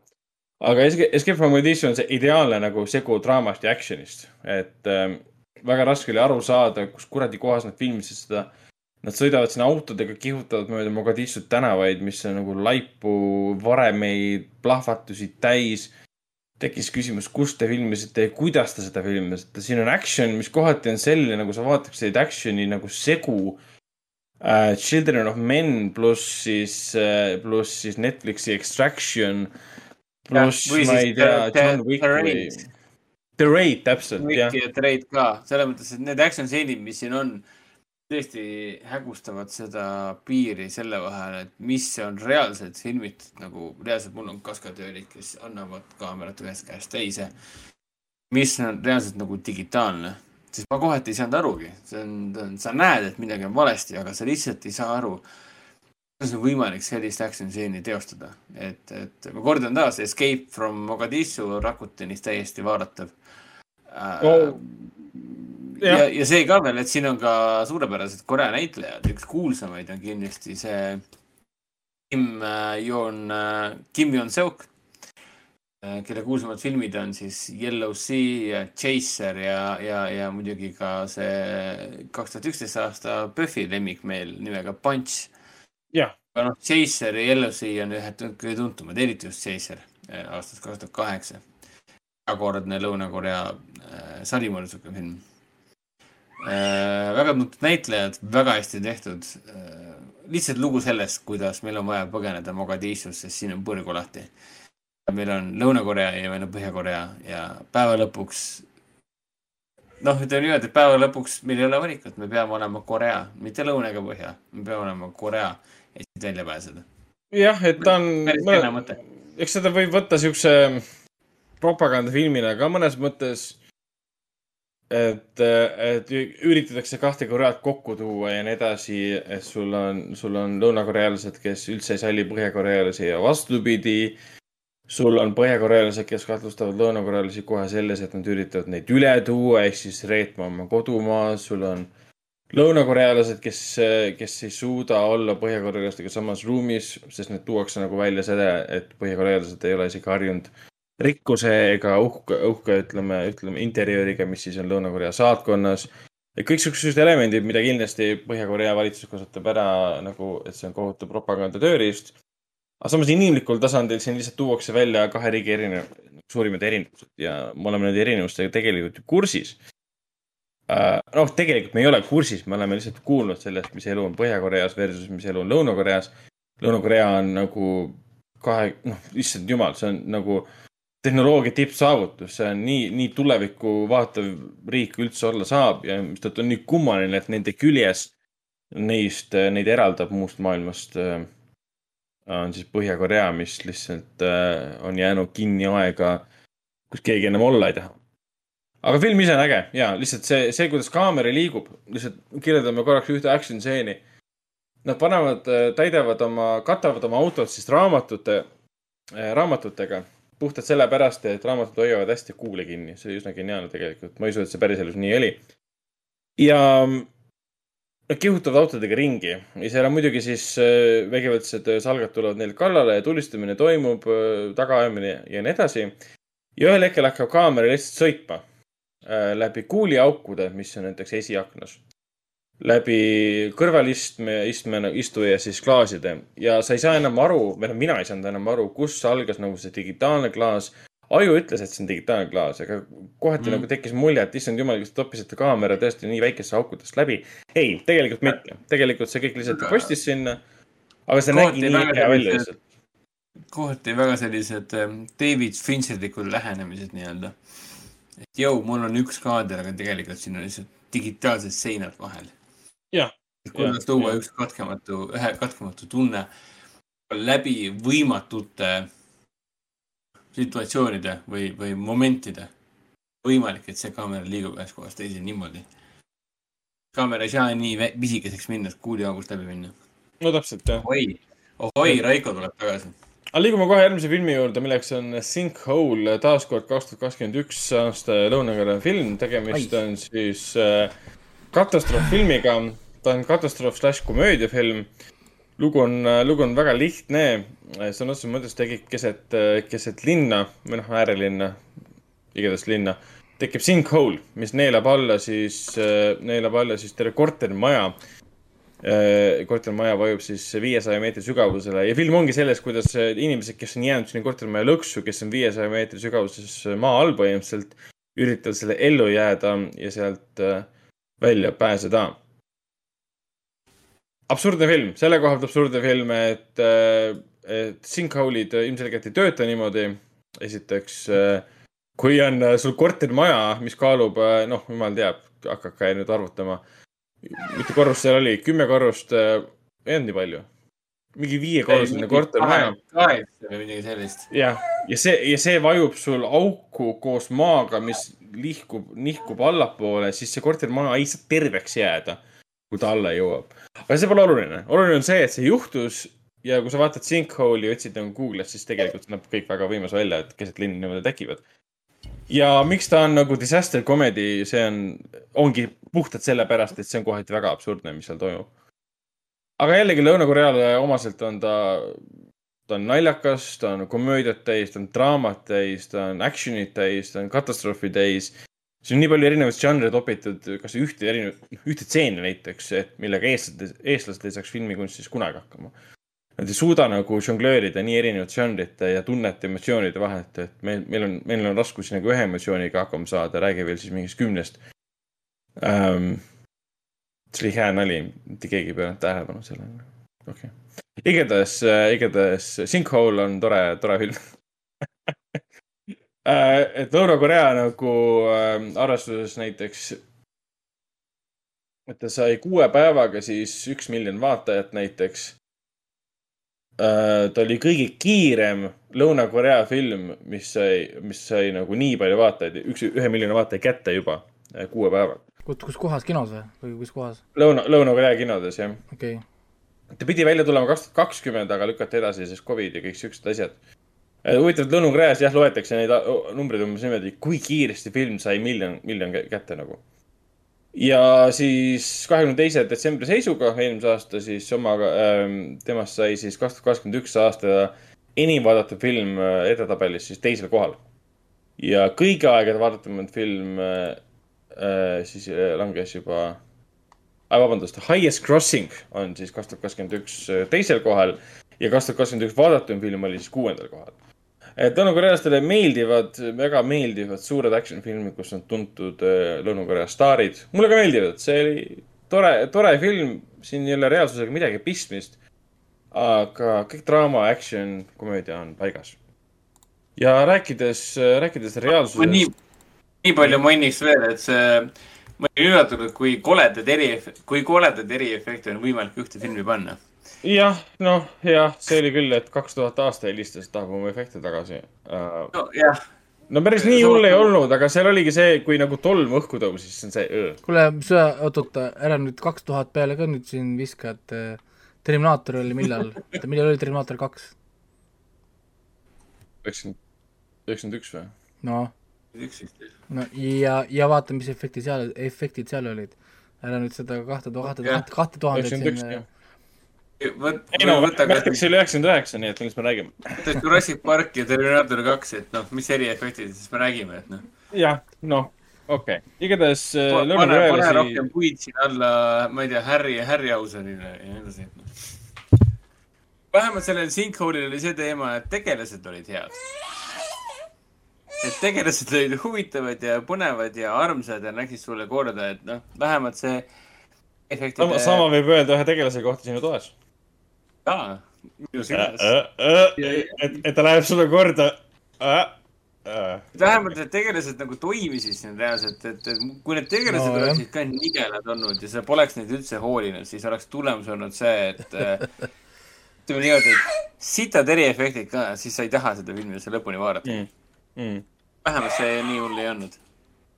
ja viimane Korea film oli Recalled, mis mulle meeldis neist kolmest filmist äh, kõige vähem. Recalled ehk siis Memories of Tomorrow. mis jättis mulje endast ähm, kui sellisest üleloomulike elementidega filmist, kus naine on olnud mingisuguses õnnetuses ja ta on, teda on tabanud suur amneesia mälukaotus ja ta hakkab inimeste läheduses, suvalise inimeste läheduses olles justkui nägema öö, tulevikku, nende, nende inimestega seostuvat tulevikku. ja, ja see film areneb mõnda aega edasi samas vaimus, kuni selgub, et tegelikult see asi ei seostu mitte kohe üldse äh, tulevikunägemustega, et ta kohe tegelikult mitte üldse ei viibi inimeste juures, ei saa aru, mis nendega juhtuma hakkab, vaid need asjad on hoopis sügavamad ja tema karakteriga seotud. ma ei tea, palju ma siin spoilerdada tahan, igatahes äh,, ma spoilerdan ära äkki suva? jah, ma spoilerdan veits. igatahes esialgu jääb mulje, et ta, et ta nagu näeb tulevikku, aga tegelikult ta näeb oma minevikust pärit äh, inimesi, kes aitavad tal justkui oma mälu okay,, oma mälu kokku tagasi panna, mis on tegelikult see lahendus mulle meeldis. aga kuidas nad sinna jõudsid, see mulle ei meeldinud, sest see, see narratiiv ei kandnud. ta oli natukene igav, ta oli ennastkordav. ja lõpuks, kui me jõudsime sinna, et aa, mis tegelikult toimub, siis mul ei olnud nagu huvi enam nii kõrgendatud, kui ta oleks pidanud olema. et siis tekkis küll mulje, et, et oleksid pidanud seda kõike kas varem esile tooma või, või lihtsalt alguse esimese poole nagu teistmoodi lavastama, teistmoodi kujundama.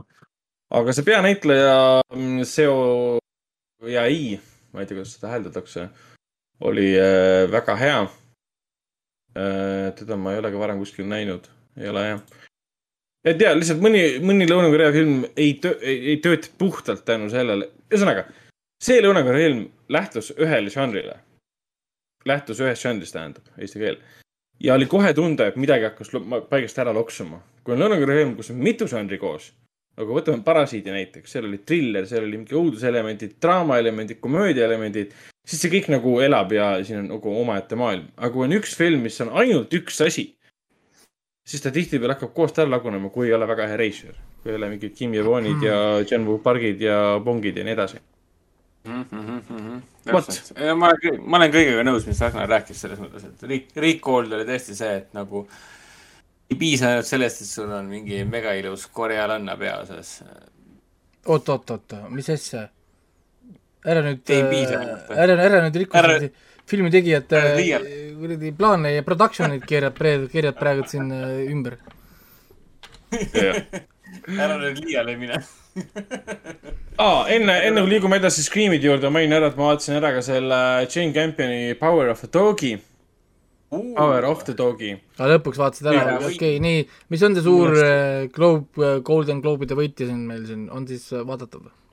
Ma saan aru, et Äh, aasta parim, parim film, et eh, kõige, kõige Ei. parim film, peaks saama kõik ei, auhinnad. ei, ei, ei, ei. kuulge, tegelikult kusjuures meil pole olnud ju tavasaadet, me pole rääkinud, et Betty White on ära surnud, me, meil on ju Bob äh, on siin läinud ja, ja Eesti, Eesti näitlejad on surnud siin ja kõik on siin ja inimesed, inimesed surevad, suur uudis um,. Vau. People die nagu, big deal. see on, vahepeal oli wow. küsimus Argo, Argo käest, et kuradi Youtube kvaliteet on miskipärast sada nelikümmend neli P ja paremaks ei lähe. tegelikult peaks olema ikkagi tuhat, tuhat kaheksakümmend minu arust drop, ma drop, drop vaatan ise ka praegu laivis ja mul näitab, ei näita, ma ei tea. mul näitab tuhat kaheksakümmend B, ma saan valida siin alates sada nelikümmend neli B kuni tuhat kaheksakümmend B. siis ütleb, et Raiko näeb välja nagu oleks viis päeva magamata. see tegelikult, on, tegelikult mis see on, veel uut? et, et äh, ma panin last magama ja jäin ise, ise magama praegult, kui ma käisin toas. aa, noh. et see, see, kui Raiko paneb lapse magama, tuleb tagasi, ta näeb välja nagu sada nelikümmend neli, sada nelikümmend, sada nelikümmend neli B. see, see oli jah sellepärast ja, ja kui mul on nagu, kui nägu fookuses ei püsi, on ka, on ka täpselt seesama põhjus, sest ta ei ole fookusesse maganud.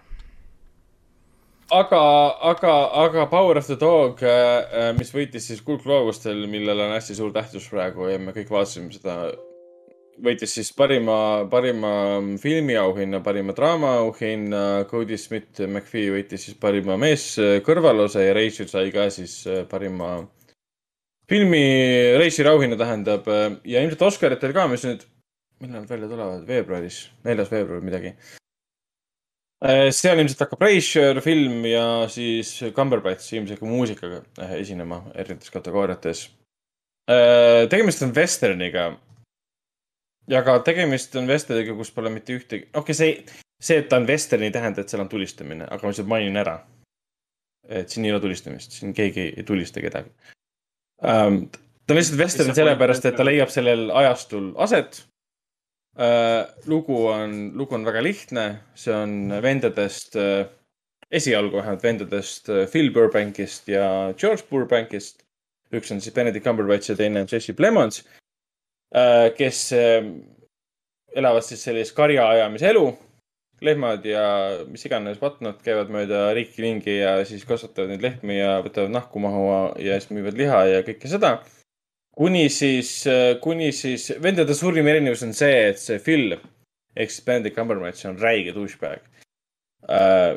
sellel vennal on mingisugune nagu kohe algusest peale igast dialoogist, igast pilgust on aru saada, et esiteks Benedict Cumberbatch on räige karakternäitleja, meetodnäitleja sellel vennal on mingi viha kogu maailma, iseenda, kõikide teiste vastu ja see ei väljendu nagu mingisuguses röökimises või vägivaldsuses äh, nagu füüsilisel tasandil. Vaid iga tema nagu hoiak ja olek, eriti oma venna suhtes, keda ta nimetab Fatsoks päris tihti, on sihuke vastik. saad aru, et ta on kuidagi vastik ja naudib mingit teatud inimeste seltskonda, kelle abil ta saab ennast nagu üles tõsta ja teisi maha teha. ja ongi see põhiline element tema elus ongi see, et ta teeb teisi maha kogu aeg enda ümber, ükskõik kes nad on, on lähedased või mitte ja tema vend siis Jesse Plemons on selline vaikne, tore inimene, kellele ei meeldi see karja kasvatamine, see must töö ja kõik see. Ühel hetkel ta kohtub siis seal Rose, Rose'iga, kes on siis, keda mängib siis Kristen Dunst, kellel on siis ka nii-öelda poeg Peter, keda mängib siis Cody Smith McPhee. ja siis see, Kristen, Kirsten Tansel on poeg äh, Peter või hmm.? jah. aa, oo, selle peale ei mõelnudki enne ja, ja, ja, ja, ja, ja, ja siis see mult-, multiverse teooria juba.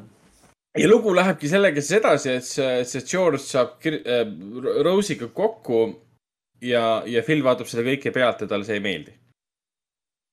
ja Phil siis põhimõtteliselt vihkab neid kõige, kõik, noh, selle eest, et nad kokku said ja, ja hakkavad koos elama ja kõik see. ja ühel hetkel tal tekib nagu selline, selline vihkamissuhe siis selle Peteriga, selle noore poisiga, kes on sihuke õbluke, tundub, et ta ei oska midagi teha, kardab kõiki asju, mis elus toimub ja tal tekib temaga selline veider suhe, et esialgu ta nagu vihkab teda ja teeb teda maha ja nii edasi. Ja pärastpoole siis neil tekib hoopis teistmoodi suhe. et äh, siin ongi nagu laudade pöörd-, pööramise teema sisse pandud, et Phil on esialgu karm vend, kes muutub meie silmis palju õnnehingelisemaks. ja see õnnehingeline tüüp Peter, kes tundub selline täiesti uskumatu tüüp, kes mitte millegagi hakkama. tema muutub pärast selliseks jõhkraks vägivaldseks tüübiks. Aga kuidas nad sinna jõuavad, see ei ole otseselt spoiler, sest kuidas nad sinna jõuavad, see on väga-väga põnev. aga ma ei tea, see, see kogu filmi suurim probleem vähemalt minu jaoks, okei okay,, enne kui ma räägin probleemist, visuaalselt see on võimas film lihtsalt võimalikult suur ekraan läbi Netflixi saab Power of the Dog'i vaadata. võimalikult suur ekraan, ta on niivõrd ilus, kõik need looduskaadrid, mäed, kõrbed, näitlejate näod, lihtsalt sa näed seda tolmu seal, mis on nende nahakurdude vahel, et see kõik on nagu võimas ja Johnny Greenwoodi muusika, uh kui kaunis lihtsalt. aga Jane Campion, kes ei ole ammu teinud ühtegi filmi, tundub, et ta ei vaadanud vahepeal ühtegi filmi. see on hästi julm muidugi asi, mida välja öelda aga ta on lavastanud selle filmi või tähendab selle loo, kirjutanud selle loo, oota, kas kirjutas seda ka? jaa, ta kirjutas romaani põhjal. Võib-olla asi on romaanis, ma ei tea, aga lugu on umbes kirjutatud ja meile esitletud niimoodi, nagu see oleks maailma kõige unikaalsem lugu. et kunagi varem pole sellist lugu jutustatud. ja ta jääb selle hoiaku juurde lõpuni välja, see on kaks tundi ja kuus minutit film. ja see hakkas mind kohe algusest peale häirima, ma nägin, närisin kõik need elemendid läbi mida see film tahtis öelda ja ta lõpuni välja jõuab, et näed, mis siin tegelikult juhtus, kes need inimesed tegelikult on, siis mul on see, et ma ju tean seda kaks tundi tagasi juba. Et sa jutustad lugu umbes niimoodi, nagu see oleks sinu jaoks esmakordne, aga mina kui vaataja, ma olen näinud seda kakskümmend viis tuhat korda juba. et miks sa jutustad seda umbes niimoodi, nagu sa ei teaks, et sihukest asja on varem tehtud, võib-olla ta ei teagi, ma ei tea, võib-olla asi romaanis. aga minu arust ta ei suutnud seda romaani lugu, ma ei tea, millal see romaan ilmus äkki piisavalt ammu, ta ei suutnud seda tänapäeva nagu tuua. ei, tänapäeval ta tõi selles mõttes, et lugu on oluline tänapäeval selles mõttes. Aga see, kuidas see asi on struktureeritud, see ei olnud tänapäevane, see oli umbes niimoodi ja ma saan aru jah. kas ma pean veel vaatama seda nii pikalt, et, et ja tempoprobleemid olid ka minu jaoks lihtsalt, see oli võimatu oli selle filmi juures kohati keskenduda, sest ta lihtsalt äh, püsis mingite kohtade peal niivõrd pikalt ja mul oli see, jah, liigu edasi, ma saan aru, mis sa sellega öelda tahad, palun liigu edasi, mul ei ole vaja seda nii pikalt näidata. Lähme nüüd edasi, sul on kaks tundi nagu pikkust äh, ja siis film kuidagi saab läbi. Ja see lõpp on nagu tore ja võimas ja kõik see paneb mõtlema. aga ta kuidagi, katarsist ei ole, lihtsalt ühel hetkel saab läbi ja sul on, tekib kuidagi tühi tunne. jah, ta oli ilus, muusika oli hea, näitlejad olid head Cumberbatch väärib, väärib kõiki võimalikke auhindu, aga kuidagi tühi tunne jäi sisse, et, et kas see ongi see suur Oscari film, millest kõik nüüd räägivad, et äh, ei, ei, ei olnud sillas igatahes. lihtsalt äh, infoks, et kolm ja pool tundi on täis. okei okay, äh,, liigume edasi ähm,. Äh, Scream, me vaatasime ära kõik äh, Screami filmid äh, vennaga koos äh,. me olime esimest osa juba varem näinud äh,. mina vaatasin teise, kolmanda, neljanda, vend vaatas ka teise, kolmanda, neljanda esimest korda ära. esimesele filmile panin kaheksa, teisele, kolmandale seitse, neljandale kaheksa. viiendat ei ole veel jõudnud kinno vaatama minna.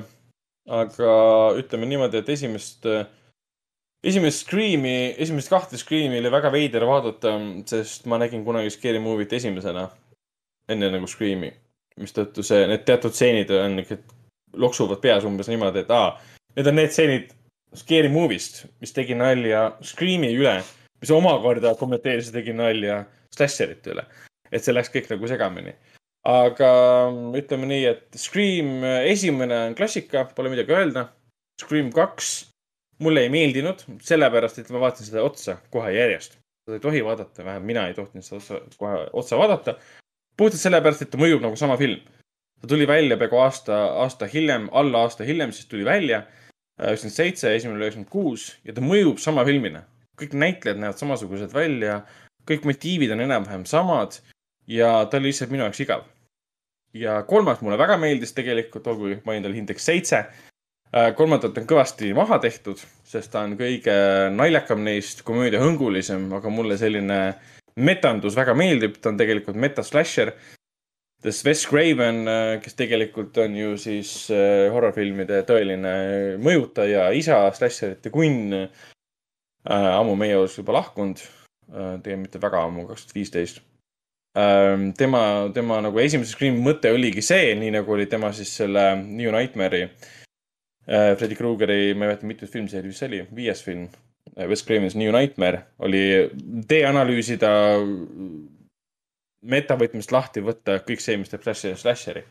ja siin on ju tegelased, kes teavad justkui, et on, et nad on slasheris, et me peame käituma slasheri reeglite järgi. teises filmis nad teavad, et nad peavad käituma teiste osade stiilis. kolmandas filmis nad teavad, et nad on kolmandas filmis. neljandas filmis nad teavad, et nad on neljandas filmis ja nii edasi. aga Scream neli mulle väga meeldis Äh, esimene, esimene kord, kus Scream mõjus mulle veriselt. üks, kaks, kolm mõjusid äh, nagu selline cartoon violence, ütleme nii, siis neljas oli umbes, aa, see on päriselt verine, ma lõpuks nagu näen seda, et see on ju päris rõve, et kui su mingi ema sureb ära ja kõik siuksed asjad. esimeses kolmes filmis mul, mul ei tekkinud seda emotsiooni, neljandas ma lõpuks vaatasin, aa, see on päris kole vägivald.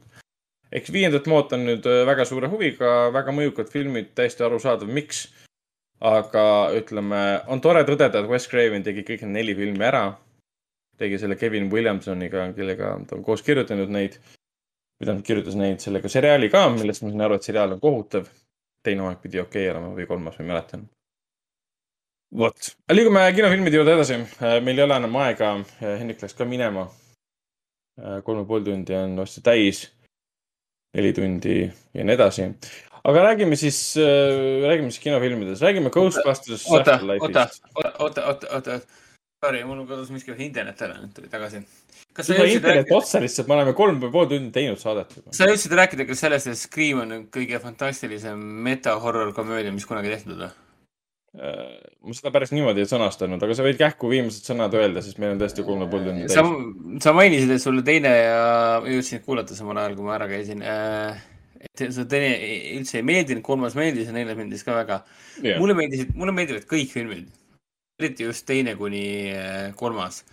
sest see metatasand, kuidas nad kommenteerivad iseennast ja slasher filme, see on lihtsalt kui, kui, kui naeruväärseks see läheb, kui naljakaks see läheb, kui, kui veriseks see läheb ja nii edasi, see neljas osa on nagu see tipp nii-öelda, siis neljas osa läheb nagu justkui tagasi nagu esimene.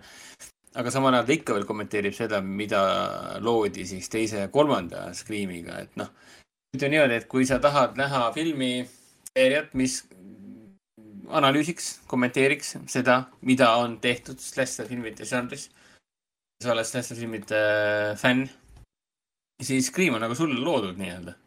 isegi tagantjärgi vaadates.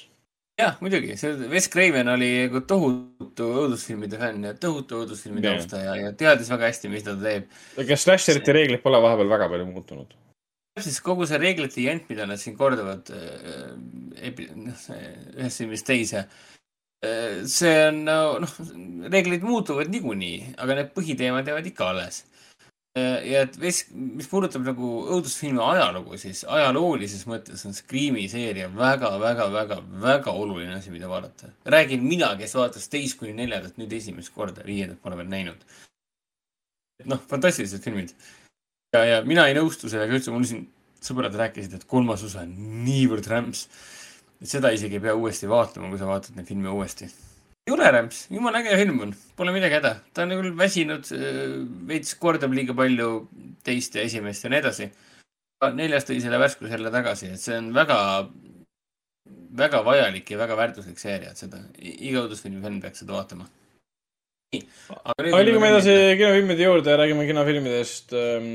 Fortune Fortune kinodes äh, äh, alustas äh, Tundipüüdjate pärand äh, äh, naisspioonidest koosnev äh, action-põnevik nimega kolmsada viiskümmend viis, Karje viis, Scream viis ehk siis lihtsalt Scream, Karje.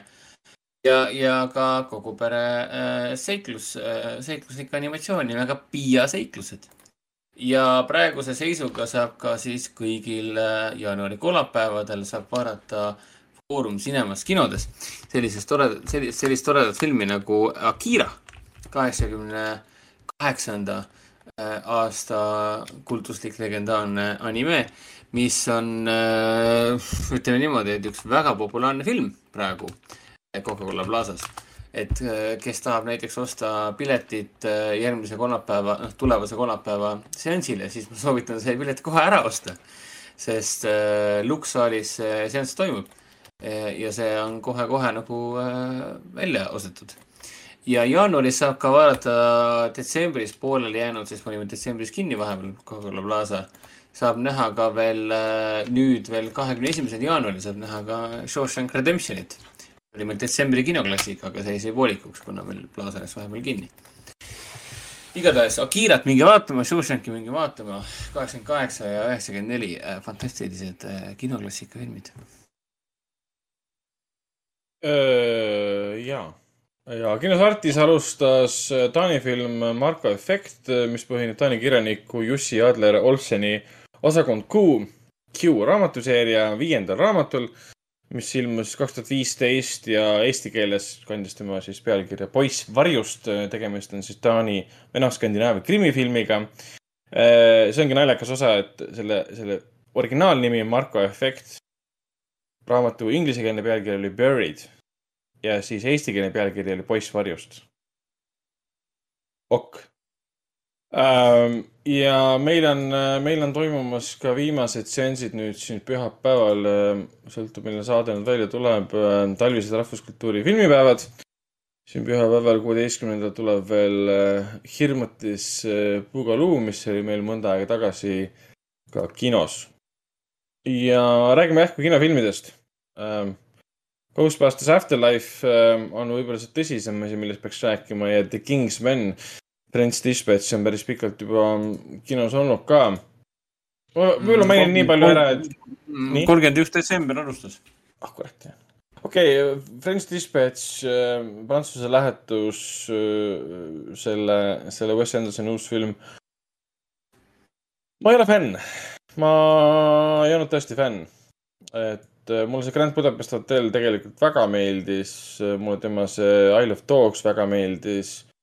aga French Dispatch oli esimene film äh, Wes Andersonilt, kus ma tundsin, et seda kõike on äh, liiga palju. ma tundsin, et narratiiv ei tööta minu jaoks. selline tunne nagu mingi neli-viis filmi oleks ühte filmi pandud ma pärast seda ühte e- episoodi, mustvalget episoodi siis Benicio del Toroga kunstnikust vanglas, mul oli tunne, et ma oleks tahtnud hoopis seda filmi näha. et äh, kogu lugu seisneb siis selles, et on French Dispatch on ajaleht, mille siis peatoimetaja sureb ja siis see justkui raamib seda, kogu seda asja surmaga ja matustega ja, ja siis käivad läbi lood, mis on siis kunagi nendes ajalehtedes nagu jutustatud aga ma ei tea, need lood läksid mul kohe meelest ära. asi, noh, need tegelased ja, ja lood võib-olla ei läinud korda, aga ikkagi ma suudan endiselt hinnata seda, kuidas film välja näeb, see on lihtsalt hämmastav, kuidas Wes Anderson lavastab, kuidas ta suunab produktsiooni disainereid. siis selle peale ikka annab tulla selle, selle leidlikkuse peale, selle puht sellise produktsiooni geniaalsuse peale, et see film väärib kõiki produktsiooni Oscareid, kunstniku Oscareid sest see, kuidas nad loovad nagu CGI vabalt neid taustu, kasutades ainult mingisuguseid pappkaste, pappseinu, mida nad on ümber maalinud, täiesti kaunistanud, mis näevad välja nagu päris taustad kuskil päris kohas filmitud. see on omaette tase ja selle taseme ta on kindlasti saavutanud, aga ma ei tea, natuke tundus, et talle anti vabad käed, tee mis tahad ja tulemus on käes, et kui sul ikka veits ei, kääre ei kasutata või toimetajat ei ole, siis äh, ka suurim autor võib eksida mitte eksida, vaid äh, liiga enda naba vahtida, ütleme nii. umbes nagu Tarantino viimane film. umbes nagu Tarantino viimane film, Scorsese viimane film, ma ei tea, Nolani viimane film, et see on suurte, suurte autorite, suurte tegijate suur probleem praegu, nad äh, on nii suureks muutunud, et stuudio ütleb, tee mis tahad stuudio pärast vaatab. kuule, me teenisime päris palju raha, aga ma ei saanud mitte midagi aru, mis sa tegid.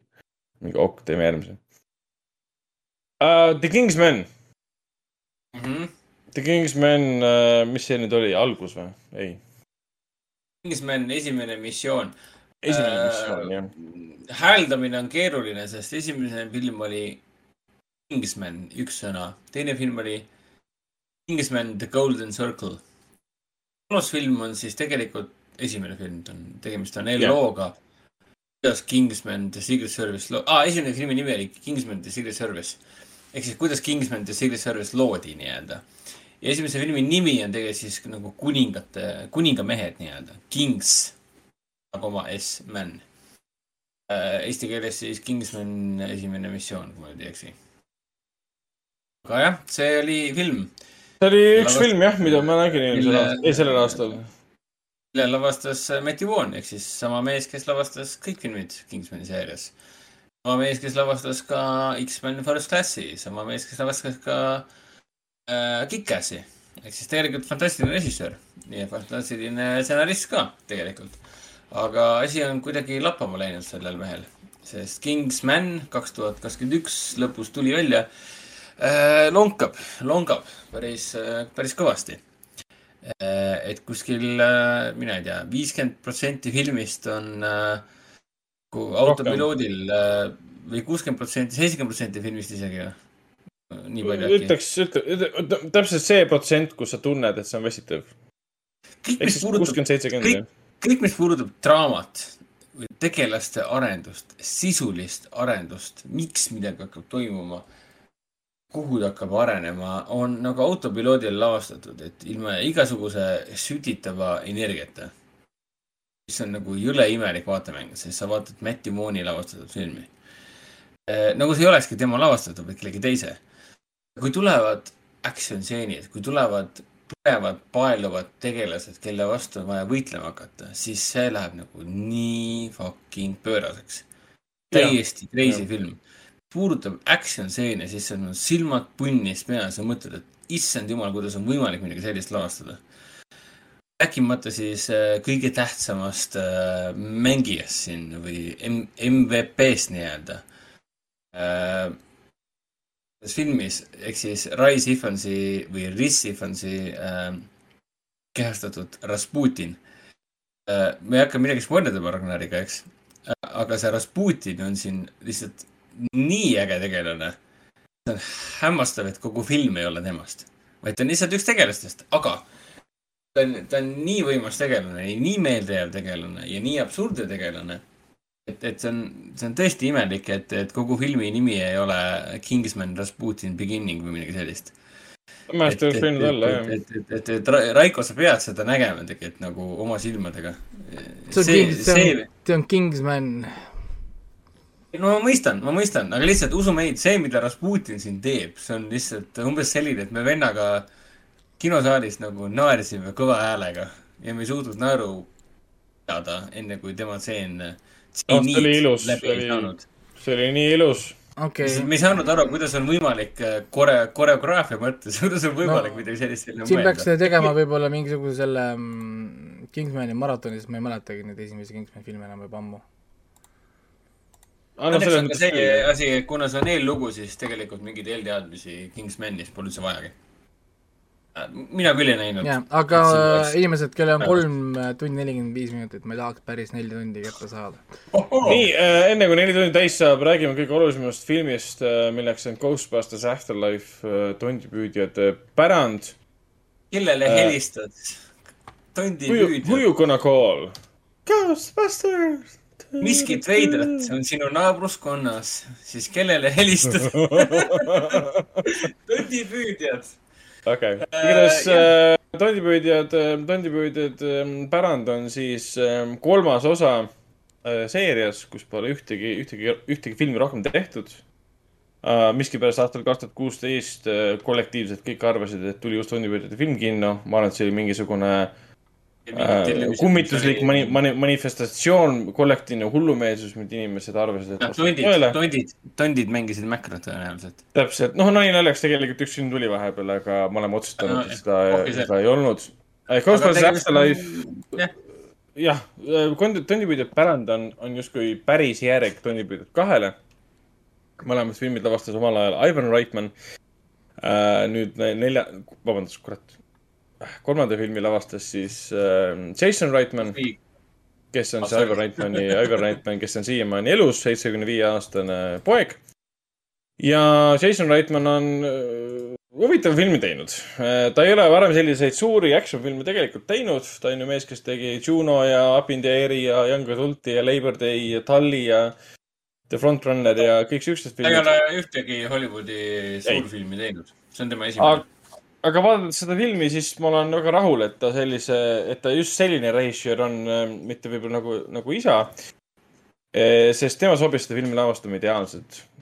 see film on endiselt, tal on Force Awakensi sündroom selle koha pealt, et äh, Force Awakensis oli samamoodi äh, tegelased ei teadnud, kes on Jedi'd ja mis asi on Force. siin on samamoodi, siin on noored inimesed, noored äh, lapsed on peaosas Äh, Finn, Wolfhard, McKenna Grace äh, neid mängivad näiteks ähm, ja, ja nemad ei tea, mis asi on Ghostbusters, sest nad, nende, nad sündisid kakskümmend aastat pärast äh, esimese ja teise osa, esimese osa sündmuseid.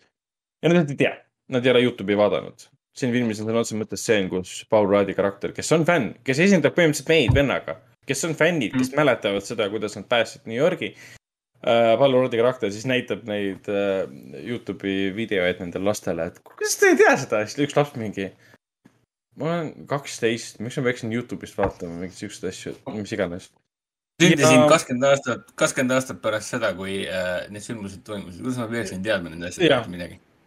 ja selle filmi mõte ongi tegelikult äh, mõnes mõttes, see filmi eesmärk, pigem see, et film, see film loodi vastusena kaks tuhat kuusteist aasta versioonile. selles ei ole mingit kahtlust.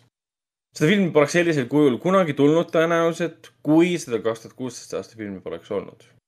kuna kaks tuhat kuusteist aasta film sülitas, sülitas nii-öelda, see on utreeritud muidugi fännide nostalgiale, siis nad tegid uue filmi, mis on, oleks võinud olla räige nostalgiafilm, nagu oli Force Awakens umbes, aga ta ei ole seda õnneks ainult räige, ta on nostalgia küll.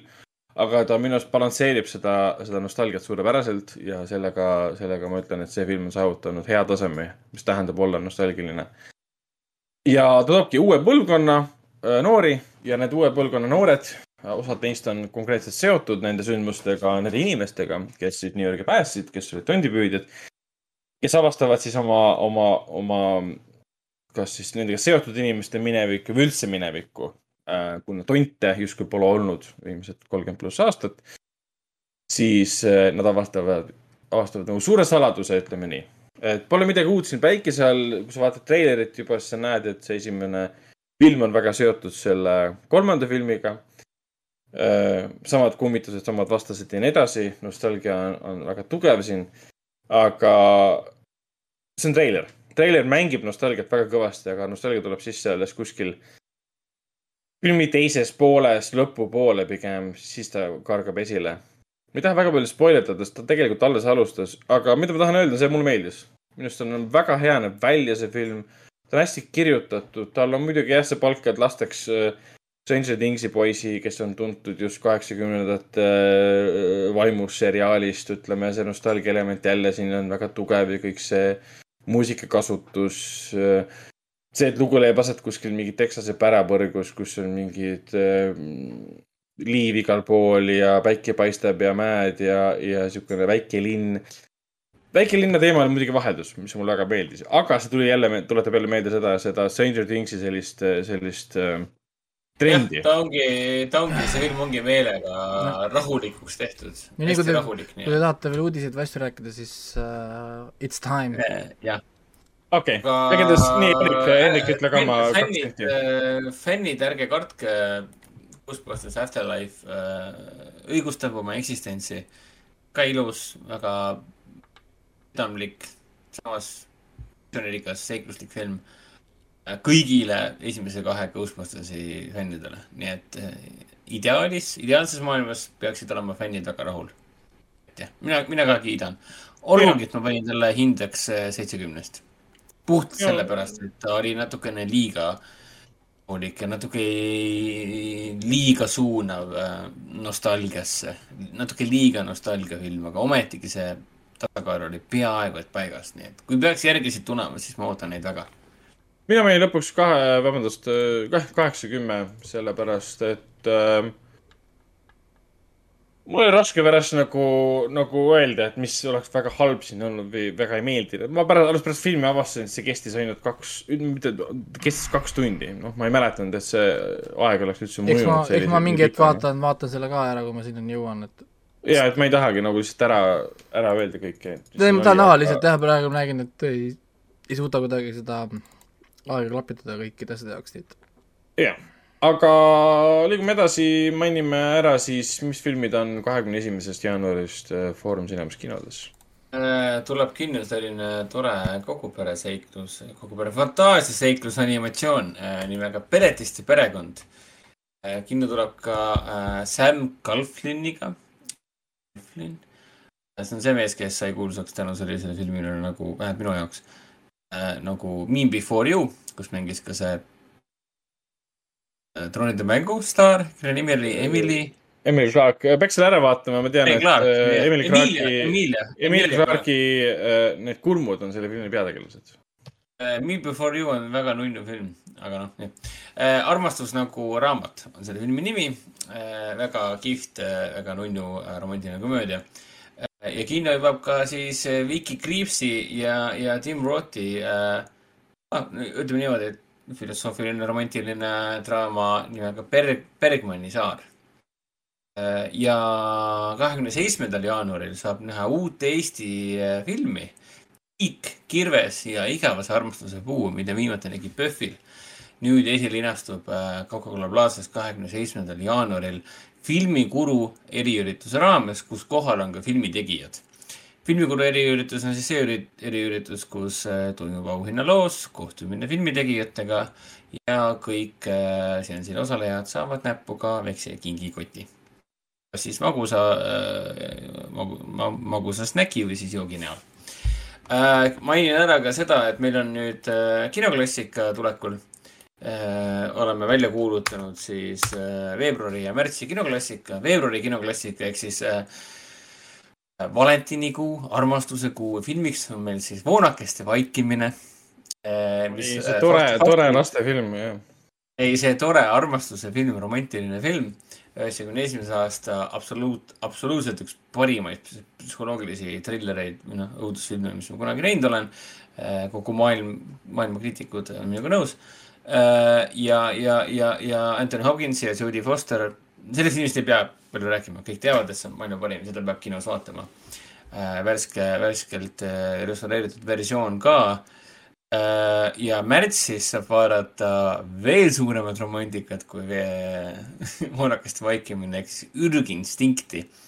värskelt restaureeritud äh, 4K versioon ehk siis äh, Paul Verhoveni film, mille peaosades on siis Sharon Stone ja äh, Michael Douglas, mida ma kinoartises käisin vaatamas nüüd siin aasta lõpus vist, oktoobris oktoobris, ammu, issand.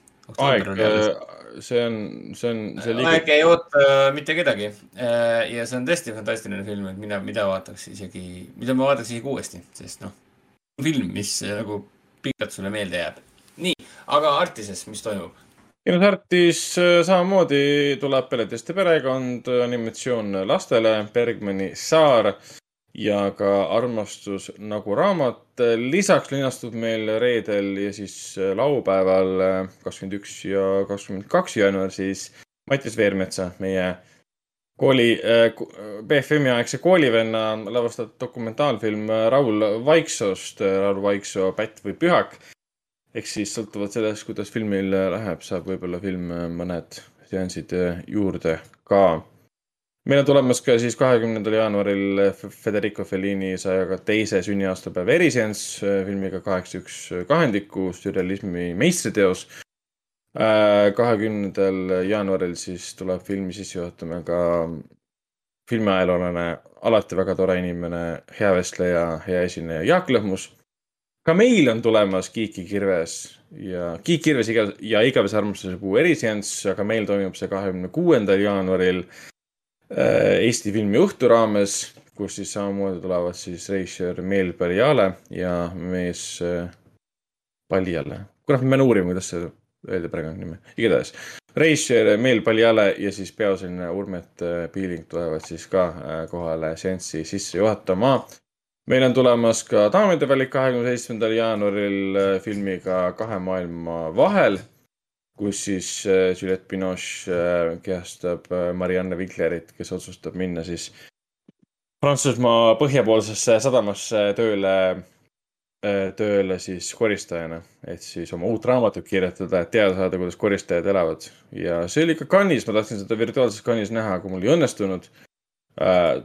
väga võimas film selle koha pealt, et äh, näed, kuidas päris inimesed oma elu elavad ja kus Juliette Binoche nende keskel mängib, et ta on koristaja äh,. aga see töötab mõlemal äh, tasemel, sellepärast et see päriselus nii oligi, kirjanik läkski mängima sinna koristajat, et siis raamatut kirjutada ja meil on tulemas ka Francois Ozoni uue filmi Kõik läks hästi eriseanss ähm, meditsiiniõe ja siis vähihaigete nõustajaga Merike Värgiga, Värikuga, kes pärast seanssi räägib natukene,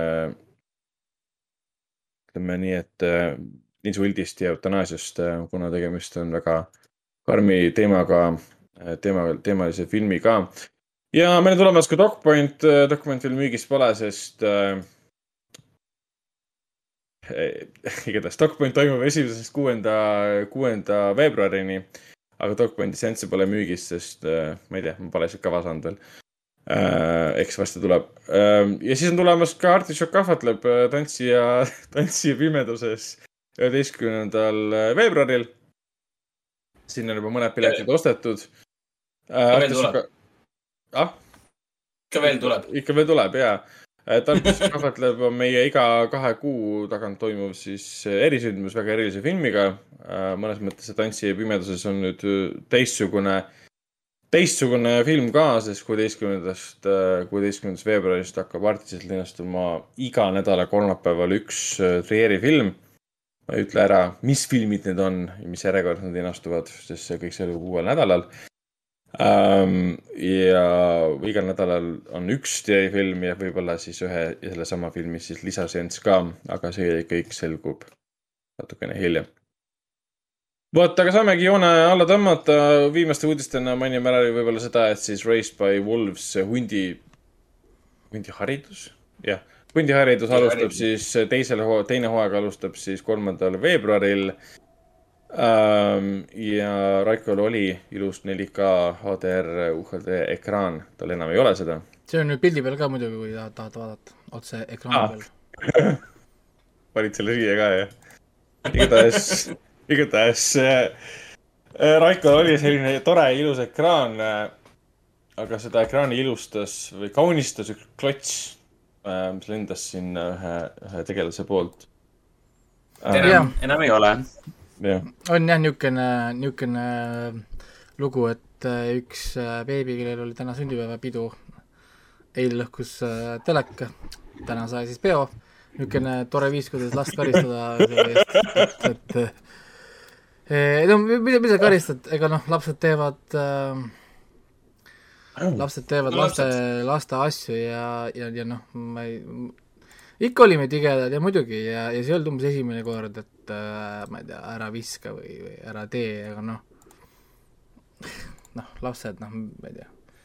kahju on muidugi, aga noh, jah, et ma nüüd loodan selle peale, et kui ma nüüd esmaspäeval ähm, kindlustusega räägin, et see läheb ka kodukindlustuse alla Mhm. ja, ja ma saan uue teleka, sest ma tahaks ikkagi telekat tagasi.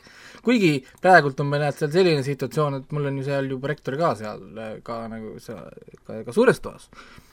ja siis nagu praegu pildilt on naa või siis noh, ma kirjeldan siis, et meil on lihtsalt tõmbame katte alla ja vaatame projektoriga, noh, selles mõttes, et ega meil ei ole no otseselt jah, otseselt häda mitte midagi äh,. lihtsalt noh, nad suutsid natukene ka seda äh, suutsid natukene lõhkuda ka seda mm, kodukino. üks päev tulin siin, üks kõlar oli lihtsalt juhtmetega lahti küljest ära tõmmatud, nii et see oli ka tore alati. mm.. et Agnes lisas ka chatis, et eluõied, vastab tõele, on, on eluõied ja Argo ütles väga elu, elutargalt, et varakindlustus on väärt asi. helista Agnes ja Argo ikka, jah, et helista kindlustuse, kuulge, et tahaks, tahaks varakindlustust, aa, see on mingi kolmkümmend euri kuus. mul on neli last, aa, see on sada, kolmsada, ma ei tea, euro.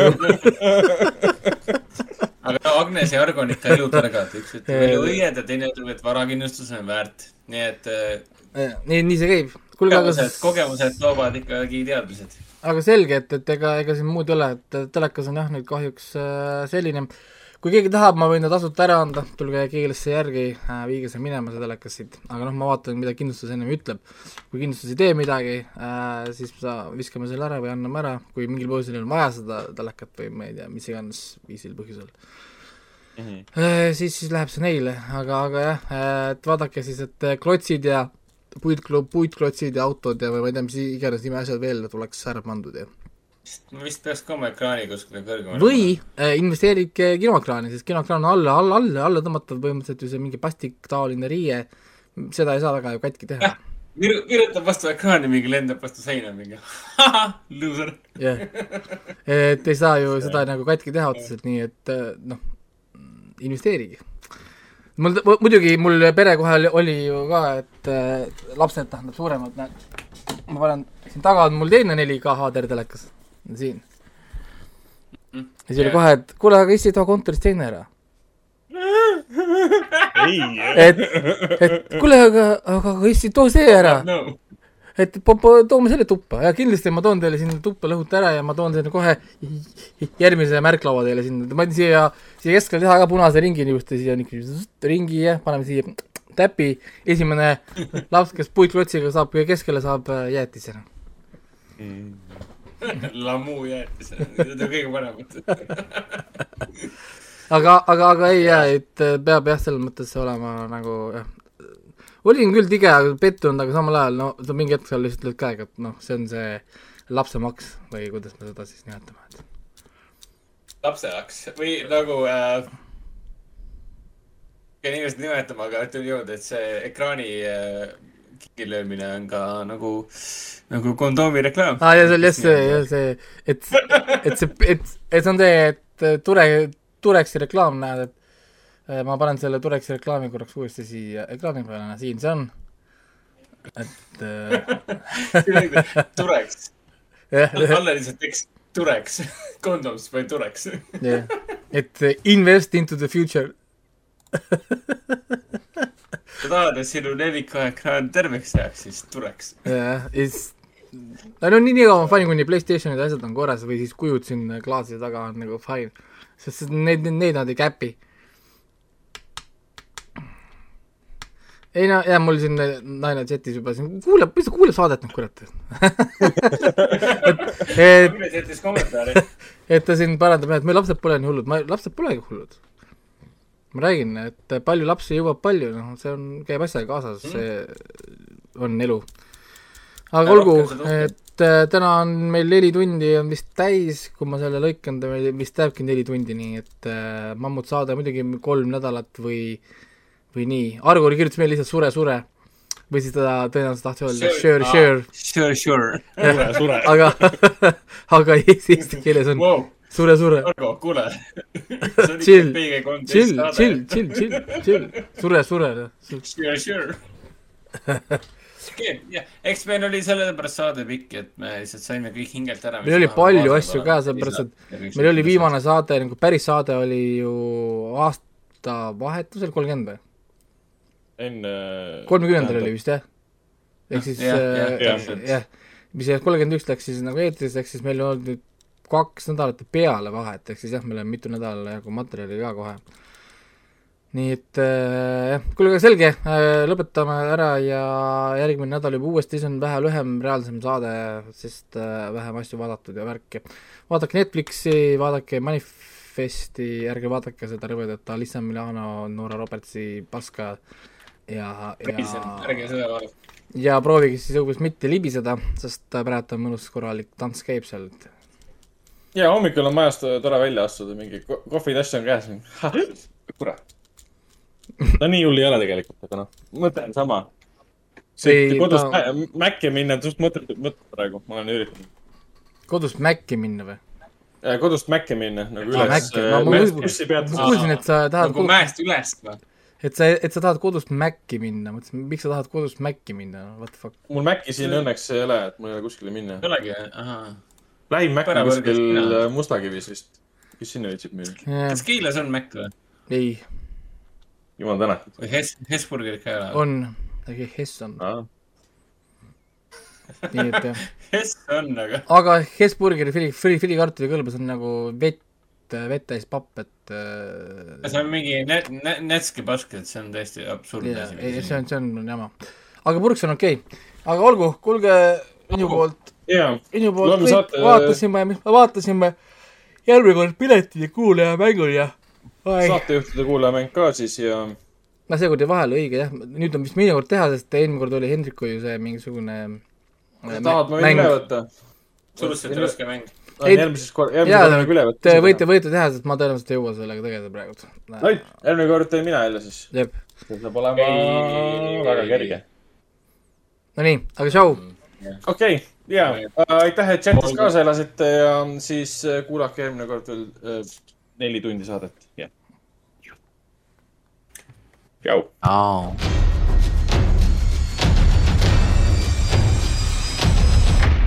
kinoveebi Jututuba podcast.